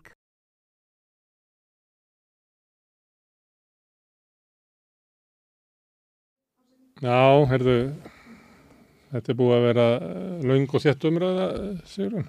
Hörku, hörku umræða Já. kraftur í verku, kraftur í blaðahólkinu og rosa kraftur í þeim Þeim, hérna já. áðan. Ha. Það er líka sko mjög stað með þá sem voru hérna síðast í okkur að þeir eru sko, það er alltaf stormur í fangið sko. það er bara alltaf stormur í þeim. það er alveg sama alla daga eru þeir að þurfa að vera að berjast til að ná réttlægði fyrir sína umbjóðundur Já. þetta er og er hérna- ótrúlega staða ástæðan er hérna að þeir sem að þeir eru að tala við Guðmundur kom svolítið inn á þetta og reyndar grímu líka að, að þeir finn ekki til samkendar með hérna, umbjóðundum þeirra, ekki með leyendum og vegna þess að fólk sem að er að stýra landinu er bara gegn sýrta fordómum og halda að hérna, þetta sé fólk sem að, að, að við sem samfélagi eigum ekki að styðja af því að, að þýðir ekkert að styðja þetta fólk þetta er hvort sem er lélegt fólk Þannig að peningar sem að við verum að kasta í stuðning við hérna öryrkja eða leyendur eða, einstæða mæður eða fátækt eftirluna fólk eða slíkt. Ég hef heyrt kapitalist að segja sko svo er fólki sem eh, vantar alltaf eitthvað, erum alltaf byggjum eitthvað, Já, það er þetta fólk sko, Já. það vantar eitthvað, það er alltaf byggjum eitthvað. En það er eitt sem að kom fram á árunum 2003 að það voru nokkra byðraðir að því að Davíð Oddsson sagði um hann að það sem er ókipis peningur það er alltaf byðröð. Já, það var hérna hjá maðurastisnum, það er að. Það sem er ógifis matur, eðlilega verður þar byður saðan, er ekki? Já, þetta var hann á solvallagöðin, ég man þetta mynd. En við sjáum til þessum útdelingu á fjölmjölastyrkjum að það er Þorsteinn Már og kótagreifarnir fremstir í.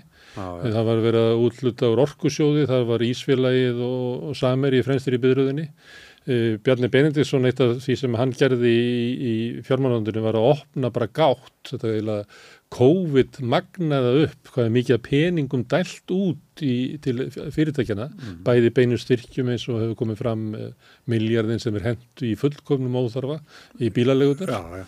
Uh, En svo er það líka þannig að fólk getur fengið, að fyrirtæki geta fengið skatta afslætti út á eitthvað sem er skilgreina sem þróun og rannsóknir og eitthvað flera sem að okkur har sagt held ég að ef eitthvað stofna fyrirtæki þá leggur hann eitthvað áhættu sjálfur eitthvað fjárfestingu og eitthvað flera akkur á hérna fátaka ekki hann að vera að borga það fyrir fyrirtækin? Getur ekki bara fjármagnar það sjálfur ekki um það er að fyrirtæki sem er að skila Stórkostlegur stór hagnaði ár eftir ár eftir ár skuli svo styrt um 100 miljónu eða 200 miljónu sem er hjá þeim bara sér ekki högg á vatni. Þannig að velferðar hérna, kerfi hinnar ríku á Íslandi er komið sko langt, langt, langt út yfir allan þjóðabalk.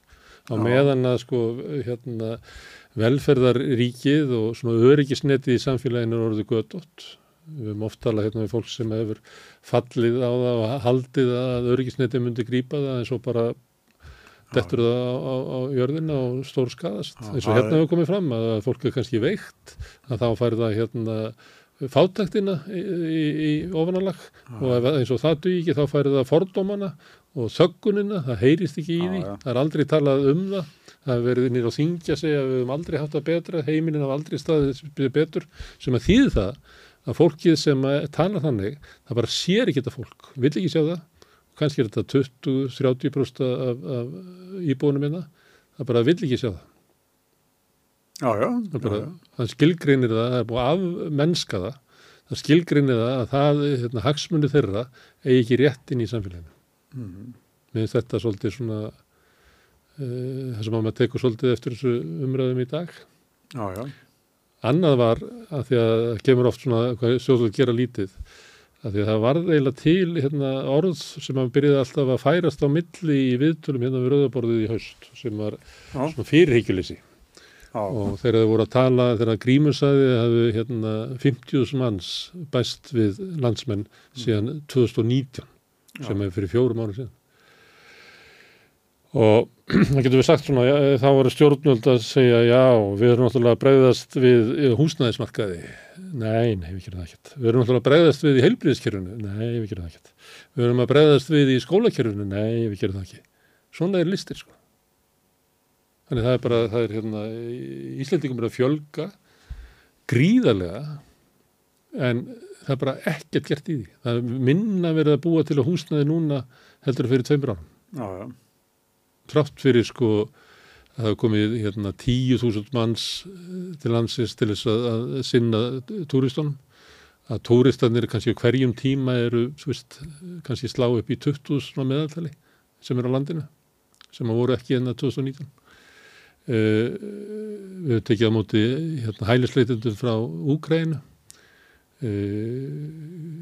grindvikingar eru flottamenn í einlandi uh, við getum haldið svona áfram Já, já. Og, hva, og hvað hefur verið gert sorry Nei, svo bara eins og núna með Grindavík náttúrulega gripi til svona neyðarvarna. 200 íbúður Já, nei, ég var að hugsa líka garðin sem að garðinn. er að byrja á. Já, en 200 íbúðunar eins og Guðmundur rappbendi á að það er bara að íta upp já. það hefur gríðarlega slæm áhrif það er, það er náttúrulega ekki að fara inn á uh, þröngan marka og kaupa upp húsnæði. Annarkvort verður að, að loka fyrir það að sé hægt að leia þetta túristum, við erum að fá, fá íbúana inn í íbúðakverfin og túristar geta bara farið út í yðnaðakverfin eða vilja búa eitthvað staðar. Það verður að gera eitthvað slíkar aðgerðir en svo verður náttúrulega bara að byggja húsnæði. Vestmannægúsinu, Já. að þá byggum við í, í þegar það var, þá byggum við í, í leigu íbúð Mm. Og svo fekk fín leigusali Mm. og svo fekk hann bara tilbúð sem hann gæti ekki Mm. neitað það, og einhver úr Vestmanni kipti það og, Mm. en þá verður við að flytja Mm. þetta er svona, við höfum séð þetta Mm. þessi þessa byrtinga minn sko að- Fluttum inn í, inn í sama húsinu. Já, já, já, já. Nýri kjallaran, í miklu minni íbúð. Já, já. Já, já, ég þetta því. En þetta er, mér finnst þetta að vera eitt svona sem er þráður í þessu, það er svona fyrirgileysið. Svo finnst mér eitt sem að, mér finnst svona hanga svolítið í kringum umræðina en, eins og við hérna, þetta með, með þessa fjölgun sem er hérna. Og hérna, við velti fyrir mig hvort að við þurfum ekki einhvern veginn að ná betur utan um þá umræðu. Hún byrtist með alls svona hætti, kemur svona soldið inn í náttúrulega húsnæðisvandanum, soldið inn í einhverju svona uh, áróðri sjálfstæðsflokksins og, og miðflokksins um að þetta séu hælisleitendur en að hælisleitendur, ég held að það sé 1,4% af fjölguninni sem hefur verið þarna. Já, já. Langmest er þetta sko uh, afsprenging af, af sko vexti ferðarþjónustunar. En svo var ég að tala við mann núna millir jól og nýjás og hann var að horfa til hvernig borgir byggjast upp í Kína og hvernig sko landsbyðin er að tæmast og fólk að flytja. Og hérna, niðurstaði í samtalenu okkar var eiginlega þannig að, að sko, Íslendingum er að fara að fjölga miklu hraðar heldur en nokkuð gerir ráð fyrir vegna þess að við höfum að horfa á okkur eins og við sem borg og sem að sogar til sín alltaf fleira og fleira fólk eða þú veist svona borgarsvæði, vakstarsvæði eins og er vitað alls þar í Evrópu og í bandaríkjunum og þá stækka eh, borgirnar á meðan að, að dreifbílið mingar. Við erum bara búin með okkar dreifbíli sko. Það er núna eru 85% af þjóðinni sem býr frá Borganesi út í hérna Selfoss út á Reykjanestá. Mm. Þannig að 15% sem búi annar staðar. E, þú veist þannig að, að landsbyðin fóðrar ekki þörf þessa metropól sem Ísland, Reykjavík stór, stór eh, höfuborgarsvæði er sem er orðið bara svona miðlungsevrósk borg og hún mun vaksa eins og þær. Og til þess að hún haldi áfram að vaksa og, og ef þú hérna, þú þetta að gera eitthvað stórkostlegt til að stoppa vöxtin en að öllu óbreyttu þá mun hún soga til sín svona Já, já. 10-15 manns á hverju ári og bara stigmagnandi. Við verðum líklega 600.000 eftir hérna 10 ár og, svo þannig gerist það. Við erum bara í þannig samfélagslegum breytingum og svona og tengist bara atunulífi, tengist því hvernig svona netið hefur breytt fjarlægðum í hugum fólks, það er alveg áleika langt að fara til Reykjavíkur og Dusseldorf eða þú ert stattur bara eitthvað staðar, skilur þannig að bara heimurinn er að breyta svo mikið. En ég sé ekki, þannig um listan sko, hvað þurfum við að gera? Ég sé ekki að stjórnlega að gera neitt í þessu. Hmm. Nei, alveg öruglega ekki. Nei. Og reyndar held ég að, að allt slíkt sé núverandi ríkistjórn bara hreinlega ofviða vegna þess að hún er bara ekki eh, með fúlið fem. Nei, hún er fegin og lifið til kvölds Já, allir ekki bara. En þau höfðu trúið í Solveig Anna og Ragnar að þau myndu takast að sveigja ríkistöðuna. Já, Ragnar var nú samt komin á það í lókin að, að þetta væri búið. Hann skiptir þetta fjóru svona skoðum. Já, já, já, en, já. Var að leika sér að því. En einum áfanga náðu á morgun, þau ná einni kryddskildin enn. Já. Ha, er það ekki? Já, ég er eiginlega dottinn af vagninum þar. Mér finnst miklu meira gaman að tala við fólk úr verkefnsreyfingunni eða hagsmunarsamtökum almennings eða Já. fjölmilónum og fleira heldur en að, að tala við hérna, fólkinir og þingi. Sko. Ég mun samt horfa á kryddskildina. Já.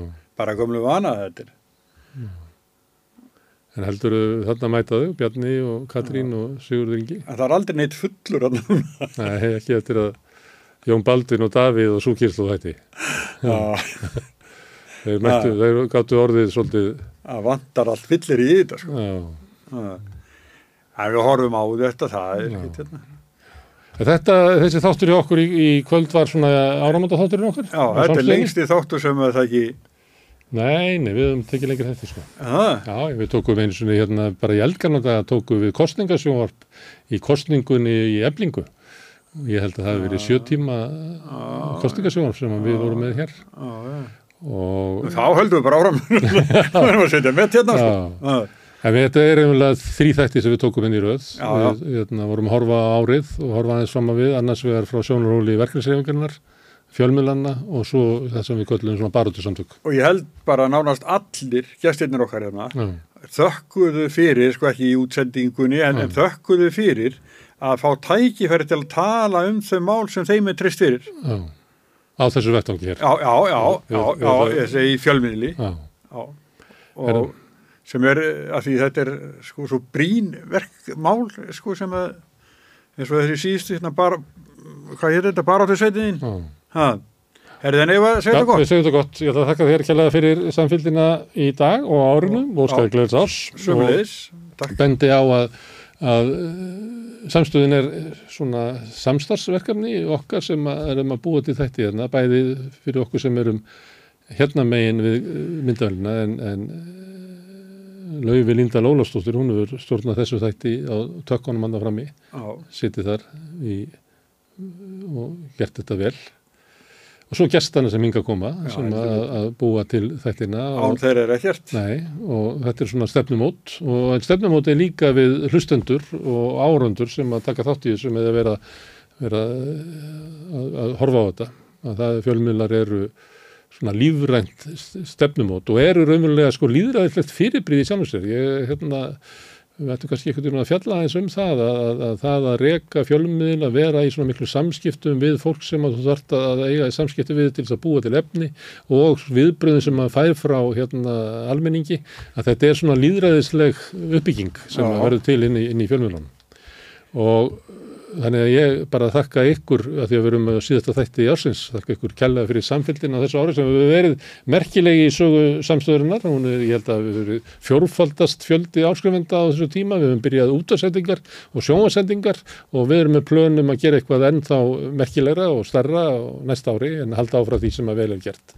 Mm. bend ykkur á að þið getið hjálpað okkur með því að benda öðrum á uh, efnið okkar, dreifa því uh, benda vinum og kunningum á það læka síðunar okkur á Facebook og YouTube uh, finna okkur á þar sem þið sækið ykkar hlaðvarp svo þið getur hlusta á okkur í bílnum eða á göngutúrum eða hvað sem þið gerir það. Stilla á 89,1 á útarpið ykkar þegar þið náið eh, samstöðinni í svona stóru höfuborgarsvæðinu eða alveg upp á Snæfellsnes og langt upp í Borgarfjörð og upp á Littlu kaffistofu út á Reykjanes þá.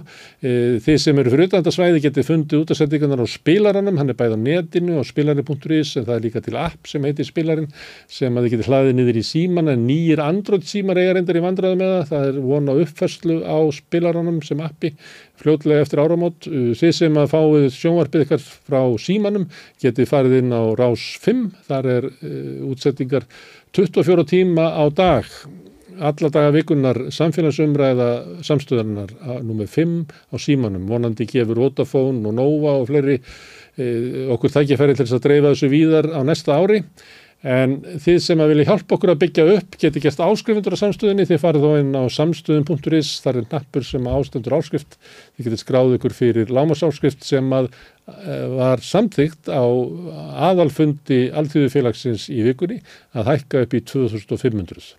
Eh, Þið sem að viljið geti látið áskriftina renna sem félagsgjöldinn í Alþjóðufélagið og það er Alþjóðufélagið sem á og rekur samstöðina og sem er þar lendi miðill í eigu áhörönda, hlustenda og lesenda og það voru einmitt þeir sem ákvaðu að hækka grungjaldið úr 2000 upp í 2500 núna í vikunni og þess vegna hækkar það núna um áramótin.